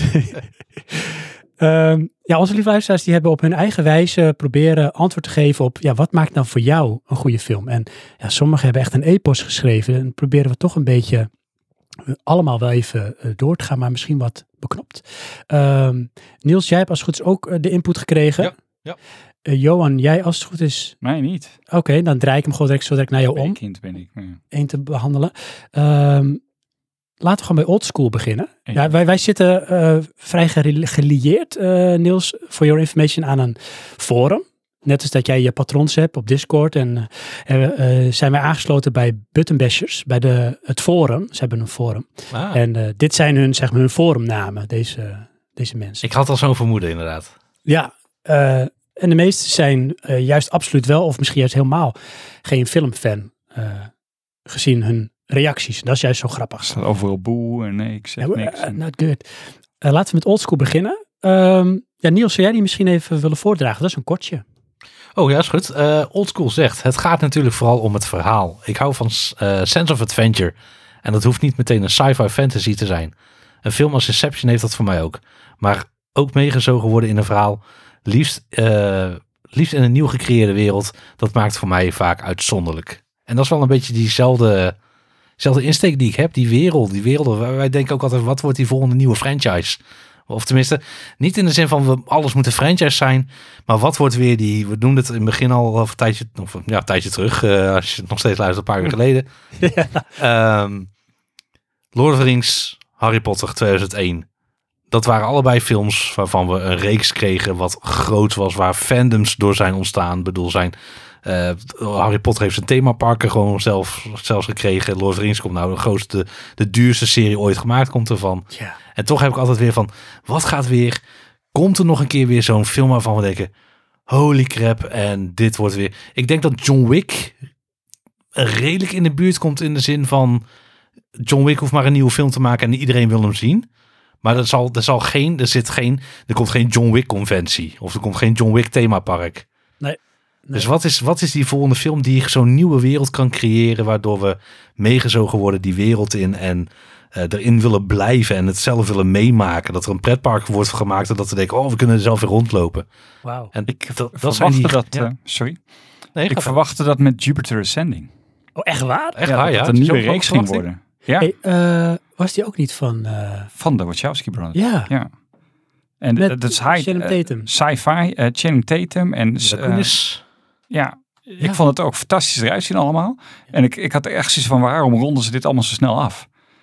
Oh. Maar goed, dat eh, lag schijnbaar aan mij, want de rest van de wereld dacht er anders over. Ja, precies. En hadden jullie dat ook bijvoorbeeld met, ehm, misschien vloek ik nu in de kerk hoor, met bijvoorbeeld ehm de Hunger Games? Was het ook voor jullie zo, dat is wel een reeks die echt wel een, een reeks was? Ja, dat, dat kwam wel voor mij wel weer inderdaad redelijk in de buurt. Dat waren wel films waarvan ik elke keer dacht van, oh, ik heb zin in de nieuwe. Nou, dat had ik eh, meer met, eh, eh, hoe heet die andere? De Maze De Runner? Maze Runner? En de- Nou, de Maze Runner ook, maar ik bedoel, die bedoelde ik niet. Die eerste was Eh, echt heel goed, vond ik. Ja, Van de Maze vond ik ook. Ja, Ja, ik vond ze allemaal eh, wel sterk. Eerst wel het best, maar de rest, eh, ik, ik vond de twist goed, weet je, want ze kwamen met de overtreffende trap. Ja. Ehm, bedoel jij niet... Divergent, ehm, denk ik. Ja. Divergent, ja, Ja, die, ja. precies. Ook die eerste was erg sterk. Maar vond ik ook allemaal goed. En dan keken we ook uit naar de volgende. Ja, ja, Ja, precies. Het, eh, Dat moet ik wel bij zeggen, dat was ook een film die mijn vrouw eh, erg leuk vond. En dan vrouw ook. eh, vind ik dat alweer, wel- dan wordt het al belangrijker. Ja, want dan Trouwens, wordt met al die drie films die je nu opnoemt. Ja. En zij had het ook met de Twilight Saga. Die heb ik niet gezien. Ik alleen de eerste. Met eh, onze vriend Robert Pattinson. Hm. Heb jij die gezien, die Twilight films? Nee, nee, nog steeds niet. Wil ik nog wel een keertje gaan kijken hoor. Maar nee, er is nog steeds niet van gekomen. Maar er zijn wel twee titels die nou in mijn hoofd schieten van, van wat, wat ook niet verder is gegaan. Of tenminste misschien nog niet. Eh, toen was ik al wel wat jonger, maar de, die eerste Golden Compass film. Oh ja, Ook zoiets. Dat zou een reeks er worden, is man. toch Dat wel een die, serie van gekomen? ja, er is een serie van gekomen inderdaad. Eh, His Dark Material staat op HBO. Ja. Die moet ik ook nog kijken eigenlijk. Maar ja, tijd, hè, series. Maar daarvan, toen die film in de bioscoop kwam, of eh, toen ik die had gezien, dacht van, oh, hier wil ik, ik ben benieuwd naar de volgende. Want het was duidelijk een opzet naar de volgende. Het waren ook meerdere boeken van, volgens mij. Maar omdat hij zo geflopt was, ehm, is daar nooit een vervolg op gemaakt. En ik hoop dat op deze dan wel een vervolg wordt gemaakt. Alita Battle Angel vond ik echt Oh. waanzinnig. Echt een toffe dat ik die nog film. niet gezien heb? heb is ik ook echt nog niet heel gezien. cool. Ik heb alleen de animatie gezien. Ik ook. Robert Rodriguez die deze film heeft gedaan in samenwerking met, ehm, eh, nou, van ehm, Titanic. James Cameron. James Cameron, dankjewel. Die heeft, er, die heeft eraan meegewerkt. Die hebben samengewerkt in deze film. En ze willen Oh. allebei ook echt nog wel door. Maar eh, het moet nog even weer van start gaan. Maar ook echt ik het hele tof film. Waar ik het andersom had. eh, Chronicles of Narnia. Oh, dat is ook zo'n eh Daar kwam een film en denk ik, nou oké. En er kwam er ineens nog één. En er kwam ineens Prince Caspian. En denk ik, Ja. oké, hoeveel van die dingen gaan we doen? Hoe lang gaan ze hiermee door? Ja, ik, eh, uit, achteraf gezien vond ik ze toch leuker, maar in het moment vond ik ze niet zo leuk. Oké, ja, dat kan ook wel eens inderdaad. Want ik, ik snapte niet waarom er meerdere van kwamen. Nee, Goed, dat lag eh, ook dat Ja. lag aan mij. ik ben benieuwd hè, of eh, dat nog gaat gebeuren. Ehm, of we nog een keer zo'n periode krijgen waarin überhaupt een reeks weer geboren wordt. Doen. Ja, sowieso. Dat is absoluut waar. ja, ja. Nou, Eh, de Batman ook trouwens hoor. De nieuwe franchise nu. Zeker. Matt ja, ja, nee, absoluut. Maar kijk, bij Dune was het ook wel toch ook weer een gok van wat als deze film geflopt was. Kijk, eh Blade Runner 2049, fantastische film van Denis Villeneuve. Zeker. Eh, magische film. Ik had nooit verwacht dat hij een vervolg zou kunnen maken op de beste science fiction film ooit gemaakt. Maar het, het is hem toch gelukt. Ja, absoluut. Absoluut. Alleen die film is ook geflopt, want niemand ging erheen. En ik, Ik, was vond een beetje... een leuke film. Ik wel hoor. Vond je het ik geen leuk zo film? genoten. Nee. Ik vind elke Ik vond een hele mooie van die film vind ik prachtig. Ja, het is een mooie film. Maar dat heb ik ook met Doen. Eh, Vergelijkbaar vind ik dat eh, mooi gestileerd. Alleen, ehm, het, ik, ik had nul associatie met Blade Runner. En toen eh Harrison Ford daarin op dat, ja, het was ik helemaal kwijt. Oh nee, nee hoor. Ik, had, I feeling, ik voelde het. Ja, Zelfs de muziek kwam in de buurt van Vangelis. ja. ja, jij was er heel gehyped over. Dat, dat weet ik. Vond ik zo my jammer. boxes. ja, sorry. Ja. Maar ja, als Dune nou ook was eh, ge- gefaald eh, in, qua box office, ja, dan was Dune 2 waarschijnlijk niet, eh, niet Nee, in de maak. Nee. Dat was de gok, hè? Of in ieder geval die hij nam. Ja, ja, zeker. Hij wou het per se op deze manier doen. Ja, het was, het was een gok en gelukkig pakt het uit. Ja. Ja. Dus ik ben, ja, want dat is, het is wel wat je zegt, ook eh, ja, eh, bij Doen, ga je vingers er maar aan branden aan die film. Wat eh, David Lynch heeft geprobeerd. Dat is niet helemaal goed gegaan. Eh, dit is een hele succesvolle adaptatie van, eh, van het boek. Ja. ja, blijkbaar. Ik heb het boek nooit gelezen. Nou, ik ben ermee bezig. Ik wilde het boek uit hebben voordat we naar de bioscoop gingen. Dat Oh. was toen niet gelukt. Mislukt. Ja, eh, maar het boek is echt wel de moeite waard. Want hoe eh, Frank Herbert heet hij volgens mij die wereld neerzet, is echt magistraal. En als ik het boek lees, nu ook door de film, deze variant dan eh, van Denis Villeneuve, ja, dan zie ik de plaatjes, dus zie ik de characters. Het komt helemaal tot leven. Ja. Ja. Dan, ik, ik lees dat boek ook met de soundtrack op mijn hoofd. Oh, en zo'n fijne soundtrack. Heel fijn, absoluut. Ja. Dankzij Oldschool zitten we weer in een mooie Mhm. soort En spelonk. nog 1400 inzendingen te gaan. Ja, dankjewel Oldschool. Eh Johan, we hebben een Mark Camp. Hoe Scamp? Mark Camp. Scam. En als je denkt hij is te lang, dan scannen we hem. Gescand. Ja, hier, eh, Mark Scamp die zit ehm, immersie. Dat vind ik het belangrijkste. Dat, eh, dat vind ik wel grappig, want is dat visuals? Goeie Hij vraag. maakt wel het onderscheid tussen visuals en hij kan ook... eh, eh, oh nee, nee, hij zegt eigenlijk een beetje hetzelfde. Van een goed geschoten film en wat minder verhaal. Daar kan je ook van waarderen. Ja. En wat hij, dat is wel apart. Dan heeft hij een, een- eigenlijk een mening over andere mensen met een mening over film. Want die laten dus de tijdsduur meenemen in de, de, ja, de of film goed is of Vind ik, kan ik in deze tijdgeest waarin wij nu zitten heel goed voorstellen. Wat ik denk over het algemeen, denk ik hoor.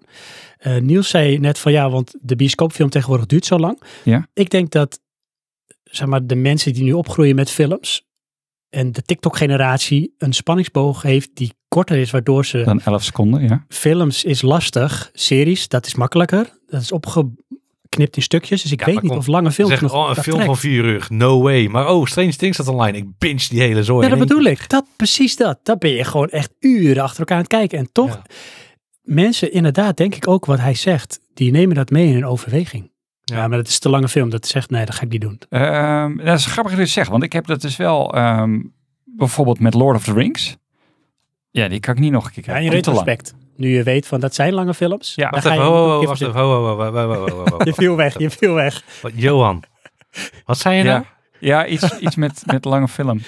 Ehm, Je kan Lord of the Rings niet nog een keer kijken? nee, het duurt te lang. Ja, sorry. Is Oh, dit een... eh, het, eh, dit ik word wel vaker raar aangekeken als Vanuit ik de dit rug zeg. zo Geen door nou. je hart. Oh, Ja, ik kan erop doorgaan. Doe ik niet. Ehm, maar ik heb inderdaad wel dat met de serie. eh, misschien moeten ze dat even doen. Knippen ze me even op in vier stukken. Dan kan ik wel of je zet gewoon op pauze. eh, en Ja, ja, nou, dan dat- morgen weer verder. Dat kan ik wel met eh, een film die ik al gezien heb, kan ik dat. En dat doe ik ook wel, weet je wel. Dan eh, ja, ben ik te moe of wat dan ook. Zeg gewoon pauze, ga ik andere keer wel verder. Dat, dat maakt niet uit. Ehm, maar ja, het is grappig, want dat herken ik dus wel in mezelf.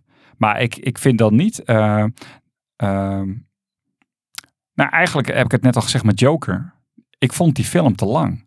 Maar ik vond die niet te lang omdat het zo lang duurde. Maar ik vond eh, de inhoud van het verhaal kon gecompressed worden. En dan was het voor jou... Had het voor in mijn ogen beter geweest. Ja. Ja. Maar goed, dat eh, ja, vind ik ietsje anders als eh, van oké, eh, die film duurde drie uur. Nou, dan vond ik hem niet zo goed. Nee, oké. Ja, het- Dat, Precies, Dat ja. heb ik niet. Moet, moet, een, eh, een, ehm, moet een film goed zijn de eerste keer? Of, of moet je kunnen zeggen, oh, als je nog een keertje kijkt, dan wordt die beter? oh. Want dat is bijvoorbeeld heel vaak bij heel veel mensen hebben dat gehad bij Interstellar. Die denken van na de tweede keer kijken dat ze dachten van, oh nee, oké, ik nou snap ik het. Ik, dit is echt een goede film. Oh, oh ja. Nee, maar Eh, dat, dat is, ja, nou dat je ik misschien meer dingen gaat een zien of zo. Nolan dingetje hoor, vind ik dat. Ja, maar dan gaan we van goed naar beter. Niet van niet goed naar goed. Dat is wel, ja. Ja, daar heb je wel weer gelijk. Ook weer in. wat. Ja. Want Ja. bij Tenet, die heb ik ondertussen zes keer gezien. Drie keer pas. En ik blijf hem doorgronden. Ik blijf het naar dingen zoeken. Ik vind het zo, ik, ik smul altijd van die film. Want je kan er zoveel uithalen. Elke keer weer iets. Ik heb daar ook duizenden YouTube filmpjes op gekeken. Over alleen al die oorlogsscène. Van snap ik nou wat ik zie? Nou, dat duurt zo lang voordat ik het begreep. Ja. Ja, dan blijf ik kijken en dan blijf ik me verbazen over dingen die ik zie. Omdat ook die film zo speelt met die entropie, zoals ze dat dan noemen. Mhm. Waardoor alles heeft invloed op alles in die film. Dus wat in het Klopt begin het in jou, gebeurt... klopt het na zes keer kijken? De film? Nou, steeds meer. Oké. Steeds meer dat ik denk, oké, oké, dat kan ik nu begaffelen, dat snap ik nu een beetje, maar het blijft nog wel mindboggling, want hij heeft zoveel geprobeerd te doen in één film, dat het ook te veel is sowieso. Die film kun je niet in één keer snappen, dat kan niet, dat is onmogelijk. Ja, weet je, Nee, maar, wel tijdreizen. mooi vinden. tijdreizen Ja. blijft altijd een dingetje. Tricky. Ja. Ja. Absoluut. En, en laat dat ook altijd wel een terugkerend thema zijn, tijd bij eh, Nolan in zijn films, in veel van zijn films. Maar het is eh, Dark Knight. Tegen keer gezien en dan zie ik ook iedere keer andere details. Want eh, je, ja, je hebt dan de ruimte om op iets anders te gaan focussen. Ja, dat. Dus- Dat is heerlijk. Als een maar dan zit ik nog wel in, ik vond die film tof. En daarom wil ik hem nog een keer zien. Ja, ja, ja, ja. I want more. Ja. Dat is eh, O- Oreo-koekjes als het ware. Ik wil meer. Ik heb het wel bij series. Dat? Als een serie eh, bijvoorbeeld slecht eindigt. Oh, dat hij dus heel goed kan zijn tot. En dan denk je, Ja, en dan eh, dat die beter wordt wanneer ik hem nog een keer zie. Oh. Want dan eh, is de teleurstelling niet zo groot. Hmm. ja. Ja, dus dan die verwachting is omlaag. ik weet Ja. ook precies welke titels je nou in je hoofd hebt. Twee. Denk ik ook. Ja, maar goed, dat doet niet toe. want Ja. We hebben het over films. Ja, en Mark Kemp heeft nog een vraag aan ons. Oh. En ja, we kunnen die niet voorbij laten gaan. Want hij zegt bijvoorbeeld, in het bijzonder vindt hij de Snyder Cut van de Justice League, die werd eh, in één keer stukken beter. En de originele Star Wars trilogie zijn er later aanpassingen gedaan door George Lucas. En hij vraagt aan ons, wat vinden jullie van dat soort verbeteringen tussen quotejes? Hè, dus ook aan de ene kant de noodzaak voor een director om bijvoorbeeld zijn eigen cut te maken. Of ja, de noodzaak om dingen later eh, toe te voegen. Eh, ja, ik hou er niet van. Stick to the original, Ja. stick to the plan. Het, eh, ik, ik stoor me zelfs al aan als je in een ander land een andere edit hebt. En ik heb het ook dan eh, gehad met Akira. Dan heb je dus dat eh, eh, de Engels ondertitelde versie heeft een andere vertaling als de Engelse versie. Oh ja. Ja, daar stoor ik me dan aan. Want ik, het valt dus op, dus dan stoor ik me eraan. En dat, eh, ik, ik, ja, het, het geeft een andere toon. Ik verdenk ook de, dat de Dark Knight in de bioscoop anders was als later. Erin is de edit, timing. Ja. denk jij? Voor mijn gevoel was de timing van de, de scène van de Joker bij al die maffiabazen was anders. Oh, wauw. Oh, Dat zou oké. zomaar kunnen. Ja, maar dat kan ik er ook van gemaakt hebben omdat ik het zo ongelooflijk tof vond. dus ehm, ja, er zitten daar, eh, voor mijn gevoel zitten daar subtiele eh timingverplaatsing in, waardoor het eh, op, op de Blu-ray ietsje minder sterk is. Oh, Dat zou kunnen. Ja, wie weet. Maar ja, dat kan. eh, hè. Ik heb al vaker het probleem dat het aan mij ligt en, en niet aan de rest van de vul je het in, denk je, dan is het zo. Ja. En jij Niels, vind jij, ben jij een voorstander van dat soort tussenquotejes Nou, verbeteringen? Het, het ligt eraan, het ligt eraan hoe, hoe je ernaar kijkt. Want bijvoorbeeld wat, wat eh, Mark Kemp zegt met over George Lucas, van die aanpassingen die hij na de hand nog steeds aan het maken is. Ja, dat is gewoon George Lucas die nog steeds aan zijn eigen film aan het, aan het eh, eh, sleutelen is. Omdat hij dat zelf wil en dit vindt hij misschien beter. En dat is prima, wat zijn zijn films en dat, dan moet hij doen wat hij ermee wil. Kijk, de Snyder Cut van Justice League is natuurlijk een heel ander verhaal. Omdat dat Zack Snyder, die moest, of tenminste die stopte met Justice League. Omdat hij, er was iets, een persoonlijke eh, voorgeval in de familie. Waardoor hij moest stoppen. En toen nam Joss Whedon het over. Die die film echt gewoon, ja, tenminste in mijn ogen, compleet verpest heeft. Mhm. Want die, die, ik vond echt de eerste versie van Justice League vond ik helemaal niks. Ook, ook hoe de visuals eruit zagen. Steppenwolf zag er niet uit. En Snyder, Zack Snyder heeft dankzij de fans...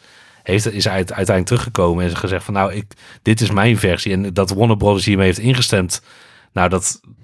Ik, ik weet niet hoe ze het gedaan hebben. Maar ik ben blij dat ze het gedaan hebben. Want dit was wel Zack Snyder zijn visie op de Justice League. En als je ook kijkt naar ehm, Man of Steel... Ja, die film is volgens mij niet veel veranderd.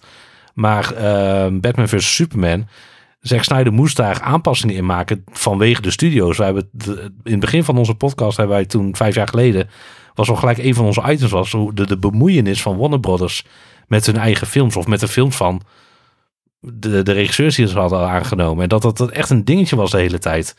En ja, in dit geval, Zack Snyder mocht, kon nou dus wel zijn eigen versie afmaken van hoe hij de Justice League zag. En ja, hij duurt vier uur. Ja, in vier uur kan je natuurlijk veel vertellen. Waardoor de film waarschijnlijk een heel stuk beter wordt. Maar het zag er waarschijnlijk het zag er ook gelijk al een heel stuk beter uit. En de toon was vet. Want de toon was hetzelfde als die die, die in Man of Steel en Batman vs. Superman heeft weggelegd. Dus dat vind ik helemaal prima dat dat gebeurt. En, en, en nog steeds een wonder dat het gebeurd is. Maar je hebt bijvoorbeeld ook nou, of tenminste nou, Ridley Scott die al zoveel versies van zijn Blade Runner heeft gedaan. En uiteindelijk de Ultimate Director's Cut. Wat in mijn oog, tenminste, ik heb alleen maar die gezien. Dus ik denk dat dat de beste is. Want dat vind, is mijn favoriete science fiction film. Maar ik hoor ook van iedereen dat dat de beste versie is. Ja, wat je daarvan moet denken. Ja, ja ik weet niet. Het is, het is de film van de maker. Het ligt er helemaal aan als een studio zich ermee bemoeit en de, de regisseur vindt het niet tof. Dan snap ik waarom een regisseur denkt van... Nou, ik mag voor de Blu-ray of ik mag een mijn versie, degene die het, verhaal wat ik wilde vertellen, mag ik uitbrengen. Ja, prima. Dan denk ik van prima. Maar als, als een zo'n regisseur geen bemoeienis van een studio heeft gehad, ja, dan zou ik denken van ja, waarom wel, waarom niet? Ja, dat moet je helemaal zelf weten. In dit geval dus George Lucas, die nog, eh, ik weet niet of jullie de McClunky het verhaal hebben meegekregen, wat nog aan de Greedo Han Solo scène is toegevoegd. Ja, was Nee, dat nee. nodig? Nee, niet echt. Maar als George Lucas het wil, ja, het is zijn film. Prima. Nee, oké. Dat was mijn korte Ja. antwoord. Dank je. Ja, dus jij zegt in dit geval dan wel, ehm, dat kan echt wel een, een verbetering zijn. Omdat dan, nou, in het geval dan van eh Zack Snyder, sluit het veel meer aan in het, het gevoel en het, het- de sfeer en de stijl van de andere films. Dan klopt het meer. Ja. Aan de andere kant kan het dus ook echt iets zijn dat typisch iets is van de regisseur zelf. Van dit is zoals ik het zeg maar ooit heb bedacht en bedoeld. En dan is het misschien voor de purist om daar iets van te vinden van ja oké, ja, dat vind ik ook wel zo. Het maakt niet per definitie het origineel beter, slechter of anders. Nee. Dus dat is ook weer toch een kwestie van smaak. Ja, nou ja, zeker. Maar kijk, bij, bij Justice League, ja, dat was echt gewoon het, het geval. Dat je, ik, ik kan niet meer verder. Ik heb een probleem in de familie. Iemand anders neemt het over en die maakt er iets heel anders van. Ja. Ik denk gewoon niet dat Joss Whedon een goede, de goede man was voor het project. Maar dat hoopte Warner Bros. natuurlijk wel, omdat Joss Whedon goede dingen deed bij Marvel. Maar eh, ja, voor, voor de Justice League werkte het gewoon niet. Ja, Nee, en dan, En dat is soms lastig. Als iets misschien ook, ik weet niet of in dit geval zo is hoor. Het lijkt me wel een type regisseur ervoor die zo op zijn eigen manier verbonden is met hetgeen wat hij dan maakt. Ja, je kan niet zomaar in het hoofd van die regisseur kruipen en het precies het op die manier doen. nee, Er is geen recept voor. Nee, nee, dat, dat is ook niet. Nee, iedereen maakt de is film op zijn manier. Ja, en dan is het een gok en een hit or miss. In dit geval dus, nou gelukkig dan dat de Snack, snack, Zack Snyder Cut uiteindelijk eh, het daglicht heeft gezien. Hebben jullie die gezien? Nee, Nog niet. nee Oh. nog niet. Ja, ik, ik, ik vind hem heel vet. Maar ik, ik hou wel van Zack Snyder zijn werk. En dit Kijk, was ook, Eh, Man of Steel en eh Batman vs. Superman vond ik ook wel sterk hoor. Ja, dan Echt ga je deze. Snyder Cut ook Ja. wel echt wel vet vinden. Maar hij duurt vier uur. Ja, nou goed, hè? we hebben even. En wij zijn nog van het, eh, zeg maar de generatie dat we dat niet zo erg vinden. Nee. Gelukkig. Spanningsbooglijk wel. Ja, precies.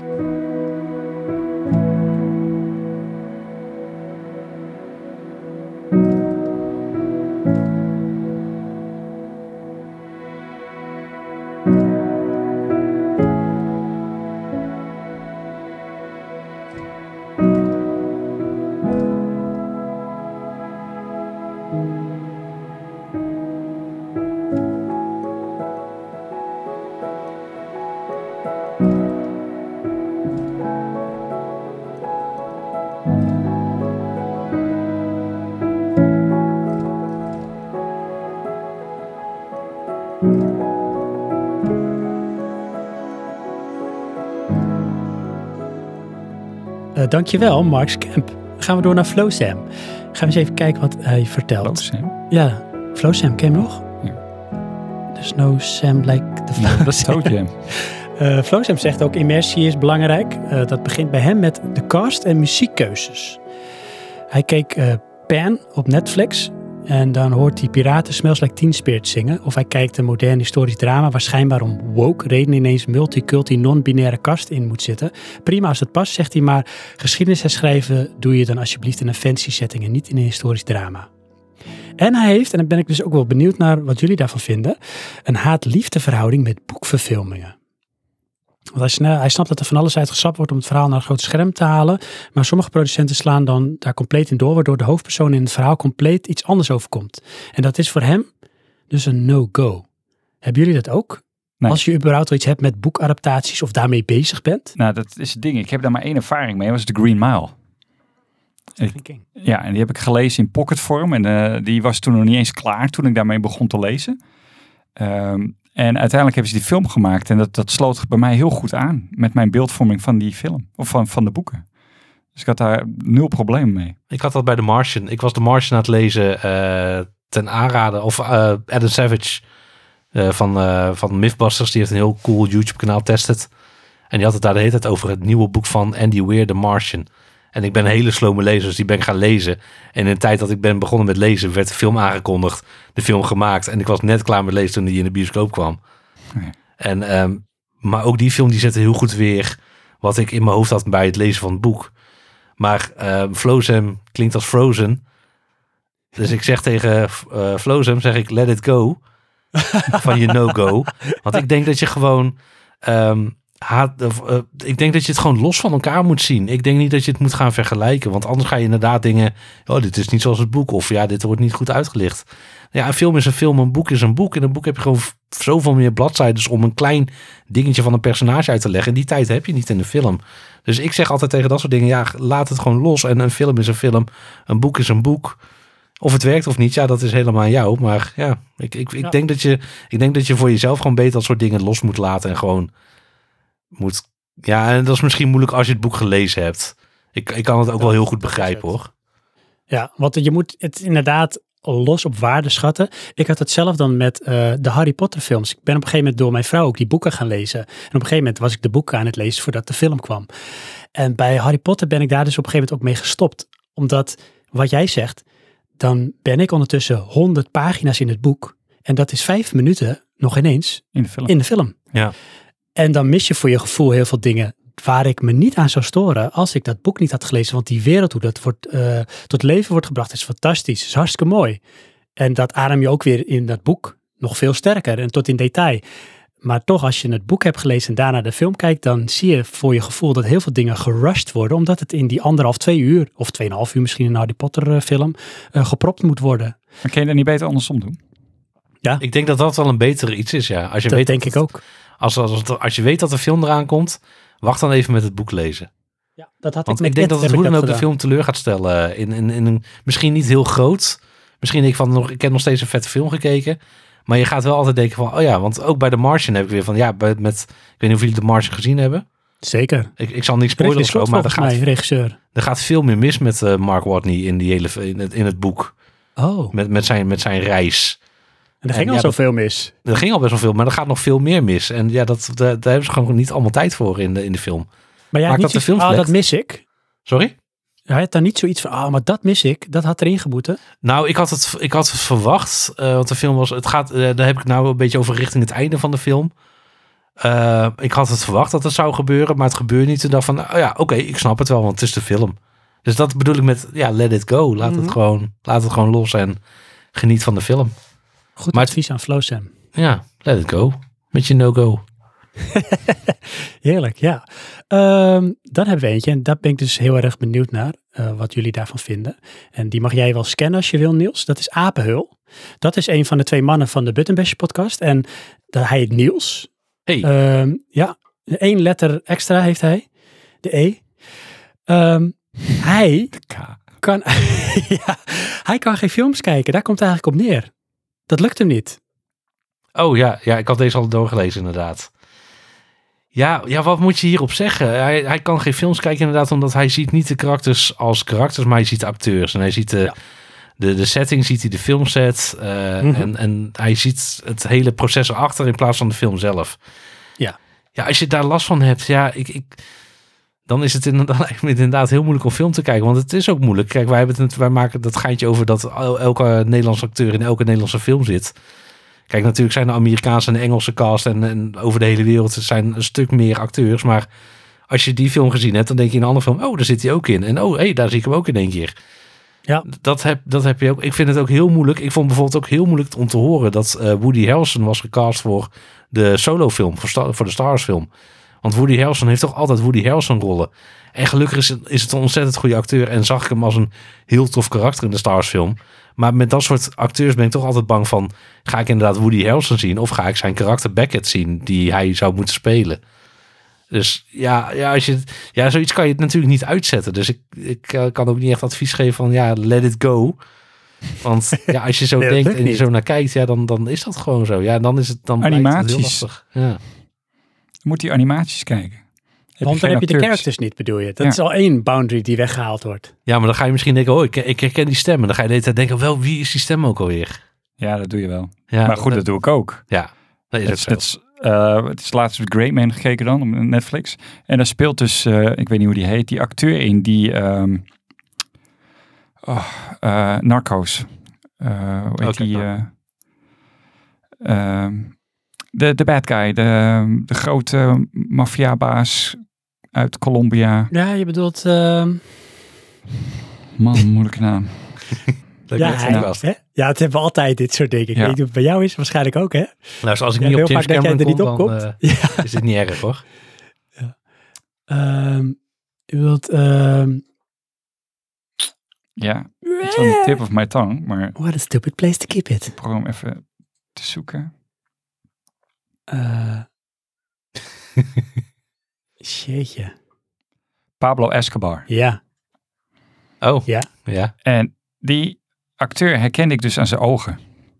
Oh. Want hij heeft eh, ja, een andere uitstraling, maar hij heeft wel een bepaalde ogen en een pose. Dus hij is ook, weet je wel, in eh eh, Narcos is hij best wel gezet. Dat is in deze film niet. Ja. Ehm, maar dat soort dingetjes ben ik wel mee bezig. En dat haalt me dan even uit de film. Oh, dat dus wel. Want dan zit ik, hé, maar is dat niet? En dan gaan we even kijken. Maar goed, in de bioscoopfilm heb ik dat niet. Dan, dan bewaar ik dat voor later. Ja, jij kan die knop omzetten, dat heb ik ook. Dus jij kan gewoon lekker meegaan in, zeg maar, die wereld. Ik zie geen acteurs, ik zie gewoon die personages. Ik zie geen filmset, ik zie een wereld die tot leven komt. Na ehm, grote acteurs, een Brad Pitt, Ja. dan zie ik wel een Brad Pitt. Oh, ja, echt? Ja. Oh. En die doet dan zijn ding. En 9 van de 10 keer heb ik ook geen idee hoe die heet. Oké. Weet je, want eh zegt, eh, zie eh, Joe, geen idee. Ja, whatever. Het is Brad Pitt. Ja. Maar ja, dat- hij heeft zo'n rol die daarin aansluit, dus dat maakt er niet uit. Oh, Ik, ik, ik heb dan meer moeite met, ehm eh, hoe heet die nou, ehm, die comic van The Office. Steve Carell. Ja, die dan ineens serieus film gaat spelen. Oh ja. Daar kan ik niet meer over weg. Hey. Oh nee, oh, dat, ik vind het juist altijd heel erg mooi om te zien. Omdat als dat, ook Adam Sandler, die kan het ook ontzettend goed. Ja, Ja, maar dat, Ja. ehm, als de film dan dus nog wel goed is, los daarvan, oké, dan is dat zo. Maar ik heb daar vaak veel moeite mee. dan denk je van, you're supposed to be funny. Ja, daarna daar zit ik dan echt een beetje op te wachten. Snap je? Dat Ja. ze iets, iets grappigs doen. En heb jij dat niet, Niels, dan heel erg eh, dat jij, eh wat ik weet dat jij best wel fan bent van Dwayne The Rock Johnson. Zeker. Dat jij hem steeds ziet in plaats van de character die hij speelt. Ehm, nee, bij, bij, bij hem niet, omdat ik, ik ben gewoon echt een, een, een bewonderaar voor hem als persoon. En misschien, misschien doe ik dat wel, misschien, maar misschien laat ik dat ook stiekem gewoon lekker gaan. Eh, omdat ik gewoon wil dat het een leuke film is. Maar ik heb dat bijvoorbeeld meer, ja, bij, bij Dwayne Johnson heb ik dat niet, maar ik heb dat bijvoorbeeld wel bij Ryan Reynolds heel erg. Want eh, hij doet in elk film doet hij ook gewoon hetzelfde. Die, die, die sarcastische humor zet hij elke keer in. Die, die, die grapjes. En hij doet dat, heeft dat in zoveel films de laatste tijd nou gedaan. Dat ik, dat ik me daarbij, bij hem is de enige acteur waar ik me een beetje aan erger van. Ah, hij doet weer hetzelfde dingetje. Dan wordt het een soort one-trick pony. Het wordt, ja, het wordt echt een one-trick pony. En hij is altijd al wel zo geweest. Maar nou die zo met Deadpool echt een groot mee is geworden. Ja, Mhm. kijk, Free Guy. Ja, dat is hij ook gewoon de Deadpool karakter. Ja, eh, klopt. en ook die Netflix-film die, eh, dat hij zeg maar eh, zijn jongeren zelf uh, oh, ja, inderdaad. Nou, Is- precies hetzelfde. ook ook precies is hij gewoon, hey, dat is Ryan Reynolds, being Ryan Reynolds. Ja. Maar ik kijk die films daar ook voor. Ja, dan ga je er met dat Mhm. idee in. Hij Ja. moet dat doen. Ja, oké. Het, eh, kijk, je hebt dan ehm, Gary Oldman. Dat is voor mij wel een uitzondering hoor. Weet je, Ja. Die komt in een andere film, in een hele andere setting. En dat eh, ben ik inmiddels zo in geconditioneerd, dat accepteer ik dan ook. Daar zie ik geen Gary Oldman in. Nee. Daar zie ik dan eh, wel een Gary Oldman die dat speelt. Ja. Snap je? Dus, Ja, ja. eh, dus gevarieerder. Maar ja, ehm, eh, hoe heet die teken? Deel 20. Ja. Neeson. ja, ehm, Tom Cruise. Ja. is altijd Tom Cruise. Oh, weet je wat ik dan heb eh, met, eh, juist wel, maar ook helemaal niet, eh, Tom Hardy. ja, ik heb zo. is dat nou Tom Hardy? Ja. Maar dan hoor je praten, oh ja, dat is Tom Hardy. Maar Ja, hoor je die heeft wel, of hoor je mompelen? Mop- precies. En, maar die heeft toch ook wel ergens, aan de ene kant dus de gave om helemaal te transformeren. Ja. En aan de andere kant is het van, ja, maar dat is Tom Hardy. Toch? Klopt. Maar die, die leunt tegen Gary Oldman aan dan, Ja. vind ik. Ja. Qua, ehm, En Matt Damon is altijd Matt Damon. Dat is Ja. De running gag. Matt Ja, ja, ja, met Damon, bij hem heb ik er geen last van. Het is wel, hij doet wel, hij acteert altijd wel hetzelfde, maar het is wel gewoon een goede acteur. Ik, de Ja, Bourne-films, is zeker zo. de Bourne-films vind ik waanzinnig, die eerste drie. Ja, Die zijn gewoon echt fantastisch en dat doet hij het zo goed in. En dan zit hij weer in een andere film en dat doet hij het ook goed in. Dus eh, dat is zeker zo. hij kan ook gewoon keihard acteren. Maar als ik bijvoorbeeld ook kijk naar, eh, naar, naar Dune, hè, ik, ik- elk, elk moment dat ik kan probeer ik Dune aan te halen. Maar Moet je wat gewoon een, doen. Wat een megacast zit er in Dune. Allemaal bekende grote namen. Maar dan ben ik die film aan het kijken en dan zie ik die mensen niet meer. Ik zie die karakters. Ik zie de... Ja, Ja, man, die, die film is gewoon een complete immersie van alles. Van sounds, van visuals, van, van acteurs. Zo'n grote, goede groep aan acteurs. absoluut. En ja, dat, dan... Ja, ik, ik kan dat heel makkelijk uitzetten. Dus ik kan er heel makkelijk over praten. Maar als je dat dus niet kan uitzetten, dan lijkt het me heel erg moeilijk. Maar heb je dan niet, want dat had ik in doen dus wel, eh, dan heb je, weet je wel, eh, eh, duizend rollen. En dan een acteur die jij leuk vindt en die heeft dan een korte rol of een, een klein rolletje. Vind je Ja, dat dan niet jammer? Is jammer. Maar dan Snap je kan dat ik van ja. Nou ja, het- zeker, zeker is dat jammer. Maar aan de andere kant denk ik ook van ja, nou ja, het hoort bij het verhaal. Dus er zijn genoeg andere karakters. Ja, precies. Maar je. Je hebt inderdaad, ik heb daar dan daar wel vrede mee om het zo te zeggen. Maar het is toch een beetje van, oh, ik had, dat, eh, ik had die wel langer willen zien. Ja, dat, eh, dat heb ik dan echt wel zeker. Zeker als een van mijn favoriete acteurs er is, in zit. En zeker bij Dune. Ik zal niet zeggen wie. Maar eh, ja, daar had ik toch wel een beetje bij van, ah, eh, damn it. Ja. Jammer. Oh ja, ja, ja, ja. Dat is ook een beetje, eh, oh, ja, afdwalen, de magie van Game of Thrones. Van wie wordt er nu geofferd? Oh man, zeker. Nou ja, ik, ik dacht echt bij het kijken van, van Game of Thrones na het eerste seizoen, dacht van, nou, ik denk dat het tweede seizoen gaan beginnen met dat Eddard Stark wakker wordt in de kerker en dat hij droomde, zeg maar, dat hij er wakker van schrikt. ja, hè, ja. want dit kan gewoon Dit kan niet, dit kan niet. Ja. Maar het is gewoon, het is wel gebeurd. Ja, die zetten daarin wel de toon hoor, wat Ja. dat betreft. Ja, ik denk dat, ze, dat, dat zij, zij durfde die gok te nemen en ik denk dat heel veel mensen daarvan nou durven af te kijken, omdat eh, dat ze weten dat het werkt. Ja. Ja.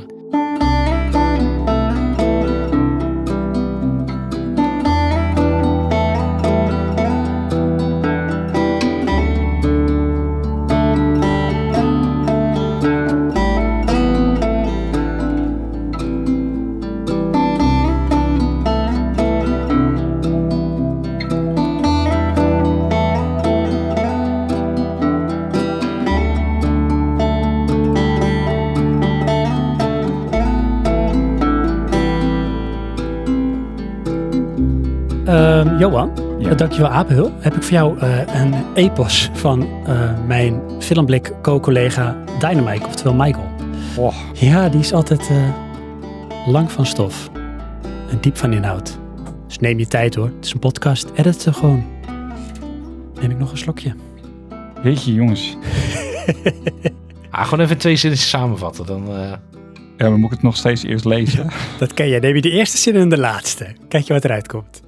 Dan hou je een soort Michael Bay film over eigenlijk. ja. nou, ik, ik zie dan, ehm, hoe moet ik dat zeggen? Eh, ehm, aan de ene kant, actiefilms mo- mogen over de top zijn. Maar het moet wel binnen kaders. Aldus Dynamite. Zoals eh, eh, MCU vindt hij dan niet. Dat gaat te ver. Oké. Ehm, Endgame vindt hij dan verschrikkelijk. En superhelden vind hij sowieso al moeilijk. Maar DC neemt het dan weer wat serieuzer. Het doet me een beetje denken aan mijn broer. Eh, die is echt niet van de superheldenfilms. En die wil dan een Iron Man en een Batman tolereren. Want dan heeft hij zoiets, dat zijn gewoon mensen met veel geld en een pak. Oh, is dat een soort suspense of disbelief? Of, Ja, dat eh, weet je wel, eh, mensen die uit hun ogen schieten. Nee, of is het van daar kan ik niks mee? Die groep heb je ook. hè? inderdaad, dat, dat gaat hij dan niet doen. Ik, ik zit altijd een beetje bij mijn broer te duwen om films te kijken, want mijn broer kijkt niet echt films. Het eh, is bijna altijd via mij. En hij was ook een beetje boos toen we de Joker keken, want dat vond hij verspilling van zijn tijd. Dat was mijn schuld. maar goed. Eh, maar ook ja, toch wel eh, mooie plaatjes. Daar kom je veel verder mee dan alleen maar een verhaal. Voor de meesten. Ehm, ja, je moet in ieder geval als je het met alleen een verhaal wil doen, dan moet je of het publiek ervoor hebben die ervoor open staat, of je moet heel veel moeite doen. Want dat is lastig. Ja, ik denk dat toch de mainstream wil een mooie film. Ja, en een mooie film is dan toch ook iets van visueel vermaak of Ja. zo? Ja, toch, toch, ja, het klinkt heel simpel, maar actie. Toch, toch dingen die, die entertainen. Ja. En een goed verhaal, alleen dat entertaint niet. En dat entertaint de filmliefhebbers wel. Ja. Omdat wij misschien de pracht zien van een prachtig geschreven verhaal met mooie, waar misschien maar twee mensen in acteren. Ik, vind, ik vond persoonlijk Malcolm and Marie vond ik een hele goede film. Staat op Netflix. Oké. eh, met Zendaya en eh, John David Washington. En Oh. die is, eh, dat is En een van de eerste een beetje moeite mee, Johan. Ja, is niet voor mij. Nee, ja, maar misschien, het is ook niet voor iedereen zo'n film. En ik, ik heb er ook genoeg meningen over gehoord die, die niks vonden. Maar dat is een prachtig verhaal en ook in zwart-wit geschoten. En dat was, eh, ik vond die heel goed werken. Maar ik kan, ik kan ontzettend goed begrijpen dat, dat mensen daar niet, dat, dat zeker niet in de biel zullen zien. Of als het stelt als ze die film kijken, omdat Zendaya erin zou zitten. Als ze naar buiten lopen, dan denk ik, wat de hel was dit? Er gebeurde helemaal niks. Nee, er gebeurde hartstikke veel. Maar het Ja, was is puur het. in, in, in conversaties en dialogen. En, en in, eh, het is ook in één huis opgenomen, zo'n one location. Want het was een coronafilm. Maar ontzettend goed gemaakt. Maar ja, dat kan je niet vergelijken met de grootste blockbuster als Endgame. Nee, Dus nee ja, dat, het zit bijna aan het uiterste van een spectrum. ja, dus ja, een goed verhaal, dan kom je inderdaad... Het ligt er maar net aan wie de film gaat kijken. Met een goed verhaal kom je ver voor het juiste publiek. Ja. Dus daarom is ook, kom je gelijk weer terug bij die vraag... wat maakt een goede film? Ja, dat is gewoon niet te beantwoorden. Heb je, eh Wrecked heet hij volgens mij. Ik, ehm, ja, die- die- volgens mij is dat die gast van de pianist. Die heeft dan een auto-ongeluk. Daar gaat de film over. Oh nee, die heb ik niet gezien. Je bedoelt eh, eh, dingen. Ja, ik weet wie je bedoelt. Oh ja, eh, hoe heet hij nou? Hè? Goed hè? What's Ja. his name? Ja, eh, gelukkig hebben we tegenwoordig het internet aan Yes. onze zijde. Ik probeer altijd eerst zonder internet. Eh, Adrian Brody, Juist. Ja. Die is het volgens mij. Nou. de nose. De, shit. de film eh, heet schijnbaar anders. Hoe dan ook, eh, in die film, ja, wat ik zeg, hij heeft een auto-ongeluk. En dat is de film. En Hmm. dat weten ze volgens mij anderhalf uur mee te vullen. En Oké. Ja. ja, ik, ik vond hem toch echt tof. Als dat Ja. dan boeiend kan zijn, Ja. is toch vet top. En volgens mij is zij ook nog eh, zo'n beetje de enige acteur in die hele film. Oh, wauw. Ja, dat zullen wel iets van flashbacks zijn. Ik, zo goed kan ik me niet herinneren, maar... eh, En dan toch net als zeg maar, ehm wat ehm 128 Hours, die Ja. film met, eh, hoe heet die? Dat hij aan het eh, bergklim is en dan komt hij vast te zitten. Oh, Oh, ja. ja. Eh, one- zoiets is het. 127 hours inderdaad. Die, Ja. ja. Ik had een uurtje extra. dat is de, de special cut. Even wat ruimte ja, no pun voor de intended. pauze. Maar die had het ook. Weet je wel? Ja, zoiets is het Dat volgens zit vast en dat is dat het. En daar gaat dan de film over. Ja. Knap als het lukt. Die heb ik in de bioscoop gezien tijdens Oscar weekend. Hoe zou je dat verzinnen? Wat mij ook altijd biologeert is, eh, hoe, hoe ben je grappig? Dat lijkt me zo ongelooflijk moeilijk om een, een komische film te maken. Ja, Want Ze zeggen het ook, dus- comedy is het moeilijkst om te maken. Hè? ja, geloof ik wel. ja, maar kan ik me, weet je, een, een goede film maken is dus al moeilijk. En dan Ja. moet je ook nog een leuke film maken. Ja, Maar wat is leuk? Dat is nog abstracter als goed. dat is echt zo. Ja, en dan ben je ook toch gebonden aan het publiek die dat, dat leuk vindt blijkbaar hoor. Ja.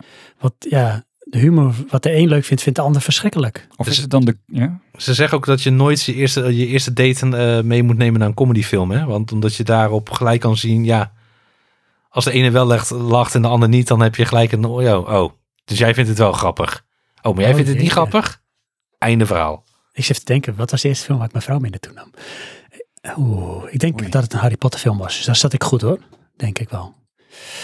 Maar dat, dat, dat geloof ik zeker. Of het Ja. is juist een hele goede testcase, eh, Niels, om dat te Ja, doen. dat, is- ja, dat zou ook kunnen. Ja. Duidelijkheid. Ja. Ja, huppatee, het kan van het koren scheiden. Dit wordt hem niet. Vind je dit grappig? Oké, gaan- next. Ja, next. Wij gaan niet matchen. Ja.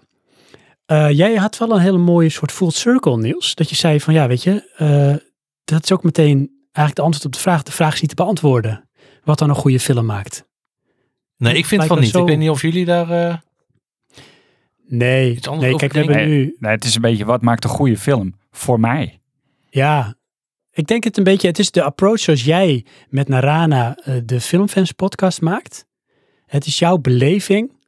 En voor jou inderdaad, sluit ik me bij jou aan, maakt het dan een, een goede, een waardevolle, een mooie of een vergetelijke film. En dat is dan denk ik ook wel een beetje anticlimax dan wat het is. Want het is zo persoonlijk. Hoewel als je kijkt naar toplijstjes, daar is, er is wel een groot filmlievend eh, gemeenschap die zegt, nou, dit zijn wel echt goede films. En, Zal ik eens even naar de IMDb top 100 gaan?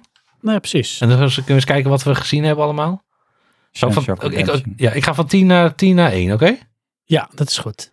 Ehm, is dit de juiste lijst? Ja, ik denk het wel. Er zitten ook heel veel oude films bij.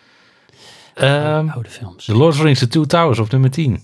Kan ik me Ben niks bij voorstellen. nee, ik vond het echt wel heel goed. Saaie film. ja, Helemaal niks Peter meer. Jackson. Ehm, Inception op nummer 9. Oh, wauw. Nolan. Dat moet ook wel. Die moet Man Maart. Eh Pulp Fiction op nummer 8. Ja, ja, Tarantino. Ik, de naam stond nog niet eens genoemd. Maar over eh, veel kunnen laten zien door weinig te laten zien. Hij is daar toch wel een soort van meester in. Zeker door zijn dialogen. Wat is jullie favoriete Tarantino film? Pulp Voor mij de Hateful Eight. Nee, die vond ik vreselijk. Sterker nog, mijn vrouw die werd, zat, is die film nog nog niet af? Ken je, Nou, ken je, dat- heb je het verhaal meegekregen over die gitaar in de Hateful Eight? Nee. Nee. In de Hateful Eight zit, eh, eh, er is een scène dat die vrouw zit op een gitaar te spelen, zit een deuntje en dingen, hoe heet die? Eh, Kurt Russell. Kurt Russell, ja. Die wordt het helemaal zat en die pakt die gitaar van die vrouw af en die ramt die kapot tegen, tegen een, een, een, een paal. Tegen, tegen, tegen de fundering van, van het huis. En zij schreeuwt zich helemaal van, wat doe je, waarom, waarom doe je dit? Blijkt dus dat ehm, die schreeuw is ontzettend echt. Want voor die scène mochten ze uit een museum, een, eh, ik ben gitarist dus ik weet wat het betekent. Het is een Martin akoestische gitaar, een van de eerste van meer dan 100 jaar oud. Eh, die mochten ze lenen, echt een super zeldzame gitaar. Martin is het merk voor akoestische gitaren. Dus ja, het is, echt een dingetje. Maar die mochten ze dus lenen voor die scène. En dan op het moment dat hij dan die gitaar zou afpakken, zou de scène stoppen, cut, gitaar verwisselen. En dan mocht hij die kapot slaan. Hij heeft die not- notitie nooit gehad, Kurt Russell zegt hij. En dus dat zij aan het spelen is. Hij pakt in één keer die gitaar af en slaat die gitaar. Maar hij slaat dus die oude Martin gitaar die uit een museum komt. Slaat hij helemaal in stukjes. Dus dat zij schreeuwt van uit. Die schreeuw die komt echt van binnenuit. Want zij weet wat hij net gedaan heeft. Maar dit, Niels, dit maakt die film nog mooier. Door dit verhaal. Ja, maar helaas ook een oude Martin gitaar van meer dan Het is 100 heel die, tragisch. eh, ja, het is ook super tragisch. Ja. Oh, jeetje, dat wist ik niet. Wat een, wat een mooie, zeg maar, fun fact. Ja. Eigenlijk niet zo fun fact. Nou ja, ik, ik heb weinig van dat soort feitjes. Maar omdat ik zelf ook gitaar speel, eh, was dit mij bij, voorbij gekomen. Maar, eh, maar, maar mijn, mijn favoriete Tarantino Ja, film, dat is, dat, is een, dat is een recente. Dat is eh, Once Upon a Time in Hollywood. Ja, vond ik ook heerlijk. Want ik ben juist niet zo van het heerlijke. Tarantino-achtige, Gorteske eh, dingetjes. Allemaal dat, dat ranzige. En in deze film valt het ontzettend mee. Maar ik vond het hele Ja. verhaal vond zo... Ja. Ja. het einde is misschien wel Einde. weer. Maar eh, ik vond deze film retard, zo hoor. verrassend. ja, zeker. Ja, Dus, dus dat is, dit is mijn favoriete Tarantino. dat snap ik wel. Maar wel leuk. Alle drie een ander antwoord. Ja, Maar even kijken. Op nummer 7 hebben we 12 Angry Men. Oh, die heb ik niet gezien. het gaat over eh, rechtszaak, toch? Eh, ja. Ik heb die film ook nooit gezien. Ik ook niet. Maar nee, nee. Dan gaan we verder. The Godfather Part 2 op nummer 6. Welke film? Nee, als je die niet gezien hebt, hè? Wordt nog een beetje er is bij je een opvoeding. generatie die dat niet ziet. Nou, ik denk, dat, ik denk dat deze hele lijst nog genoeg mensen nog niet gezien is, denk ik. Ehm Schindler's List op nummer 5. Ja, toen in Laatst de bioscoop gekeken. gezien. Oh, die kwam weer terug, hè? In de bios, toch? Oh, is dat zo? Ja, ik heb hem toen dat hij uitkwam in de bioscoop gezien. Oh, volgens mij vanwege corona of zo, dat hij nog... Ja, misschien Oh. heb ik het mis, hoor. Oké. Ik had hem uh, laatst toevallig weer gekeken. Die, die, het laatste scène, man, die brak me echt. Ja. Dat hij uh, could have saved more. Oh. Um, hier ben ik het dan niet mee eens. Return of the King op nummer 4. Oké, die moet voor jou lager of hoger? Uh, die hoeft voor mij niet zozeer in de top 10. Oh. Want het is, ik, vind, ik vind het juist de minste van de drie. Ik moet nu even een soundsample van Niels zelf even terugdraaien en dan aanzetten nu van wat, hè, wat, wat zeg je nou? nee ja, ik, ik, weet, ik snap niet waarom mensen de, die juist de beste vinden van allemaal. Misschien omdat het het einde is of zo, maar ja. Uh, ja, dat het de trilogie uh, eindigt. Of, ja, ik weet ook niet. Ja. Maar in ieder geval, hm. The Dark Knight op nummer drie. Ja, ja, uh, ja joh. Weet je in The Dark Knight? Ja. zes IMAX-camera's in de wereld en Ja. zij rijden de één in de prak. Wow, ja, dat is ook zo'n bijna een beetje het uh, uh, gitaar uit uh, het museum niveau. En bij Shock welke scène dat nog- gedaan? Eh, in die metro, of eh, in die eh, Die ondergrondse... ondergronds, ja. Ja. En dan rijden ze eh, met de politieauto die dan een botsing maakt. En die botst op de camera. Oh, weet je. Ja. Auw. Zit Ja. wel in de film. Ja, dat is wel Ja, dat, production dat, value op die manier. Even kijken, dan gaan we naar The Godfather op nummer 2. Mhm. En The Shawshank Redemption op nummer 1. Ja, en vind je dat terecht? Eh, nu niet meer. Nee, heb ik ook. Het is wel een hele goede film hoor. Ik, ik wil hem ook weer kijken. Staat nu op Net- Netflix. Ehm, maar eh, we zijn, eh, laten we zeggen, 30 jaar verder of zo. Weet je, ja. Dit wordt dan een beetje zo van de Bohemian Rhapsody van de top 2000. Ja. Maar dan voor films. Weet je, ja, oké, ik snap het. Maar de tijd gaat door. Er komen ook nieuwe meesterwerken. Ja. Die hoop ik ook steeds meer een plekje vinden hoor, in het lijstje. ja, maar het is ook een beetje het probleem is, in mijn ogen met dat soort dingen. De mensen die stemmen zijn dezelfde mensen. Ja. En dan zit het toch in een soort pantheon. Hè? Dan, ja. Ja. daar kom je dan niet aan. ja, daarom De ik ben generatie stemt niet. in over 20 jaar van wat, wat staat dan de Batman misschien in die top 10 of, of Dune. Ja, wat denk jij? Is, wat denk jij? Als jij een gokje zou moeten wagen, denk je dat, hè? Dat die films daar een plekje in krijgen? Ehm, nou, ja en nee, maar da- ik denk dat er gewoon te veel uitkomt. Ik denk dat dat het probleem is. Ik denk dat, dat niet iedereen elke film ziet, omdat er is zoveel te kijken. Niet iedereen kijkt ook... Vroeger keek iedereen Lost. Iedereen heeft... eh eh, keek Friends. Iedereen heeft dat, dat of die, die serie vroeger gekeken. Waarom? Omdat er was niks anders op tv dan die serie op dat moment. En iedereen praatte erover. Dus we keken allemaal dat. En nou heb je... Oh, heb je die serie gezien op HBO Max? Nee, nee, nee. nee. Ja, dat is wel vet hoor. Mm. Oh, heb je die serie gezien op Netflix? Ook, ja, nee, geen tijd voor gehad. Ja, ook heel vet. Heb je die serie gezien op Apple TV Plus? Ja, nee, ik, ik heb er geen tijd. Ik kan het niet allemaal kijken. En er zijn zoveel toffe series. En hetzelfde geldt denk ik met films. Ik, ik denk dat er gewoon te veel uitkomt. Lastig wordt dat. Ja, maar je, je hebt toch wel, weet je wel, die mega-hits die dan eh, een kwart miljard opbrengen. Ja, die, dan- die moet iedereen dan toch gezien hebben. Nou, ik, kijk, ik weet niet hoe IMDb dit, eh, deze criteria opbouwt van de toplijst. Maar op nummer 19 staat nou Top Gun Maverick. Ja. Oh, Ja, oh joh. Dus ze komen in de buurt. Ja. boven Interstellar. Stond 20. Wauw. Echt? Ja, Ja, maar dat snap ik wel. oké, maar dan is dan misschien mijn Ja, persoonlijke Interstellar is science fiction. En science fiction is een drempel. Jazeker, eens. Het, Absoluut. eh, weet je, ja, eh, nou goed. ehm, dan moet je te veel uitleggen. En er is echt wel een, een, eh, een laten we zeggen, een kennisgap voor de menigte. En hoe breng je die kennis dan over in zo'n film? dat is Eh, meteen... Een simpel eh, voorbeeld neem de relativiteit van, van, van tijd en licht. Je, dat, is- ja, nee, lastig. inderdaad. Dus, Hoe ga je dat zeg maar in popcorn format presenteren? en dat zit wel in die film en dat draait een groot deel van die film op. Ja. Ja. tijdreizen dan.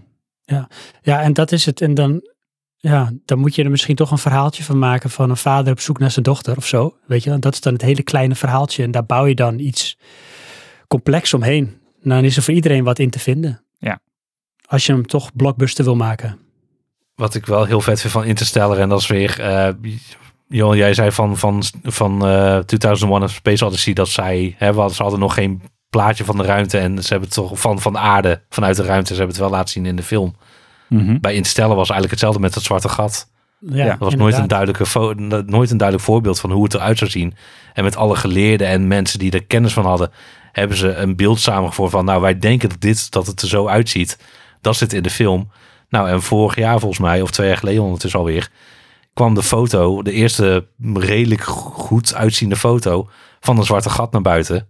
Of die hadden ze kunnen fotograferen. En het ziet er gewoon zo uit. Knap Ja, hè? Ja, hoe vet dat, is echt, dat? dat vind ik tof. Dat is heel tof. Ja. Ja, maar, maar dan krijg je dus ook een beetje het fenomeen dat eh, iets van een film de waarheid wordt. Ja. Terwijl, weet je wel, het is ook goed onderbouwd. Maar ja, Nou, maar Maar wat ook is, ja. het is minder indrukwekkend, want we hebben het al gezien. dat is eigenlijk bevestigt, Maar dan ja, zit je op van, nou, wat is dit? 4 megapixel? Ja, Of eh, 4 pixels eigenlijk bedoel ik. Ja, Dus ja. ja maar dat vind ik ook wel, eh, zeg maar, toe te schrijven aan eh, Christopher Nolan, die daar ook zo ver en diep in gaat. Daarom vind ik het ook een hele fantastische regisseur, omdat hij zo compleet is in hoe hij een project aanvliegt. Hoe diep hij erin gaat in de research en hoe hij ook voor zichzelf bij elke film weer eigenlijk een soort nieuwe stap wil zetten. De lat nog hoger om nog iets extra's te doen. En Ja. als, je, ja, als je daarvoor open staat en je, je kan het ervaren, dat is echt fantastisch. Je hebt Dat vond ik bij regisseurs, ook. je hebt regisseurs en je hebt regisseurs en Christopher Nolan. Hetzelfde met Tarantino ook. Dat zijn geen films, maar dat zijn evenementen. Er komt Ja, een nieuwe absoluut. Christopher Nolan film uit. Ook nou weer, ik weet niet of jullie het hebben meegekregen, de trailer voor Oppenheimer is uit. Ja, ga ik niet kijken. Maar ik Eh, weet wat ik hem wil zien. Maar die trailer is een livestream. En in de trailer zit er een klok die aftelt nadat de film uitkomt. En die, die, eh, die trailer wordt continu herhaald. En elke keer wordt dus ook weer, die, volgens mij duurt de trailer een minuut. Als die trailer zich herhaalt, dan zie je de volgende trailer die dan, hetzelfde trailer die je weer ziet, zie je ook die klok in die trailer. Maar dan aftellend met een minuut later. Of ja, Wauw, dus een soort real-time trailer. het is een real-time trailer inderdaad. Met, met, een, een, een, ja, met een, een klokje eroverheen waarin de Nou, tijd zit ik staat wel te van... denken, Johan, technisch is dit wel makkelijk te doen, denk ik. Ja, volgens mij is het ook niet zo heel moeilijk. Maar het is het, dit soort dingen, hè? dit soort details, wat die man is van de details, dus dat zal, hier zal hij zich ook op een of andere manier wel mee bemoeid hebben. Dat is toch prachtig? Als het zo ver gaat. Ja, er zal, Ja, maar- er zal ook een reden achter zitten dat ze het zo doen. Maar dat, Ja, is het mooie van zijn, marketingplan. dat is het mooie van zijn werk. Het zijn evenementen, het zijn niet zomaar films. Je gaat naar de bios voor een nieuwe Christopher Nolan film. En het maakt niet uit waar het over gaat. Dit is de nieuwe Ja. Christopher Nolan film. Ja, en dan, dan, dan krijg je ook wel de anticipatie van dit moet het gaan worden. Met al dan niet een teleurstelling. Ja, en de- daarop aan toevoegend, dan zitten we in Nederland wel slecht. Want zoals in eh, Azië, weet je, het, het- het eerste paar keer dat ik in Azië was, ehm, dan ga je naar de bioscoop en dan krijg je een magneetje en een kaartje en een boekje en een dingetje over Ja. de film. Ja, Terwijl je naar de bioscoop gaat. Dat is een Weet je wel, krijg je een bonnetje waar je nummer op staat. Ja, is als je die ook krijgt. Ja, ja. eh, neem, eh, hoe heet die Silent Hill, de game eh, waar we het laatst over hadden. Daar zie je in de bushaltes reclames voor gemaakt worden. Dat, dat is hier allemaal Nee, niet. dat is echt zo. Hè? Wat dat betreft is toch wel een heel land, een iets te nuchter bekrompen land. Ja, ja, dan dit. Daar wordt een hele eh, marketingcampagne omheen opgehangen. Waarbij je eigenlijk overal geprimed wordt voor die film. Fantastisch. En wij zien het allemaal niet. Maar Nee. een trailer op YouTube en dat is het dan. ik, ik, vind, Ja. ik vind erg oprecht dat, dat Nederland eh, fantasie mist. Ja. Dat ze niet openstaan voor, voor, voor dit soort dingetjes. Eh. Nederland is behoorlijk serieus en dat kan heel goed werken. En dat is heel fijn voor heel veel echte dingetjes. Hè, voor, voor belastingen en weet ik veel wat. Maar voor, voor de wereld eromheen verder wat, wat leuk is. Ja, dat, dat, ik heb het idee dat Nederland geen leuke, of leuke dingen niet, niet, eh, niet interesseert. Want in het nieuws gaat het, of tenminste in het nieuws, maar ook op social media en alles. Iedereen trekt zich naar het negatieve. Wij, krijgen, wij hebben zelfs wel eens een keer in de podcast eh, of een keer een review gehad dat mensen vonden dat we ook wel even iets negatiever over films mogen zijn. Waarom zou je dat willen horen? Waarom wil je mij een film horen afkraken? Dat is toch niet leuk? Dus ik weet, Nee. dat is, zo is Nederland een beetje of zo. Ja, we zijn een klaagcultuur. ja, dat, ja, nou precies dat. Dat is een beetje En- eh, kort samengevat dat wat is ik wel bedoel. echt zeker. Ja. En Ja. echt de tendens ook. Overal waar je kijkt op televisie. Het is alleen maar geklaag. Ja, en we kunnen geen, eh, eh, los van de muziek kunnen we geen entertainment maken. Nee, Treurig. Ja, wat in de muziek zien zijn we wel groot. We doen wel ons best hoor, maar het komt niet verder als ons eigen landje, laat ik het zo zeggen. Ja. Snap je? Andersom vind ik dat dan wel in Amerika, dat zijn de entertainers. Ja. Eh, maar goed, het is ook niet zo'n fantastisch land. Nee, ik wou Er zeggen. heel veel mis in dat land. Ja. Kan je mooie films over maken, dat wel. Ehm, bijna afrondend. Oké, Want we zijn lekker bezig. Ik had nog een paar namen die ik niet gehoord heb. En die had ik ergens wel verwacht in een discussie of in een vergelijk. Eh, dus ik ga ze gewoon name droppen en dan kijken of het iets doet. Eh, bij jou, eh, Niels, had ik zeker verwacht uh, Hoyte van Hoytema. Oh, onze, onze vriendelijke vriend. Ja, ik denk die komt ergens wel te sprake, links of rechtsom. Nou ja, Hoyt van Hoytema natuurlijk. Ja, die prachtige cinematografie die die doet. Ja, Roger Deakins is zo'nzelfde naam natuurlijk. Ehm, ja, ja, ja, ja. Ik, ik, op het moment ben ik gewoon echt enorm fan van Greg Fraser. Wat, hij- wat hij aan het doen is. Het begon bij Rogue One, de, de Star Wars film. Ja, ook ja. Fantastisch hoe die eruit ziet. Toen dacht ik al van wow, dat dit... Want ik dacht dus van... ehm, ik, ik had het tof gevonden als Roger Deakins dit zou gaan filmen. En toen, toen, zag, ik- toen was het dus Craig Fraser. En toen zag ik die trailer daarvan. Wauw, dit ziet er even iets heel anders uit. En toen... Dat is mijn favoriete Star Wars film. ja, mij, Rogue One, mijne ja. ook. Die eh, teleurstelde mij toch. Echt waar? Ja, ik vind het een leuk Maar je film. weet eigenlijk toch hoe het eindigt, Johan? Nee, maar het, het, eh, goed. Eh, dan komen we weer terug op de trailer hype. Hm. Ik had verwacht dat hij veel duisterder zou zijn. Nou ja, dat is de trailer. Er zit niks van die trailer zit in die film. Nee. Want eh, er waren zoveel reshoots. Dat, eh, maar dan nog, de film is behoorlijk duister. Want ik had dus nooit gedacht dat Disney toe zou laten om al die karakters. Ja. Nee, inderdaad. En het gebeurt vond het wel. Wel een leuke film hoor, maar hij, hij viel me dus tegen ten opzichte van de trailer. Ja, Het, nou ja, eh, dat, ook daarin zie je maar weer. Smaak is eh, voor iedereen anders. Eh,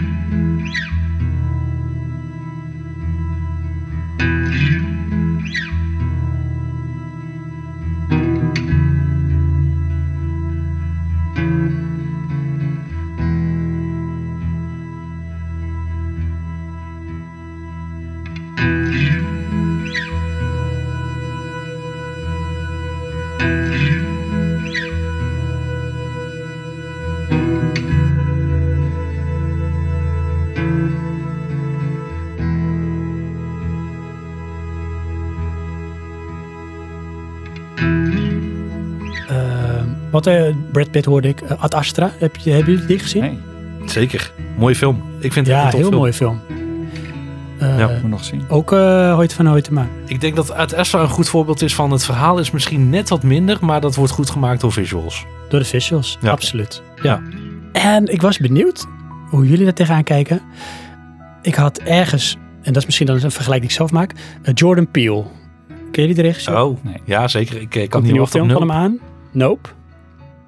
En hij heeft eh, Get Out heeft hij gedaan. Vond ik echt een bizarre, eh, enge, maar ook hele mooie en intrigerende film. Volgens mij ook niet gezien. Het is voor mij een beetje, hij is een beetje, misschien wel een beetje de nieuwe, en het is misschien ook wel weer een soort met vloek, eh, M. Night Shyamalan. Ja, dat verwachtte ik al dat je dat Bij hem zegt. verwacht ik dingen. Van hij gaat iets doen en er zit toch weer een soort twist in. Heb, ja, hoe kijken jullie daar tegenaan? Vinden jullie, is dat zo iemand die dan ook straks, het, of misschien heeft hij dat nu al hoor, dat weet ik niet, van we gaan naar de nieuwe Jordan Peele? Nou, dat heb ik al heel snel gezegd. Omdat, omdat Get Out zo'n verrassing was. As, die werd, werd een beetje gemixt ontvangen. Ik vond die ook heel erg gaaf. ook en- zeker. Ik hoor heel veel dingen over Nope. Echt dingen die je weer tot denken gaat zetten en zo. Ja, ik zie Jordan Peele nu al wel als inderdaad van... Ik ga naar de nieuwe Jordan Peele film. Ik kan ook echt niet wachten op Nope. Volgens mij moeten we nog een weekje. Of tenminste Ja, op het moment van de opname. Ik denk het ja. Ja, volgens mij, eh, want in Amerika draait hij net en eh, dan gaat hij best wel lekker.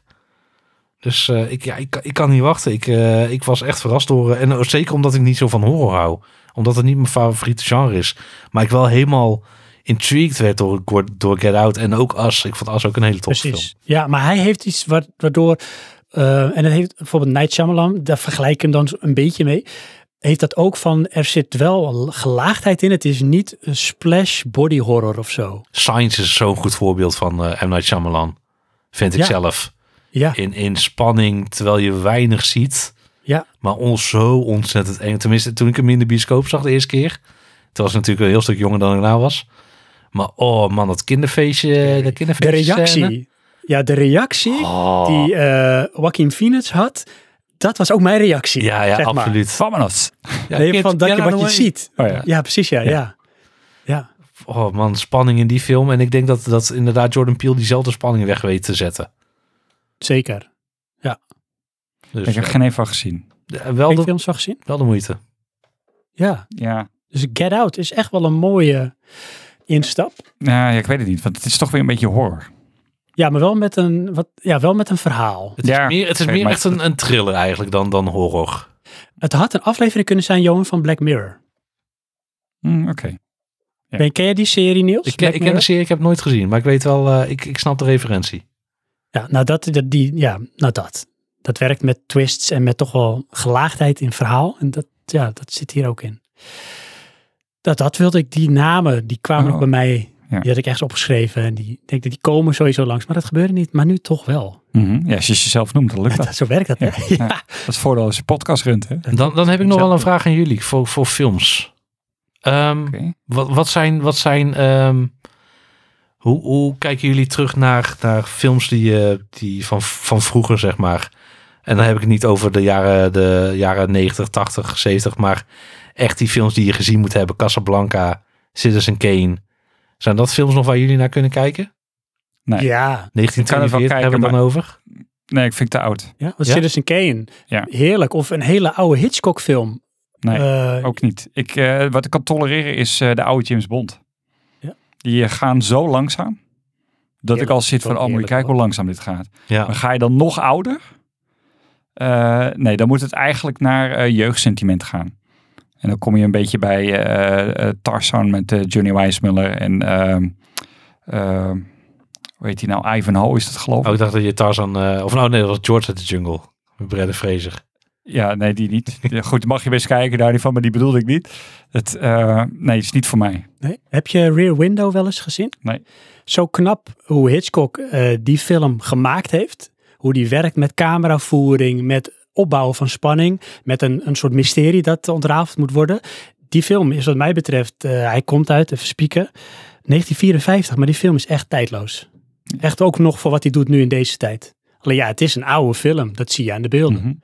Ja, ik gun mezelf daar de tijd niet voor. Oh. Want ik moet zo'n film al gaan kijken om hem te analyseren. Ja, oké. ja. Ja, daar moet je ook wel voor in de mood zijn. Ja, Ja, Citizen jij Kane dat- is zeker wel zo'n film. Ja, Die je gaat analyseren. En, en Ja. Casablanca, als je die Dat- gaat kijken, dan heb je gewoon meer... Ik vind Casablanca nog steeds heel lekker kijken. Eh, om, gewoon omdat het een prachtig verhaal is. Maar ik denk dat je daarin minder gaat analyseren dan een film als Citizen Kane. Ja. Maar, En dat eh, de oude oorlogsfilms, Johan. Want je vader kijkt ook wel natuurlijk altijd de oorlogsfilms. Die heb jij ook wel veel van Ja. gezien. De echte oude.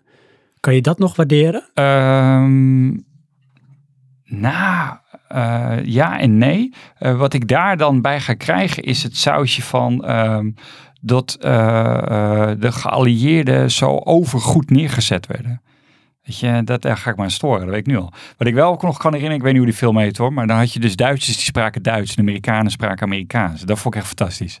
Ja, Dat, eh, dat maakt het gewoon extra echt. Ja. Terwijl het nog steeds film was natuurlijk. Het, eh, was het niet gewoon Indiana Jones? Zou kunnen. Ja, Maar jij hebt het dus nog wel ook met, met films, oudere films, eh, Niels. Die kan je echt op Nou, ik probeer het, ik probeer waarderen, wel zeg maar. steeds meer te kijken. Ik heb eh, laatst ook de hele, eh, of tenminste de hele, een eh, Akira Kurosawa box gekocht. Ah, die heb ik wel allemaal gezien. Met Zijn die samurai Seven films, Samurai en zo, die, die wil ja. ik allemaal nog gaan kijken. Dus ehm, ik, ik ben me er wel toe, ik moet me er af en toe wel voor toe zetten, maar dan moet ik ook wel in de mood zijn. Maar ik heb dus Casablanca nog niet zo heel lang geleden trouwens al gekeken. Misschien twee jaar geleden of zo. En sinds een Kane ook. Maar toen ik die films keek, dacht ik wel van ja, ik snap waarom dit als klassiekers worden beschouwd. Want jeetje, wat zijn dat nog steeds goede films. Mhm. Dus die hebben, wel, Ja. die hebben nog wel voor mij die opstap gegeven om meer... Ik wil bijvoorbeeld ook die klassieke horrorfilms nog gaan kijken. Dra- Dracula en de oude mummy en zo. Oh ja. Maar die Ja. braken allemaal even een beetje voor de rond de Halloween maand. eh, rond oktober. Oh. Nee. Ik denk ook wel hè, dat als je opgroeit met films kijken, en dat zal ook zo zijn met de generatie die nu opgroeit met films kijken, is het misschien ook wel een, een soort curve waar je doorheen gaat. Van je begint gewoon met films en dat doet iets en dat vind je leuk. En dan later misschien gaat een deel daarvan gaat zich meer verdiepen. In, er, zitten, acteurs achter, er zitten regisseurs achter. En dan is misschien uiteindelijk ook wel de volgende stap. Nou, misschien is dat het verkeerde woord, maar dan word je misschien een soort meer fijnproever. Dat je dat soort uitstapjes gaat doen. En dat je dat misschien steeds meer gaat waarderen. En dat is, ik denk dat het een groeiproces is. Ja, dat als je ook ouder Ja, wordt, dat je daar wel, misschien toch meer voor open gaat staan. Ehm, Dat bij gaat mij is dat toch het dilemma tijd. Ja, Ik kan maar zoveel zien. yes, en Ja, nu, nee, is- alleen erger. Zeker weten. Ja, dat is ook zo.